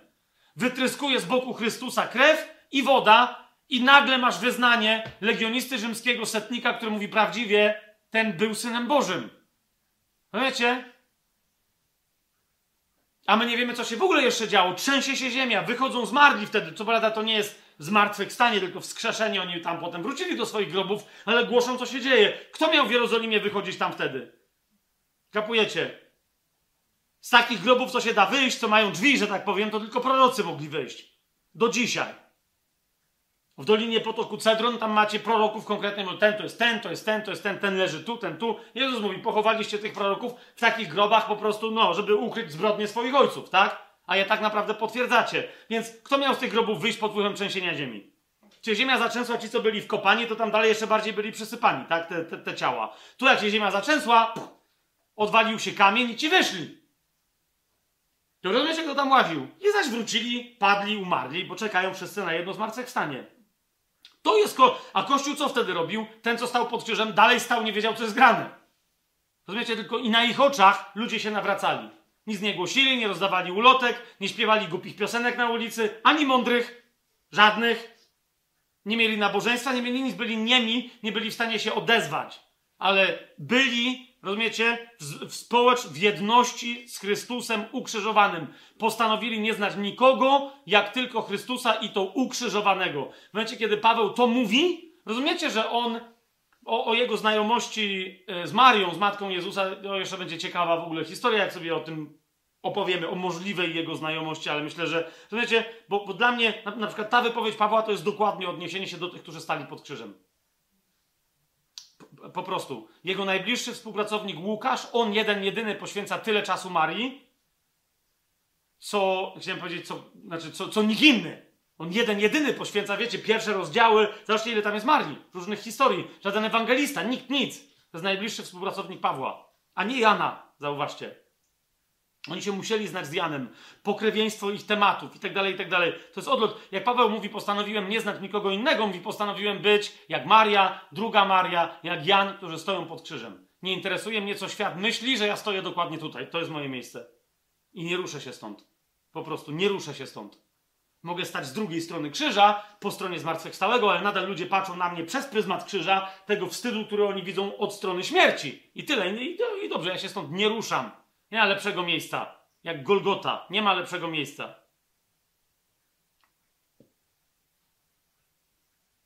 Zatem prawda zgodna z pobożnością. I teraz, kochani, hasło wywoławcze, jeszcze prostsze niż prawda zgodna z pobożnością, brzmi dobre uczynki w Biblii.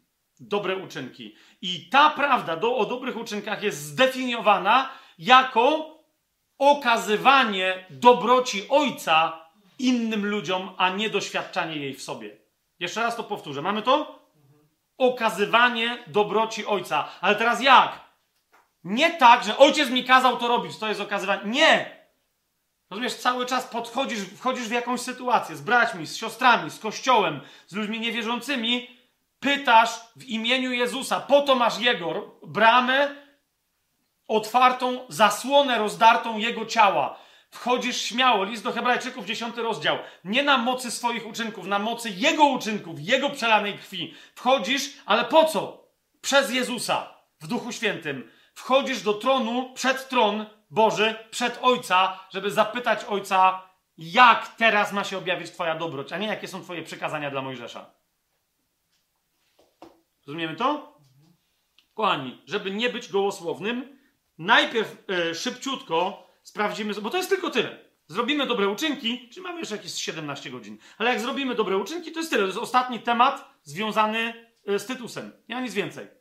Nie? Pokazałem wam e, paradoks yy, kreteński i tak dalej, i tak dalej. Tego jest więcej tam. Mm. Jeszcze jedna rzecz, żeby jak sobie potem zapomnę, bo jak wejdziemy w dobre uczynki, to już jest tyle. Pokażę jeszcze wam, pokażę wam tego zęka tutaj, no nie? I cały tutaj żart. Czyli rozumiecie, Tytusowi, który miał starcie w Jerozolimie, nie? Miał starcie z Jerozolimie, w Jerozolimie z, z judaistami, cały czas Tytusowi, któremu mówi, nie pozwólcie na żydowskie baśnie, nie daj się wkręcić najbardziej, yy, zobaczcie, za chwilę co mówi? Trzeci rozdział, trzynasty werset listu do Tytusa. Zenasa, uczonego w prawie. To jest jeden konkretny wyraz, bo niektórzy celowo, jakby mówią, nie, nie, nie, nie może tak być, i tłumaczą to, y, King James chyba ma y, prawnik. Zenka, praw, Zenasa, prawnika. Tutaj mówią. Tak tłumaczą. Ale jak sobie sprawdzicie wszystkie inne zastosowania, wszędzie tam, gdzie Jezus się zwrócił do faryzeuszów i uczonych w prawie, nie do skrybów uczonych, ale uczonych w prawie, wszędzie tam jest ten sam wyraz, co tutaj. Więc teraz rozumiecie, Paweł, sam faryzeusz uczony w prawie, nie? Ma jednego nawróconego Żyda Apollosa, ale drugi prawdopodobnie był stricte, rozumiecie, nie faryzeuszem, tylko, bo faryzeusze, jeżeli jakiś uczony w prawie był na przykład saduceuszem, Albo w ogóle, wiecie, bezdenominacyjny był, nie? E, był po prostu, miał swoją koncepcję on tu rozważał coś, a, ale w każdym razie nie był faryzeuszem, nie? Trochę tak jak w kościele katolickim między jezuitami, dominikanami i franciszkanami. Tam jest cały czas jazda po sobie. Niby żarty, ale wiadomo, że się nie lubią, nie? Tak, rozumiecie? Um, ja zresztą e, znając teraz w tym momencie mnóstwo już księży nawróco, nawróconych, biblijnie wierzących i tak dalej, to jest dokładnie taki moment, no nie? Kiedyś e, z jeszcze jednym byłym jezuitą żeśmy rozmawiali i ten, i ten mi mówi, ty, przedstawię ci kogoś. Tam woła jednego gościa i mówi tu, mówi, e, przedstawił mi jego imię i mówi, co prawda były franciszkanin, ale jakby, no ale nawrócił się, nie? Także przebaczymy mu, nie? Coś takiego. Więc tutaj rozumiecie, on pisze do Apollosa, który był takim jakimś samodzielnym chłopkiem, co się nawrócił i tak dalej. Jakby tyle, no nie? Ale Zenas musiał być z, z uczonych w prawie, którzy nie byli faryzeuszami. Nie? I w całym tym liście, rozumiecie, to jest ewidentnie, nie, no wiesz, no nie, a Zenkowi, Franciszkaninowi, no nie, powiedz, po, rozumiesz, po co chłopom, którzy walczą cały czas z prawem mojżeszowym, ze znajomością prawa mojżeszowego i tak dalej, po co mieliby kogoś nazywać uczonym w prawie? Wiecie o co mi chodzi? No to jest odlot tutaj. To jest odlot. To, co Paweł tu robi, to jest odlot. No nie? I, takich smaczków jest więcej tutaj, yy, tutaj w Biblii. E, w, w, tutaj w Biblii. W, w, Biblii, w liście do Tymoteusza o to mi chodzi. Do Tytusa! Zenasa uczonego w prawie i Apollosa starannie wypraw, no nie? Jakby wiesz, troszczy się o nich i tu, ale jest takie... Nie? Bo on, on to musiał pójść i mówi, ty... Paweł pisze, żebym jakiegoś uczonego w prawie... O, kurde, jak go spotkam, mu też powiem, nie? Pieroński faryzeusz. Rozumiecie, to po prostu to jest ewidentnie taki moment. Nawet jak to nie jest jakby żart stricte, to jest. No, to były swoje chłopy tam. Widzicie, to była ekipa z, ty, z, z, z Tytusem, to była ekipa. To jest to. No, Apollos, wiadomo, no nie?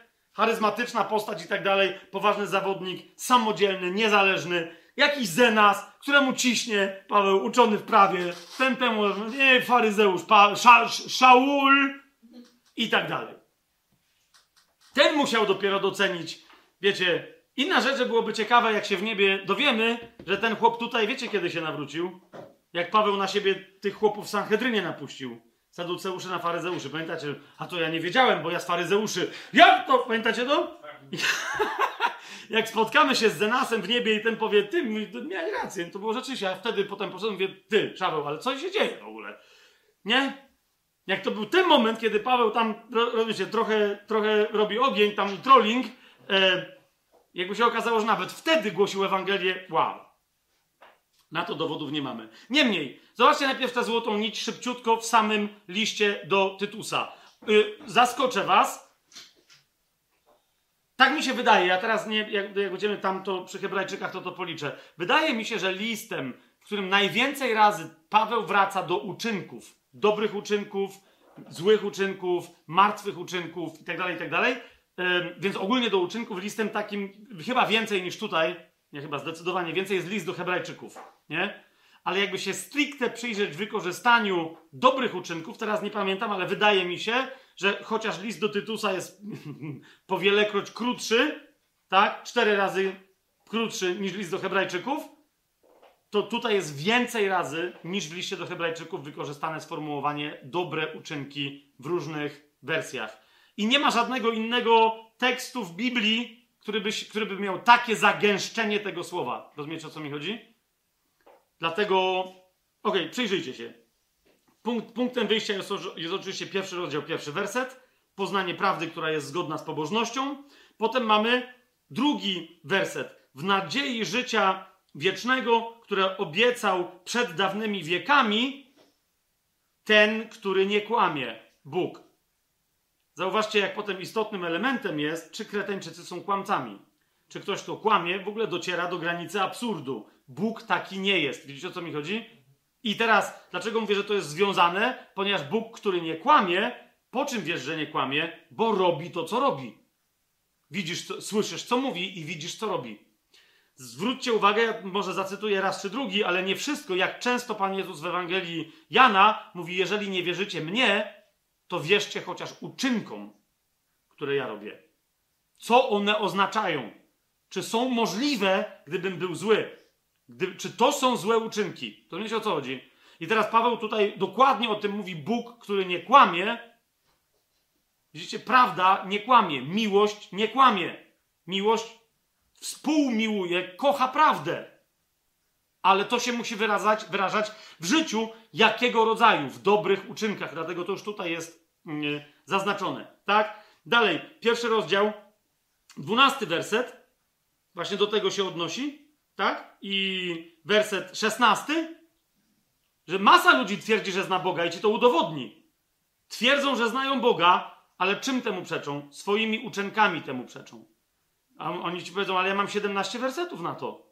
A ty mu powiesz, no ale to, to nie, twoje życie przeczy. Jeżeli to twoje poznanie prowadzi do takich uczynków, to nie. To ty nie znasz prawdy. Twierdzą, że znają Boga, ale swoimi uczynkami temu przeczą, budząc obrzydzenie, uważajcie, będąc nieposłusznymi i niezdolnymi do wszelkiego dobrego uczynku. Co to jest pobożność? To są dobre uczynki. Co to jest znajomość prawdy? To jest, yy, to jest takie poznanie Boga, żeby następnie inni tym poznaniem w realnym życiu, tym co my robimy, byli dotknięci, żeby doświadczyli dobra. Zaraz dojdziemy do tego, dlaczego ja powiedziałem, że to musi być konkretnie dobroć Ojca. Tak? Ale to widać tutaj to kręgosłup dobrych uczynków tego tematu. Dalej, drugi rozdział, drugi werset. Starsi mężczyźni niech będą trzeźwi, poważni, roztropni, zdrowi w wierze, w miłości, w cierpliwości i tak dalej. Ciąg, rozumiecie, jest, ciągnie się cały czas nauczanie, po jakich postawach poznasz, że ci ludzie demonstrują dobroć Ojca.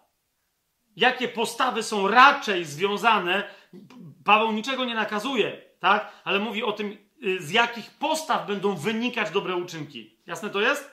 To, to się tutaj ciągnie. W drugim rozdziale, wreszcie w siódmym werse, wersecie słyszymy: We wszystkim stawiaj samego siebie za wzór dobrych uczynków. Czyli on, bo tam jest napisane starszych mężczyzn, młodszych, kobiety, ucz tego, ucz tamtego, ale koniec końców ty im pokaż, bo oni sobie potem zrobią z tego religię. Nie, ty im pokaż, co to są dobre uczynki. Ty masz być wzorem dobrych uczynków. I to jest jednocześnie nauczanie w kościele. Każdego masz prawo, jeżeli śmie nauczać w kościele, przycisnąć i powiedzieć: Pokaż mi swoje życie. Bo inaczej, może uczysz prawdy, ale ja nie wiem, czy mam cię słuchać. Jeżeli ta twoja prawda, której nauczasz, potem ląduje w takich i takich uczynkach. Drugi rozdział, czternasty werset. Aha, i to wszystko prowadzi do topiku chiastycznego, który się wyraża w wersetach od 11 do 14, które tu dzisiaj czytaliśmy. Nie? Nie będziemy tego powtarzać. Definicja Kościoła, całego dzieła Bożego, które e, Chrystus w swoim Kościele aż do skończenia tego wieku będzie, którego będzie dokonywać, całej ekonomii Bożego zbawienia, ale zauważcie, e, jak, jak dzisiaj my mamy demonstrować dzieło Jezusa, bo, bo zaczyna się wszystko od tego, że objawiła się łaska, ale której ostatecznie wyrazem jest co? 14 werset.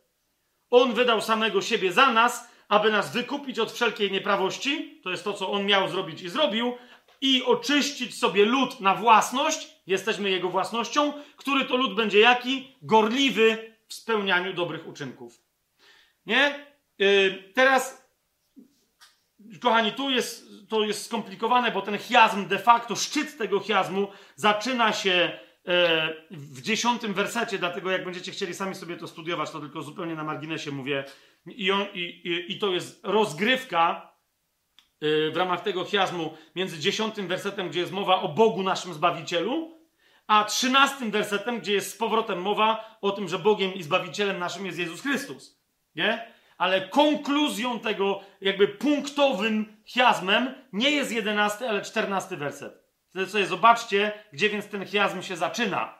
Bo znowu mamy sytuację, w ramach której Paweł mówi pewne rzeczy, a potem dopiero, dopiero naucza chiastyczną, yy, tworzy chiastyczną konstrukcję. Nie? Czyli od 14 wersetu policzcie do końca i od 14 wersetu policzcie w drugą stronę, wtedy zobaczycie chiasm i yy, jego cudowną konstrukcję. E, te, ale w każdym razie, w momencie, kiedy Paweł dociera, bo widzicie, mówi, ty bądź wzorem dobrego uczynku. Tam ma być dobry uczynek. Opisuje te dobre uczynki. Jak zaczyna, to w ogóle mówi o prawdzie i tak dalej, ale w momencie, kiedy już mówi o ludzie gorliwym w spełnianiu dobrych uczynków, to w tym momencie jakby mu się płyta zacięła. Rozumiecie? Ten chiasm się, on jedzie dobrymi uczynkami cały czas. To jest jak refren w hip-hopie, który się po, po, prostu wraca i wtedy, albo jakiś element muzyczny, który wraca. Zobaczcie, to jest to. I teraz w momencie, kiedy pada w spełnianiu dobrych uczynków, drugi rozdział, czternasty werset, Zobaczcie, trzeci rozdział, pierwszy werset. Przypominaj im, aby z wierzchnością i władzą byli poddani i posłuszni, gotowi do każdego dobrego uczynku. Trzeci rozdział, ósmy werset. Wiarygodne to słowo i chcę, abyś o tym zapewniał, żeby ci, którzy uwierzyli Bogu, zabiegali o celowanie w dobrych uczynkach. Zauważcie, jak to się tu nakręca. Zabiegali o co? O celu, muszą być najlepsi w dobrych uczynkach. Ok? Trzeci rozdział, czternasty werset. A niech i nasi uczą się przodować w dobrych uczynkach. Gdzie tego potrzeba, żeby nie byli jacy bezowocni. Dobre uczynki to jest przynoszenie owoców. Jeszcze raz, inne słowo na to samo. Mamy jasność? list do Tytusa w całym nauczaniu nowotestamentowym jest szczytem nauczania o dobrych uczynkach. Jako o praktycznym wyrazie właściwego poznania prawdy i dowodzie, że się poznało prawdę. Nie? Potem my będziemy mieli na różne inne sposoby to wyrażone, ale na przykład zauważcie, po czym, po czym poznasz dzieci diabła, po czym poznasz świat, po czym poznasz grzesznika, pisze Jan w swoim pierwszym liście, po tym, że grzeszy. Sprosta. A po czym poznasz świętego? Po tym, że kocha. Jeżeli ktoś twierdzi, że kocha, pamiętajcie, nie miłujcie słowem i językiem, ale czynem i prawdą. Pamiętacie to? Jest to czyn, dobry, dobry czyn. Jakim? Dobrym uczynkiem pobożności, wynikającym z prawdy. Nie? Jeżeli ktoś twierdzi, że kocha, nienawidzi swojego brata, to znaczy, że jest, skrócę tam myśl Janową, nie nowonarodzony. Po prostu. Jeżeli jest nowonarodzony, będzie mu trudniej zgrzeszyć, niż ukochać drugiego i wyjść do tego drugiego. Nie? Jak niektórzy mówią, że gdyby to była prawda, to ich zbory by inaczej wyglądały, no to ja ostatnio już zaczynam odpowiadać, to że prawda jest taka, że twoje zbory, twój zbor przynajmniej w części nie składa się z ludzi nowonarodzonych, a ty ich na siłę chcesz widzieć jako nowonarodzeni. Rozumiesz? Bo to, że ty masz zdeklarowany, teraz jeden, tylko jeden, jedyny pastor mi powiedział, Fabian, ja tak myślałem, ale co ja mam teraz zrobić? Powiedzieć im to w oczy? Nie, to utrzymuj ich w kłamstwie. Aż do, dopóki Pan Jezus po nas nie wróci. I teraz, kochani, szybciutko chcę, żebyśmy zobaczyli, bo te dobre uczynki u Pawła, się Paweł świetnie znał nauczanie Jezusa. Skąd? No to się jeszcze tego dowiemy. Ale on znał Ewangelię Mateusza, znał logia Jezusowe, czyli wypowiedzi Jezusowe, znał, e, znał Ewangelię Łukasza, Łukasz, znał Ewangelię Marka, gdyż hello, to jest ten Marek, ten Marek, o którym Paweł nawet w ostatnim liście swoim wspomina, ten Łukasz, tak? Znał, znał Jana i jego Ewangelię, nawet jeszcze, jeżeli, jeżeli ona została napisana później po jego śmierci, ale ją znał, bo wiedział, jaką Ewangelię Jan głosił. Tak? Więc to znaczy, że jeżeli Paweł tu mówi, a nie tłumaczy dobre uczynki, to znaczy, że to jest wyjaśnione w Biblii gdzieś wcześniej przez ludzi, od których Paweł się uczył. Zgadza się? Powinni, powinno tak być. Zatem, od kogo się uczył? Paweł? Od Pana Jezusa. Ewangelia Mateusza. Chcę, myśmy kiedyś to już robili i to potem zapadło jak kamień w wodę. Nie było komentarza na to, ludzie, to jest za trudne, to jest nie wiadomo co, to jest Fabian, jakiś wolontaryzm, gdzie jest łaska. Łaska cię właśnie do tego uzdalnia. Nie? A teraz zauważcie, e, jak od początku, kiedy Jezus mówi o uczynkach, teraz chcę was zaskoczyć, Jezus nie mówi za wiele o dobrych uczynkach. Niektórzy mówią, że Jezus w kółko mówi o dobrych uczynkach, a to jest starotestamentowe nauczanie. Nie, Jezus nie mówi wiele o dobrych uczynkach. Po, po prostu. Ale kiedy już mówi, Ewangelia Mateusza, piąty rozdział, czternasty werset do szesnastego. Wy jesteście światłością świata. Nie może się ukryć miasto położone na górze. Nie zapala się świecy i nie stawia się jej pod naczyniem, ale na świeczniku i świeci wszystkim, którzy są w domu. Tak niech wasza światłość świeci przed ludźmi, aby widzieli wasze dobre uczynki i chwalili waszego Ojca, który jest w niebie. Po pierwsze, zwróćcie uwagę, każdy kościół, który twierdzi, że ma światło i jest zamknięty, tak że ludzie niewierzący nie mają spotkania z tym światłem, jest, jest, jest światłem, jest, jest, jest świecznikiem schowanym pod korcem. Jest nie żadnym miastem, ale jest dziurą wykopaną w górze, a nie miastem na górze. Bo go nie widać, jest kopalnią i to jeszcze utajoną. Dobre uczynki służą nie Kościołowi, ale to jest Kościół demonstruje światłość Ojca uczynkami, które wykonuje wobec innych. Ewangelia Mateusza, 11 rozdział. Widzicie, znający e, prawo, Jan Chrzciciel wiedział, że kiedy przyjdzie Mesjasz, będzie przykładem mitzvot, wypełnienia prawa pańskiego w całym swoim życiu. I jak nagle usłyszał, co Jezus robi, to wysyła do niego poselstwo z pytaniem, 11 rozdział, drugi werset. A gdy Jan usłyszał w więzieniu o uczynkach Chrystusa, tu mamy o czynach, ale również jest ten sam wyraz cały czas. O uczynkach Chrystusa posłał dwóch swoich uczniów z pytaniem: Czy ty jesteś tym, który ma przyjść, czy jednak innego mamy oczekiwać? Bo co ty robisz? Co ty robisz? A Jezus mu odpowiedział: Idźcie i oznajmijcie Janowi, co słyszycie i widzicie. Ślepi widzą. Jest przykazanie, żeby przywracać wzrok ślepym. Ja jestem prawodawcą. Ślepi widzą. Chromi chodzą. Trędowaci zostają oczyszczeni. Głusi słyszą. Umarli są wskrzeszani. A ubogim głoszona jest dobra nowina. To jest wola Boża. To jest wypełnienie woli Bożej. To są jego mitzvot, żeby uzdrawiać, przywracać wzrok ślepym, pomagać w chodzeniu chromym, uwalniać ludzi od śmiertelnych chorób takich jak trąd, głuchym przywracać słuch, a jeżeli ktoś umrze przedwcześnie, jeżeli tylko się zgodzi, sprowadzić go z powrotem, żeby dokończył swojego życia. Biednym głosisz dobrą nowinę, że nie muszą takimi pozostać. Co ty robisz? Pyta go Jan. A Jezus mu mówi: To robię. Ja jestem Mesjaszem. Zrozumiałeś? Nie ty.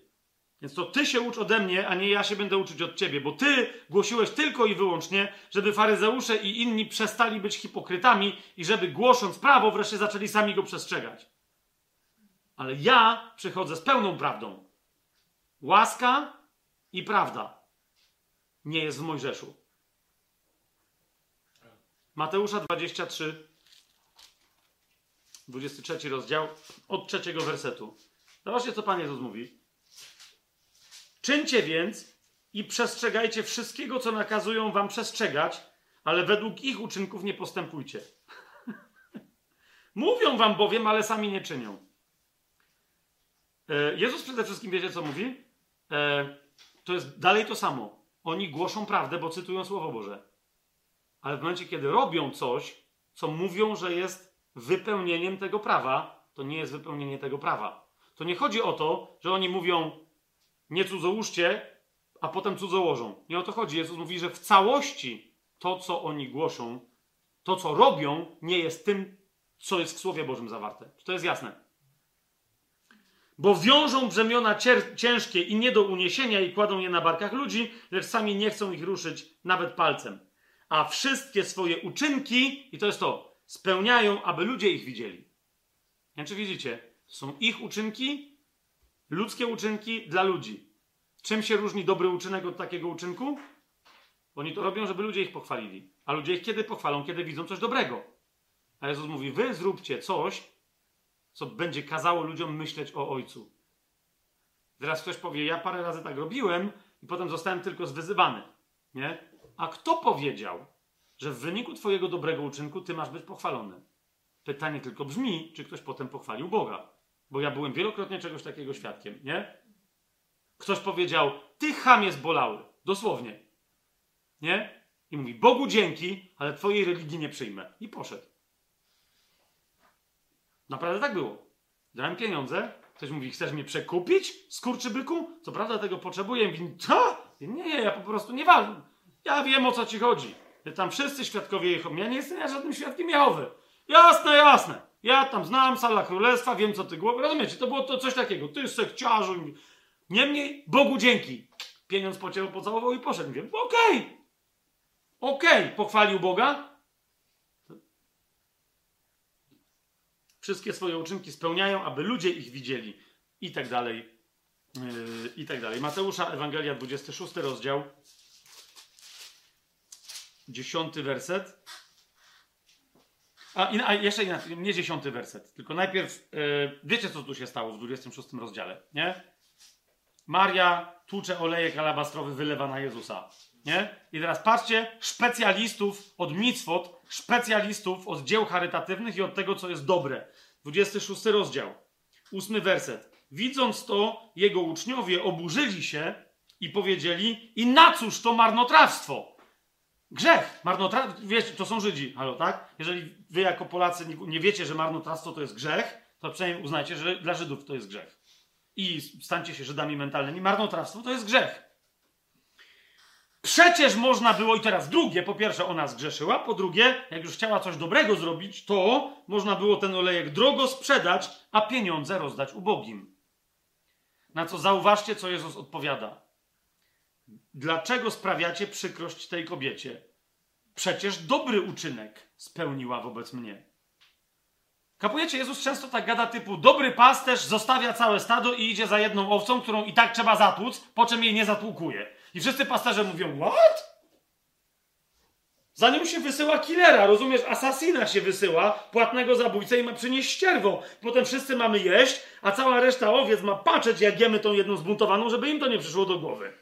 Spytaj się każdego górala, który miał cokolwiek do czynienia, Bacę i Uchasa, wiecie o co mi chodzi. Jezus dokładnie takie rzeczy gada. I dokładnie tu oni powiedzieli, baba. Grzech, marnotrawstwo, Żydówka powinna być oszczędna. Po drugie, dobra, jak już miała pieniądze na zbyciu, by sprzedała, byśmy my rozdali ubogim. A Jezus mówi, ale dlaczego robicie jej przyk? Naprawdę nie widzicie, że to był dobry uczynek wobec mnie, a nie wobec was? Teraz jest pytanie, do dzisiaj wielu egzegetów się zastanawia, jaki to był dobry uczynek. Ja o tym mówiłem kiedy indziej, nie będę teraz tego mówił, ale to jest takie, bo wiecie, rozumiecie, niektórzy do dzisiaj nie wiedzą, jaki to był dobry uczynek. Poznaj Jezusa, to się dowiesz. Dlaczego to był dobry uczynek? Dlaczego? Jezus potem dla tych, co nie rozumieli, ale koniecznie chcieli odpowiednika w prawie, mówi, ona to uczyniła na mój pogrzeb. Wystarczy? To niektórzy dopiero wtedy mówią, a rzeczywiście, bo potem Jezusa nie zdążyli już namaścić, to ona go obmaściła. Jasne. Jezus prorokował o swojej śmierci i mówi, przez krzyż zrozumcie, jaki to był dobry uczynek. Wypełniła wolę Ojca wobec mnie. Namaściła mnie na mój pogrzeb. Nie? Okazała wartość wylała pieniądze, za które można byłoby kupić całą wioskę, albo zrobić cały program charytatywny do karmiania bezdomnych w Jerozolimie, przez rok założyć fundację. Rozumiecie o co chodzi? Mówi, a ona uznała, to są pieniądze, które warto poświęcić na co? Na wylanie y, olejku drogocennego na Jezusa, aby ofiara, którą ma złożyć, rozumiecie co się tu dzieje? Była uzupełniona o ten dobry zapach dla Pana tylko nie będę na niego wylewać wina, czy pszenicy wysypywać, bo on się na razie nie pali. Było tylko to, więc ładny zapach na niego, e, na niego wylała. Do, jak, jak, Paweł mówi, że my chodząc roznosimy dobry zapach Chrystusa, rozumiecie, że, że jest całkiem możliwe, że Paweł się odwołuje dokładnie do tej sceny. Że to mamy roznosić. Jezusa ukrzyżowanego. Dlaczego? Bo on za chwilę mówi, że ten zapach dla nas jest zapachem cudownym, a dla ludzi, którzy, którzy są ze świata, to jest zapach trupa, to jest zapach, to jest smród śmierci. Ewangelia Marka, 13 rozdział, 34 werset. Syn człowieczy bowiem jest jak człowiek, który wyjeżdżając zostawił swój dom. Dał władzę swoim sługom, i tu uważajcie, i każdemu, jakiś uczynek, a odźwiernemu nakazał czuwać. Widzicie to? Kto jest dawcą dobrych uczynków? Ten, którego z nami teraz nie ma, ale który nam objawia wolę Ojca. Mamy jasność? Każdemu dał takie życie, w ramach którego po prostu, bo ten czyn, to jest, tu jest rzeczywiście liczba pojedyncza, to jest ergon, ale chodzi mi o to, że chodzi o życie składające się z takich uczynków, na końcu których, jak on przyjdzie, powie: O, wypełniłeś swój czyn czyn swojego życia. Jasne? Niejasne. Ewangelia Marka, 14 rozdział, szósty werset, za chwilę widzicie, jest dokładnie w tym kontekście Marek tej przypowieści zestawia nam jeszcze raz y, wydarzenie z, y, z, z domu Szymona Trędowatego. W szóstym wersecie Jezus mówi, zostawcie ją. Tam nie ma dlaczego jej robicie przykrość, tylko zostawcie ją. To jest, to jest gwałtowne, rozumiecie? To nie jest tylko obrona, to jest potępienie ich działania. Co wy robicie? Zostawcie ją. Dlaczego sprawiacie jej przykrość? Dobry uczynek spełniła wobec mnie. To jest jego obwieszczenie.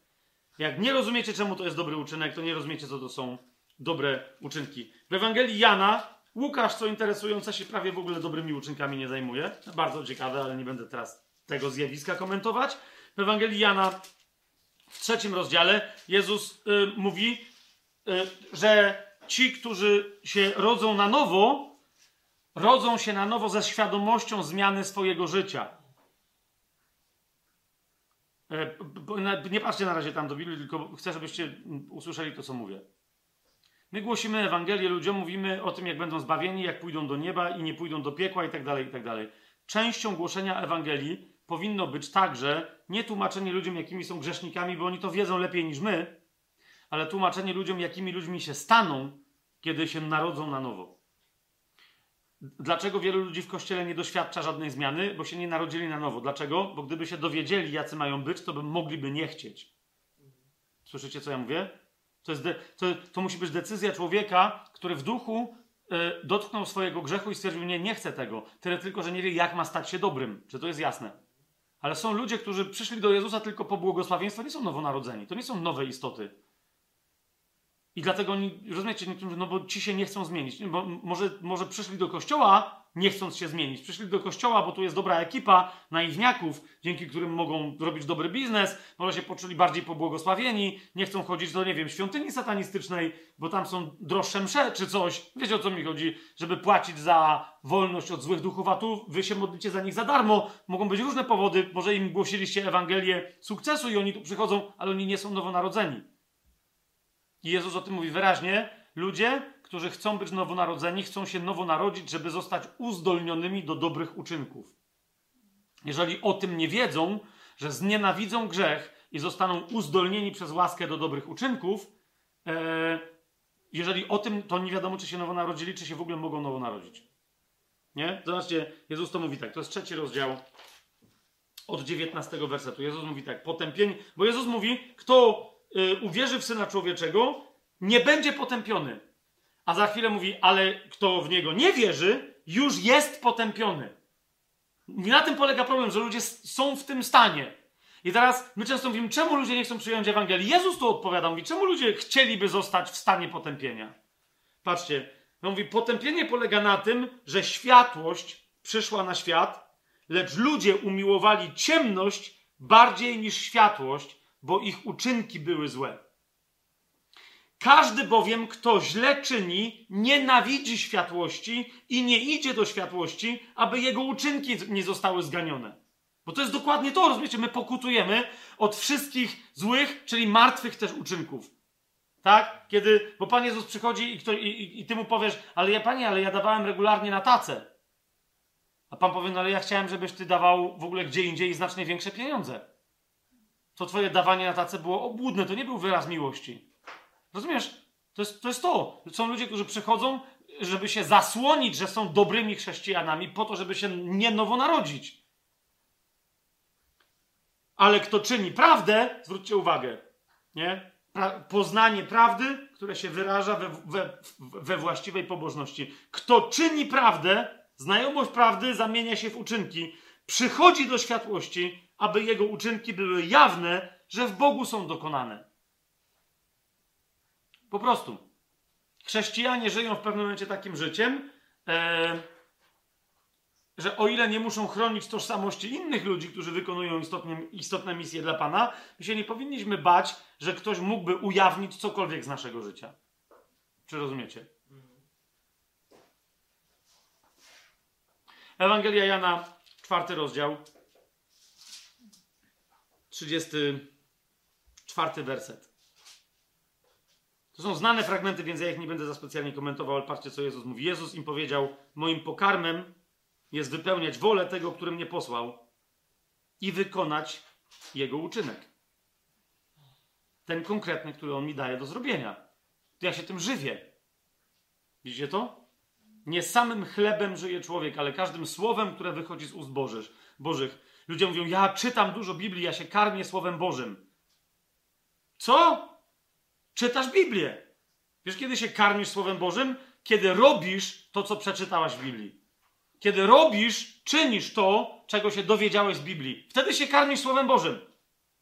A nie kiedy czytasz Biblię. Bo są ludzie, którzy nie wierzą w Boga i pod wpływem czytania Biblii nie uwierzyli, ale czytali. Też się karmili Słowem Bożym? No nie. Ewangelia Jana, piąty rozdział, 36 werset. Pan Jezus mówi, ale ja mam świadectwo większe niż Jana. Uczynki bowiem, zwróćcie uwagę, które Ojciec dał mi do wykonania, te właśnie uczynki, które czynię, świadczą o mnie, że Ojciec mnie posłał. Co to są dobre uczynki w wykonaniu Pana Jezusa? Uczynki, które ma do wykonania, które mu Ojciec przekazał, żeby je wykonał. Rozumiecie, o co mi chodzi? To są dobre uczynki. To są rzeczy, które Ojciec chce, abyśmy my w imieniu Jezusa e, e, wykonywali, abyśmy je demonstrowali wobec świata. Dziesiąty rozdział Ewangelii Jana od 32 wersetu. Jezus powiedział do nich: Ukazałem wam wiele dobrych uczynków od mojego Ojca. Jeszcze raz widzicie to? Co to są dobre uczynki? Jak potem Paweł i tak dalej piszą dobre uczynki, mają na myśli objawianie dobroci Ojca. To są dobre uczynki. Tak, jak Ojciec w danym momencie chce, aby Jego dobroć była objawiana. Widzicie to? Ukazałem wam wiele dobrych uczynków od mojego Ojca. Za który z tych uczynków mnie kamienujecie? Kapujecie? Jezus stoi i mówi, mało wam micwot pokazałem? Jak ktoś czyni micwot, to za wypełnianie micwot się kamienuje? Czy za złamanie przykazań? Słyszycie, co on do nich mówi? Gdzie są micwot? Gdzie są dobre uczynki? Co jest pełnieniem woli Ojca? Wasze przestrzeganie prawa, w ramach którego właśnie chcecie mnie zabić? Dalej, nie będę rozważać tej sceny. 14 rozdział Ewangelii e, Jana. Dziesiąty werset.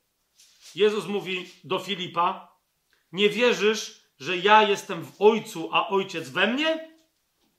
Słów, które ja do Was mówię, nie mówię z samego siebie, ale Ojciec, który mieszka we mnie, On dokonuje uczynków.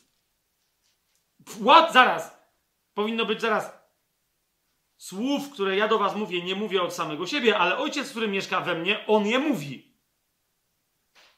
Zauważyliście to, czy już jest za późno?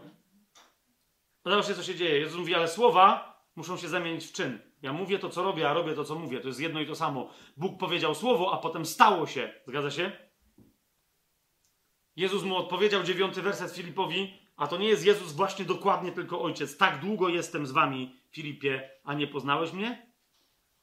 I, I za chwilę dokładnie o tym Jezus mówi: Kto mnie widzi, ojca widzi, kto mnie słyszy, ojca słyszy. Co to są nasze dobre uczynki? My mamy mówić jak ojciec. Mamy wyglądać jak ojciec. Oczywiście jak Jezus, ale Jezus wyglądał jak ojciec.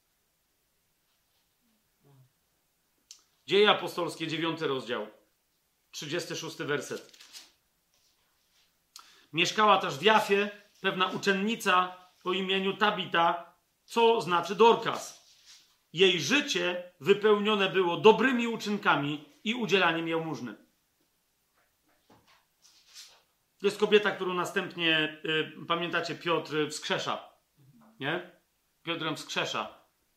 To była dobra chrześcijanka. I teraz dostajemy świadectwo. Jej życie wypełnione było uczeszczaniem na nabożeństwa. Żadnej, żadnego nigdy nie opuściła dawała pieniądze na tacę, płaciła regularnie dziesięciny, czytała Biblię codziennie po, po godzinę, a drugą godzinę uwielbiała Pana na językach, spotykała się z innymi siostrami regularnie, e, z którymi miała małą grupkę dzielenia, e, ale też pomagała w kościele ulicznym, który prowadził pastor. I. Może, ale, ale może jej życie było po prostu wypełnione dobrymi uczynkami i udzielaniem jałmużny. Czym jest wypełnione Twoje życie, siostro czy bracie? Ja wiem, czym jest wypełnione moje, a kiedy nie jest wypełnione tym, czym powinno być. Czym, jest, czym są nasze życie wypełnione? Czym jest wypełnione życie Kościoła? Kapujesz? Na, nawet jak ktoś jest w tradycyjnym zboże, jakby, jakby wreszcie to zaczęło być głoszone, nabożeństwa zaczęłyby żyć, bo ludzie by, wiecie, przychodzili i po prostu by stwierdzili, dobra, przez... zawsze se możemy pograć. Pamiętam kiedyś jeden z Y, z ewangelistów amerykańskich był tutaj w Polsce, ale miał nauczania tam o konkretnych rzeczach. W jednym, drugim miejscu ludzie byli oburzeni, bo wyszedł y, zespół uwielbieniowy, który przygotowywał się cały tydzień na, na dobra, powiem kogo, wielkiego Karego Blake'a, Nie? Teraz nie, nie żebym się zgadzał z całym nauczaniem Karego czy coś tam, coś tam, ale to mi się akurat bardzo spodobało. Wyszedł zespół, mieli grać, no bo wiecie, pokazać się przy Karem Blake'u, to w Krakowie było, nie wiem, parę tysięcy ludzi na, hale, na hali Wisły. Pamiętacie te wydarzenia, nie? A raz czy drugi Kary Blake wyszedł i mówi, dobra, darujcie sobie. Mówi, ja nie po to przyjechałem tutaj, mamy tylko 5 godzin, a teraz wy mi z tych 5 godzin weźmiecie 45 minut nagranie. No nie? Śmiertelna obraza. Nie, nie akurat to nie było w Krakowie, chodzi mi tylko podałem przykład, że on to był w Krakowie, ale to był Kary Black, który mówi, ej, no zawsze sobie możemy pograć, no nie? Ja sobie mogę pograć w Krakowie i pośpiewać w Stanach, w Krakowie, gdzie chcecie, ale teraz ja mam do powiedzenia parę rzeczy, no to im więcej powiem, tym lepiej dla was chyba, nie? Nie, niektórzy byli śmiertelnie obrażeni, ale my mieliśmy, przy, my przygotow... My przygotowaliśmy uwielbienie Kary! Gdzie w tym jest to, co miało być dla nas? My się mieliśmy pokazać, my mieliśmy prowadzić to uwielbienie. A ty mówisz, że ty jesteś ważniejszy? Dokładnie tak, nara. Wiecie o co mi chodzi?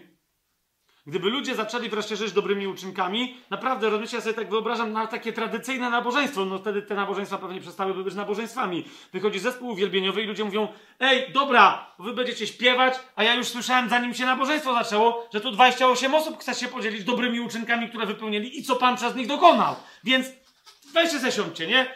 Jedzie jedna siostra, Dorka, Szmorka, Jafa, Bafa, Piotr, Stefan, rozumiecie, nie? Wreszcie wychodzi pastor i mówi, wiecie co, ale ja mam przygotowane kazanie, to jakby może najpierw tu młodszy pastor powie coś na temat e, zbierania pieniędzy. Ktoś mówi, pastor, ale no akurat dzisiaj nikt nie ma pieniędzy, bo jednym z elementów było, że wszystko porozdawaliśmy, co mieliśmy w ciągu tygodnia, także nie będzie składki dzisiaj, nie? Nara. Pastor mówi... Jeden pastor powie, no ale ja nadal mam, przygotowałem kazanie. Ludzie powiedzą, no ale tu jest jeszcze kolejka, jakby wiesz, normalnie kończymy, zaczynamy 11, kończymy w pół do drugiej. Także, stary, być może, że nawet kawiarenkowy czas będziemy, bo wszyscy chcą powiedzieć, jakie rzeczy Pan przez nich uczynił. Także ty też powiesz na kazaniu, nie, bo ja mam, no to jakby może kiedy indziej, nie? A inny pastor powie, zaraz, to nie ma składki, no to nie ma kazania. Przez huraj, gadają dalej, rozumiecie, o, o tym, co Pan Jezus zrobił. To, to jest to, nawzajem sobie usługują, to jest nabożeństwo, bo mają dobre uczynki. Ich życie jest wypełnione dobrymi uczynkami i udzielaniem jałmużny. Widzicie to? To jest to. To była dobra chrześcijanka? Tak. Jak wyglądało jej życie? Było wypełnione dobrymi uczynkami i udzielaniem jałmużny. Drugi list do Koryntian. Dziewiąty rozdział. Ósmy werset. Bóg ma moc udzielić wam obficie wszelkiej łaski, abyście, skoro już macie zawsze wszystkiego pod dostatkiem, teraz obfitowali we wszelki możliwy dobry uczynek. Muszę coś tłumaczyć jeszcze? Nie. List do Efezjan, drugi rozdział. Nie, nie łaską jesteśmy zbawieni, jesteście zbawieni, ale dziesiąty werset. Skoro już jesteśmy łaską zbawieni, to jesteśmy nowonarodzeni, jesteśmy nowym stworzeniem. Po co? Jesteśmy bowiem, drugi rozdział, dziesiąty werset. Jesteśmy bowiem Jego dziełem, stworzeni w Chrystusie Jezusie do dobrych uczynków, które Bóg wcześniej już zaplanował, abyśmy, czy też przygotował, abyśmy w nich postępowali. Ojciec to ma przygotowane. Rozumiecie?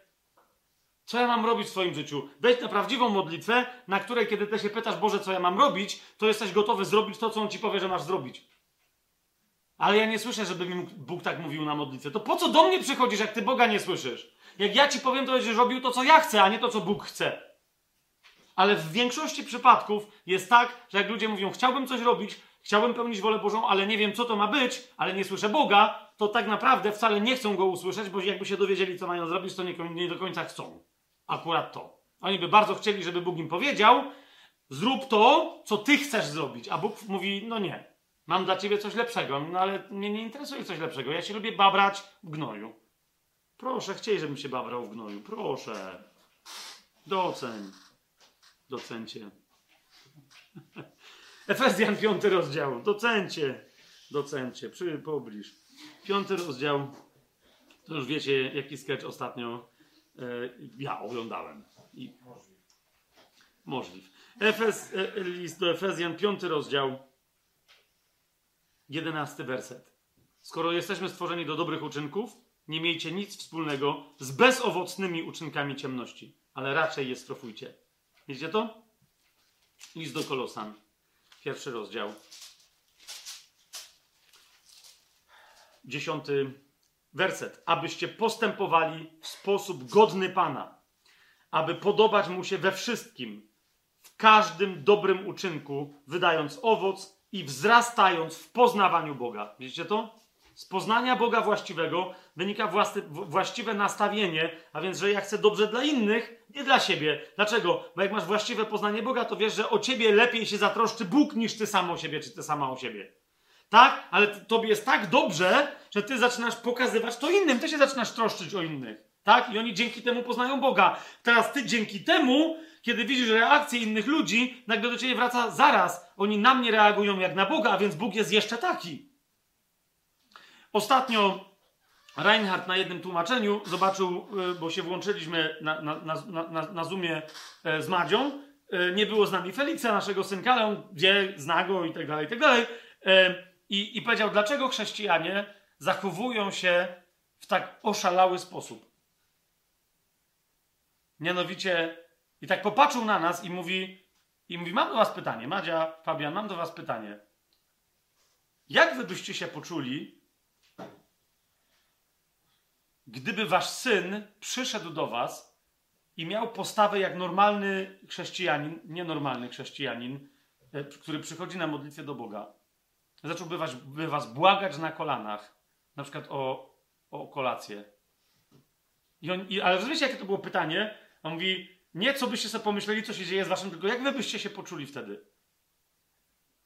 Życie on miał nagle takie olśnienie, tam wiele osób widziałem, że po prostu zaczęło nagle płakać. Nie? Bo, bo on mówi, ty cały czas się zastanawiasz, jak ty się czujesz. Ja tu jestem głodny, a ty Boże, a teraz pomyśl sobie, rozumiesz, to jest dobry ojciec. Ty wszystkim mówisz, że to jest dobry ojciec. Jak się ma poczuć dobry ojciec czy dobra matka w momencie, kiedy dziecko do niej, do, do ciebie przychodzi i jakby macie za kogoś złego? Rozumiesz, dopiero co Felix wrócił z pola, Junia, wasza wyobraź sobie wróciła z pola, no i bawiła się z drugim dzieckiem, nie? I mówiła, nie, moi rodzice są super, to są najlepsi rodzice na świecie, wiesz, jak oni mnie kochają, jakbyś ty była ich dzieckiem, to też by... I masz drugą dziewczynkę, która jej zazdrości nie? Ewangelistkę Junię. Po czym ona wraca do domu i okazuje się, że ona myśli, że wasza miłość, bo ktoś jej coś popsuł w głowie, jest taka, że musi się was prosić. Nie? I ty do niej przychodzisz i mówisz, Junia, zjedz sobie, tu mamusia ci przygotowała zupę, tak jak dzisiaj żeśmy ją karmili, tak? A ona nagle patrzy na tą zupę i mówi, właśnie, mamo, ja jestem głodna. Proszę cię, czy mogłabym dostać ja jestem niegodna tej zupy, ale może gdybyś miała jakąś skórkę. Zobaczcie, co się Weronice dzieje. To jest takie, what the... Ty wiesz, że Junia jest dobra, ty też wiesz, że jesteś dla niej dobra, chciałabyś dorwać tego kota, który jej to zrobił. Wiecie, o co mi chodzi? Jak od razu myślicie, to był diabeł. Okej. Okay. Albo kościół. Albo konkretne głoszenie, jakiś kościół, konkretne głoszenie Ewangelii, konkretne głoszenie dobrej rzekomo nowiny, przedstawienie Boga ponoć na przykładzie Biblii, jaki on jest, że potem ludzie robią takie rzeczy, nie? To było to, nas się pyta, rozumiecie, jak my byśmy się czuli? Mazia tam od razu po prostu, od razu po niej było widać, bo nie mieliśmy włączonego głosu, że ona chce zabić kogoś, kto to zrobił Feliksowi, żeby tak pomyślał, że się musi nas o cokolwiek prosić. Nie? Więc teraz o co mi idzie? W momencie, kiedy ty masz poznanie prawdy, że on taki jest, o, to cię uwalnia do miłowania innych, do dawania innym. Ale jak oni potem reagują, widząc ciebie na dobroć Boga, to ty nagle widzisz u, u, u, niego, u tej drugiej osoby, czy tam, rozumiesz, widzisz nagle, ty, zaraz, czy taka jest moja postawa, jak ich wobec mnie? Kiedyś myśmy mieli, jak mieliśmy jeszcze świnki morskie, e, z Madzią takie oświecenie, naraz, no i to dlatego wiemy, że był Duch Święty, no nie, bo naraz Madzie, jak patrzę na Madzie, ona na mnie, ty myślisz to, co ja, okej. Okay. Nie? Mianowicie rozumiecie, świnie morskie. świnie morskie w momencie, kiedy są głodne, yy, nie drą się w momencie, kiedy nie ma ludzi. Ale jak są ludzie, z którymi mają w miarę dobry kontakt, to kwiczą, znaczy tak piszą. I jakby to jest takie, rozumiecie, one nie, one kwiczą, to jest na zasadzie, o wy dziady, my tu głodne, gdzie jest trawa, gdzie jest jedzenie, co jest w ogóle grane? Rozumiecie, to jest takie, i, ja tak zszedłem do tych świń i myślę, kurde, takie ty, taka bezczelność, no nie, bo jakbym im nie dał i co, mógłby zdechnąć z głodu. No pewnie, że im dam, bo jestem w miarę dobry i wtedy nagle mnie... Wiecie co, co mi się stało?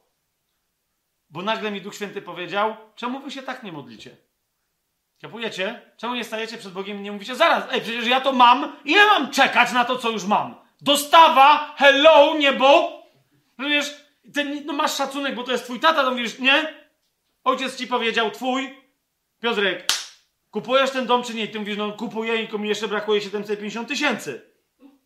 Nie ma żadnego problemu.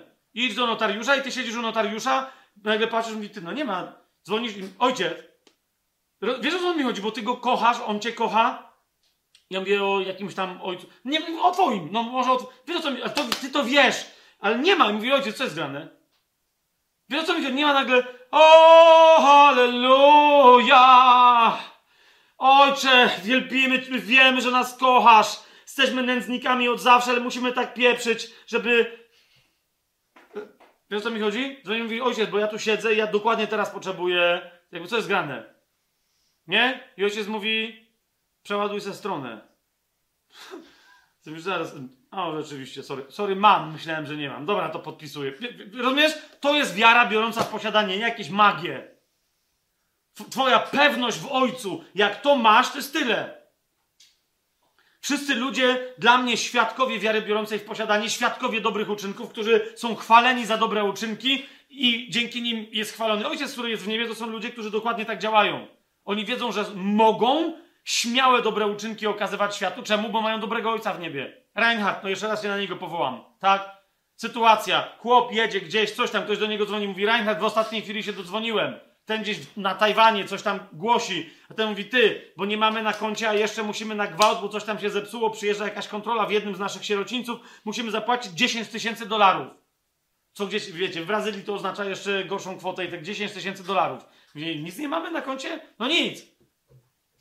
I Reinhard mówi, e, i ile mamy czasu? Godzinę.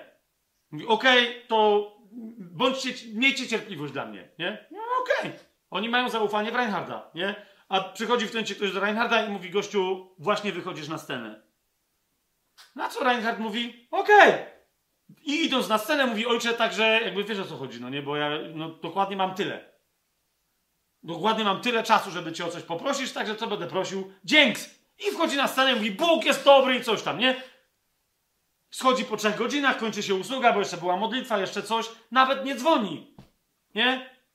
Po jakimś tam czasie ktoś dopiero mu przysłał i mówi, stary, nie, tutaj były różne akcje i tak dalej, ale kurde, zawsze... jak ty to robisz? Jesteś taki skuteczny, nie? Dosłownie zaraz 20 minut po tobie zeszło 10 tysięcy coś tam, dokładnie dolców nawet, nie? I super! Jak ty masz to tak wycyrklowane? Nie, Reinhard, mam wycyrklowane. Ja mam tatę w niebie, ty nie masz. Słyszycie, co się tu dzieje? Wiara biorąca w posiadanie to nie są technologie, wyznawanie, stanie na słowie, mantry, czary, mary, magia. To jest taka relacja z Ojcem, w ramach której ty po prostu wiesz. Jeżeli ja tu stoję, a Łazarz umarł i leży w grobie, a ja teraz się pytam, ojcze, co ja mam powiedzieć Marcie? Powiedz jej, że jesteś zmartwychwstaniem i życiem. Okej, okay, chyba wiem dokąd to zmierza. Ja jestem zmartwychwstaniem i życiem. Rozumiem. On pewnie wcześniej się modlił, on już wiedział, bo on mówi, że to się wszystko stało tak. Ale okej, okay, wszystko po kolei. Rozumiesz, co ja mam teraz na to zrobić? A teraz? I on podchodzi do grobu i mówi, no jakby logicznie, ja wiem co teraz, nie? Więc mówi, tato, dziękuję ci, bo ja wiem, że ty mnie zawsze wysłuchujesz. I nawet nie mówi do ojca, tylko to mówi do Łazarza, ty wyjdzie. Wyjdź, bo ja wiem, że mnie słyszysz. Co podsłuchujesz? Wychodź. Ja wiem, ty wiesz, wszyscy wiedzą. Widzicie, to, to jest perspektywa wskrzeszenia Łazarza.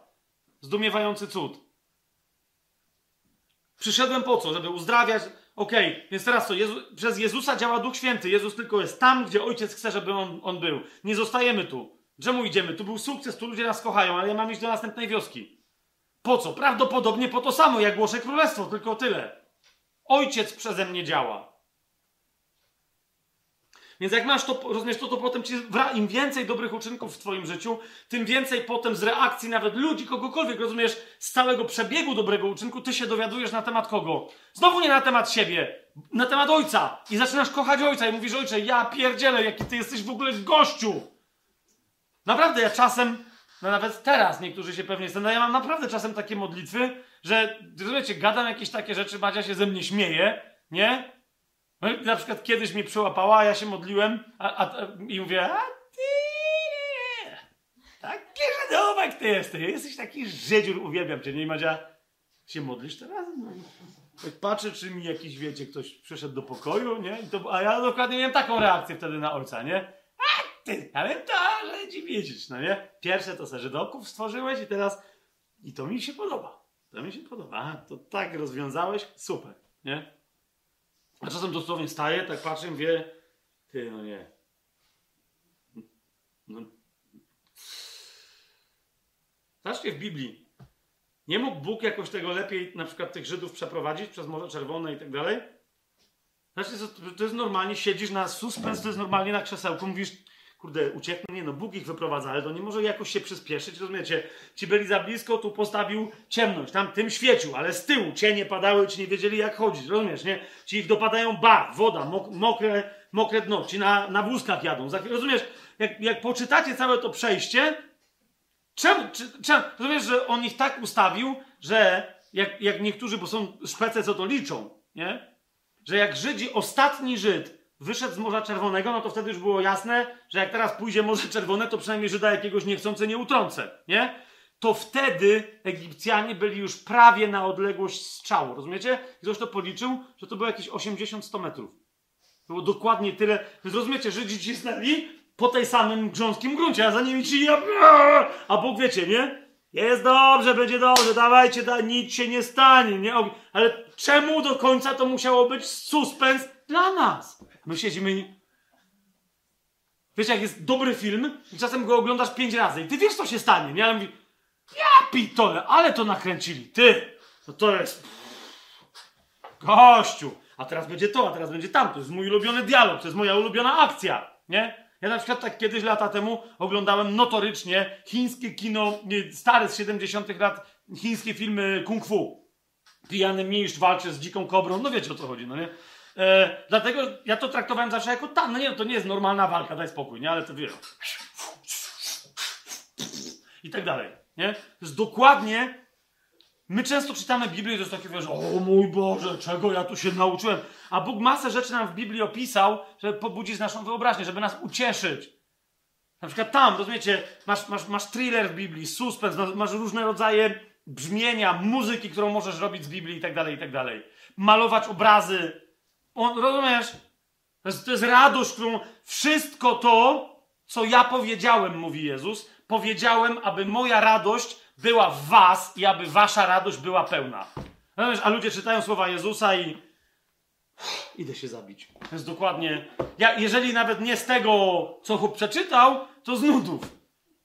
Rozumiecie, bo zanim ten dokończy czytania, to już jest. O, oh, God! Ja to znam, na... musimy to siedem razy czytać.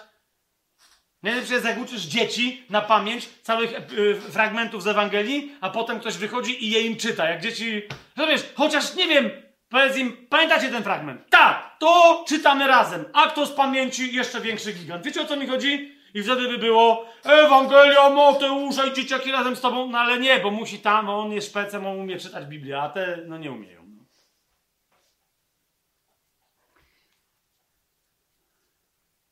Pierwszy do Tymoteusza. Tylko wam przypomnę, że tam tak było. Pierwszy do Tymoteusza, drugi rozdział. Dziesiąty werset. Kobiety. Nie tam perłami, kosztownymi strojami, nie to. Co przystraja prawdziwą, dobrą kobietę chrześcijankę? Dobre uczynki. Nie? Tak się mają, mają się przyozdobić dobrymi uczynkami. Tak jak tamta Dorcas, pamiętacie? Nie? Mają być przyozdobione do, dobrymi uczynkami, jak przystoi kobietom, które co? Uznają się za pobożne. Dziękuję. Pobożność w praktyce. Pobożność w praktyce. Z Tymoteusza mam tu wypisane masę rzeczy. Z, mm, z Tytusa nawet nie, bo już cytowałem, pominę to. Z listu do Hebrajczyków, będziemy w liście do Hebrajczyków. Z Piotra, cały list Jakuba, przypomnijcie sobie, wiara bez uczynków jest martwa. Nie? Więc chcę skończyć tylko, tylko jednym. Księgą objawienia. Ja wiem, że wy to wiecie. Wy wiecie, że ja wiem, e, ale powtórzmy to. Kiedy Jezus pisze do kościołów, a więc kiedy pisze do całego kościoła, pisze do siedmiu kościołów, mm, bo to jest oznaka różnych ogni, ale jednej menury. Tak? Cały kościół, całe ciało Chrystusa składa się z kościołów miejscowości. I, i, i, I symbolem tej jedności jest siódemka, siedem kościołów Azji, tak?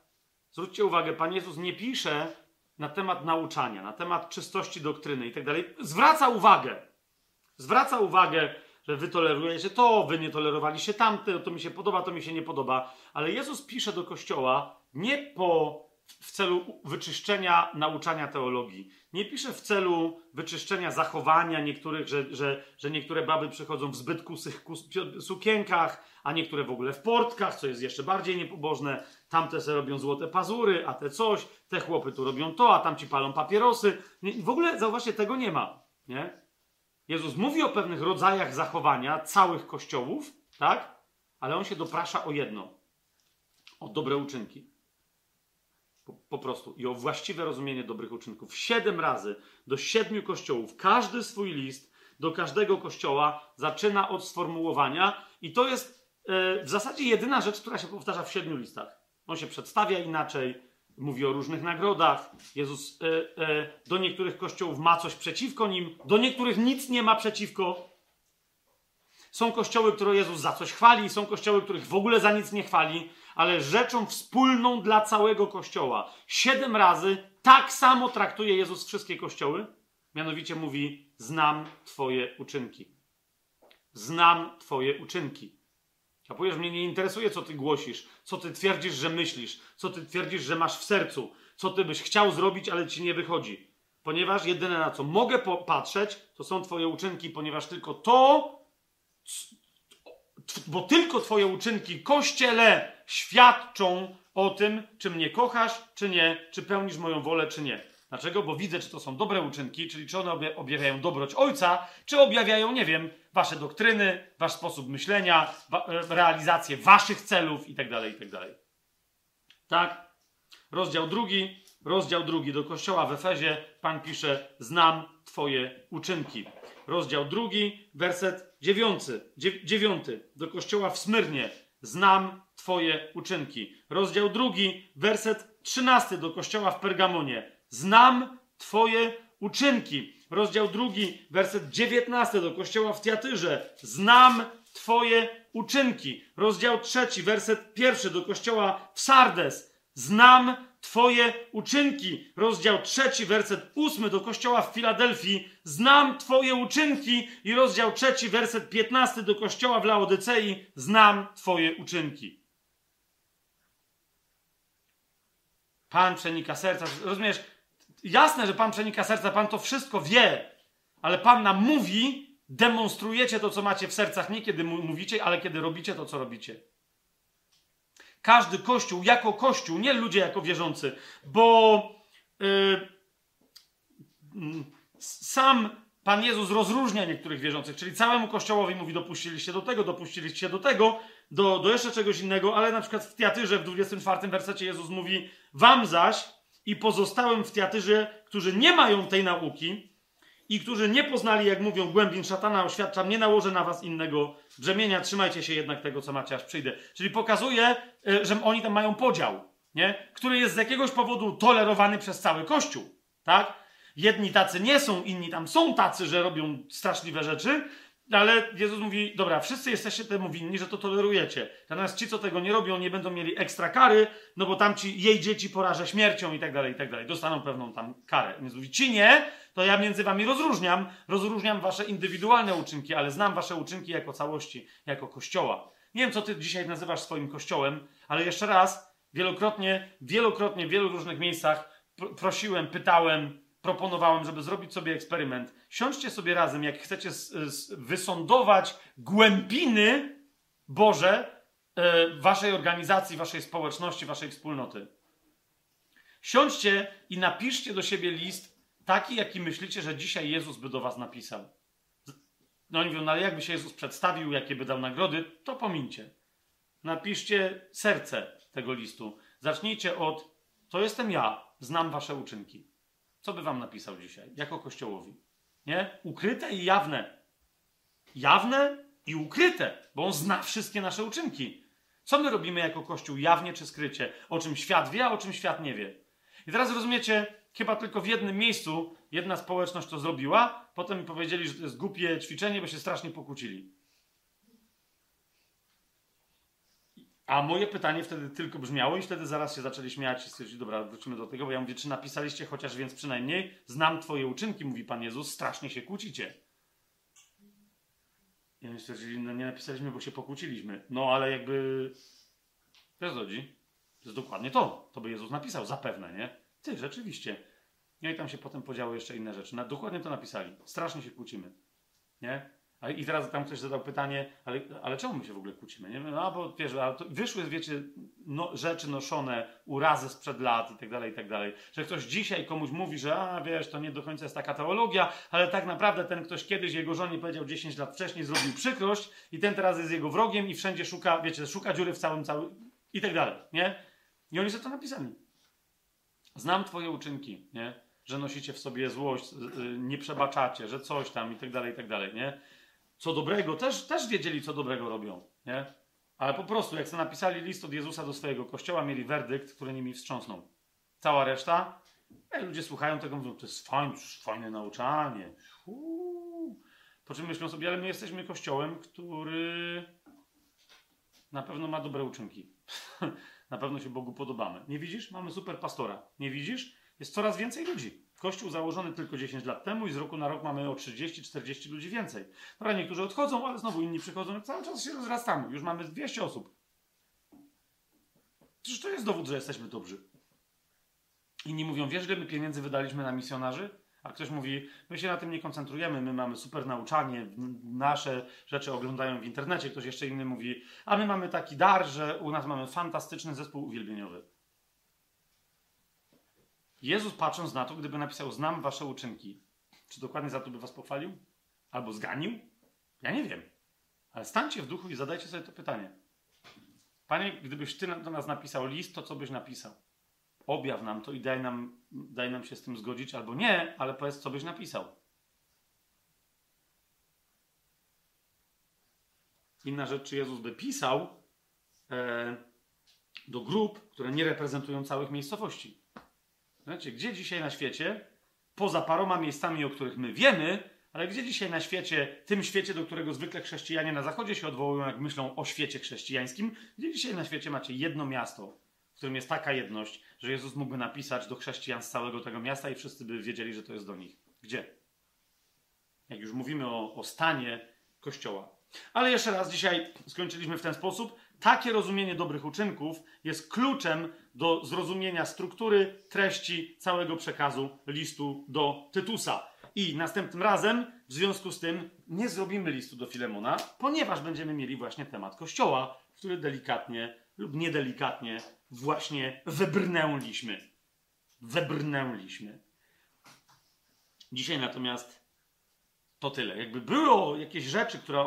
Bo cała reszta to jest. Gdyby jeszcze dobre uczynki, to co powiedziałeś, co jeszcze? To są porównania do pierwszego listu do Tymoteusza. Nie? Gdzie Paweł co powtórzył, jak to zrobił i o czym to świadczy, a czego w ogóle nie wspomniał u Tytusa, o czym mówił do, do Tymoteusza i co to może oznaczać. Bo wiecie, że w Biblii czasem wspomnienie o czymś jest znaczące, a czasem właśnie brak wspomnienia o czymś bywa nawet jeszcze bardziej znaczący. Dzisiaj, amen. Dobre uczynki.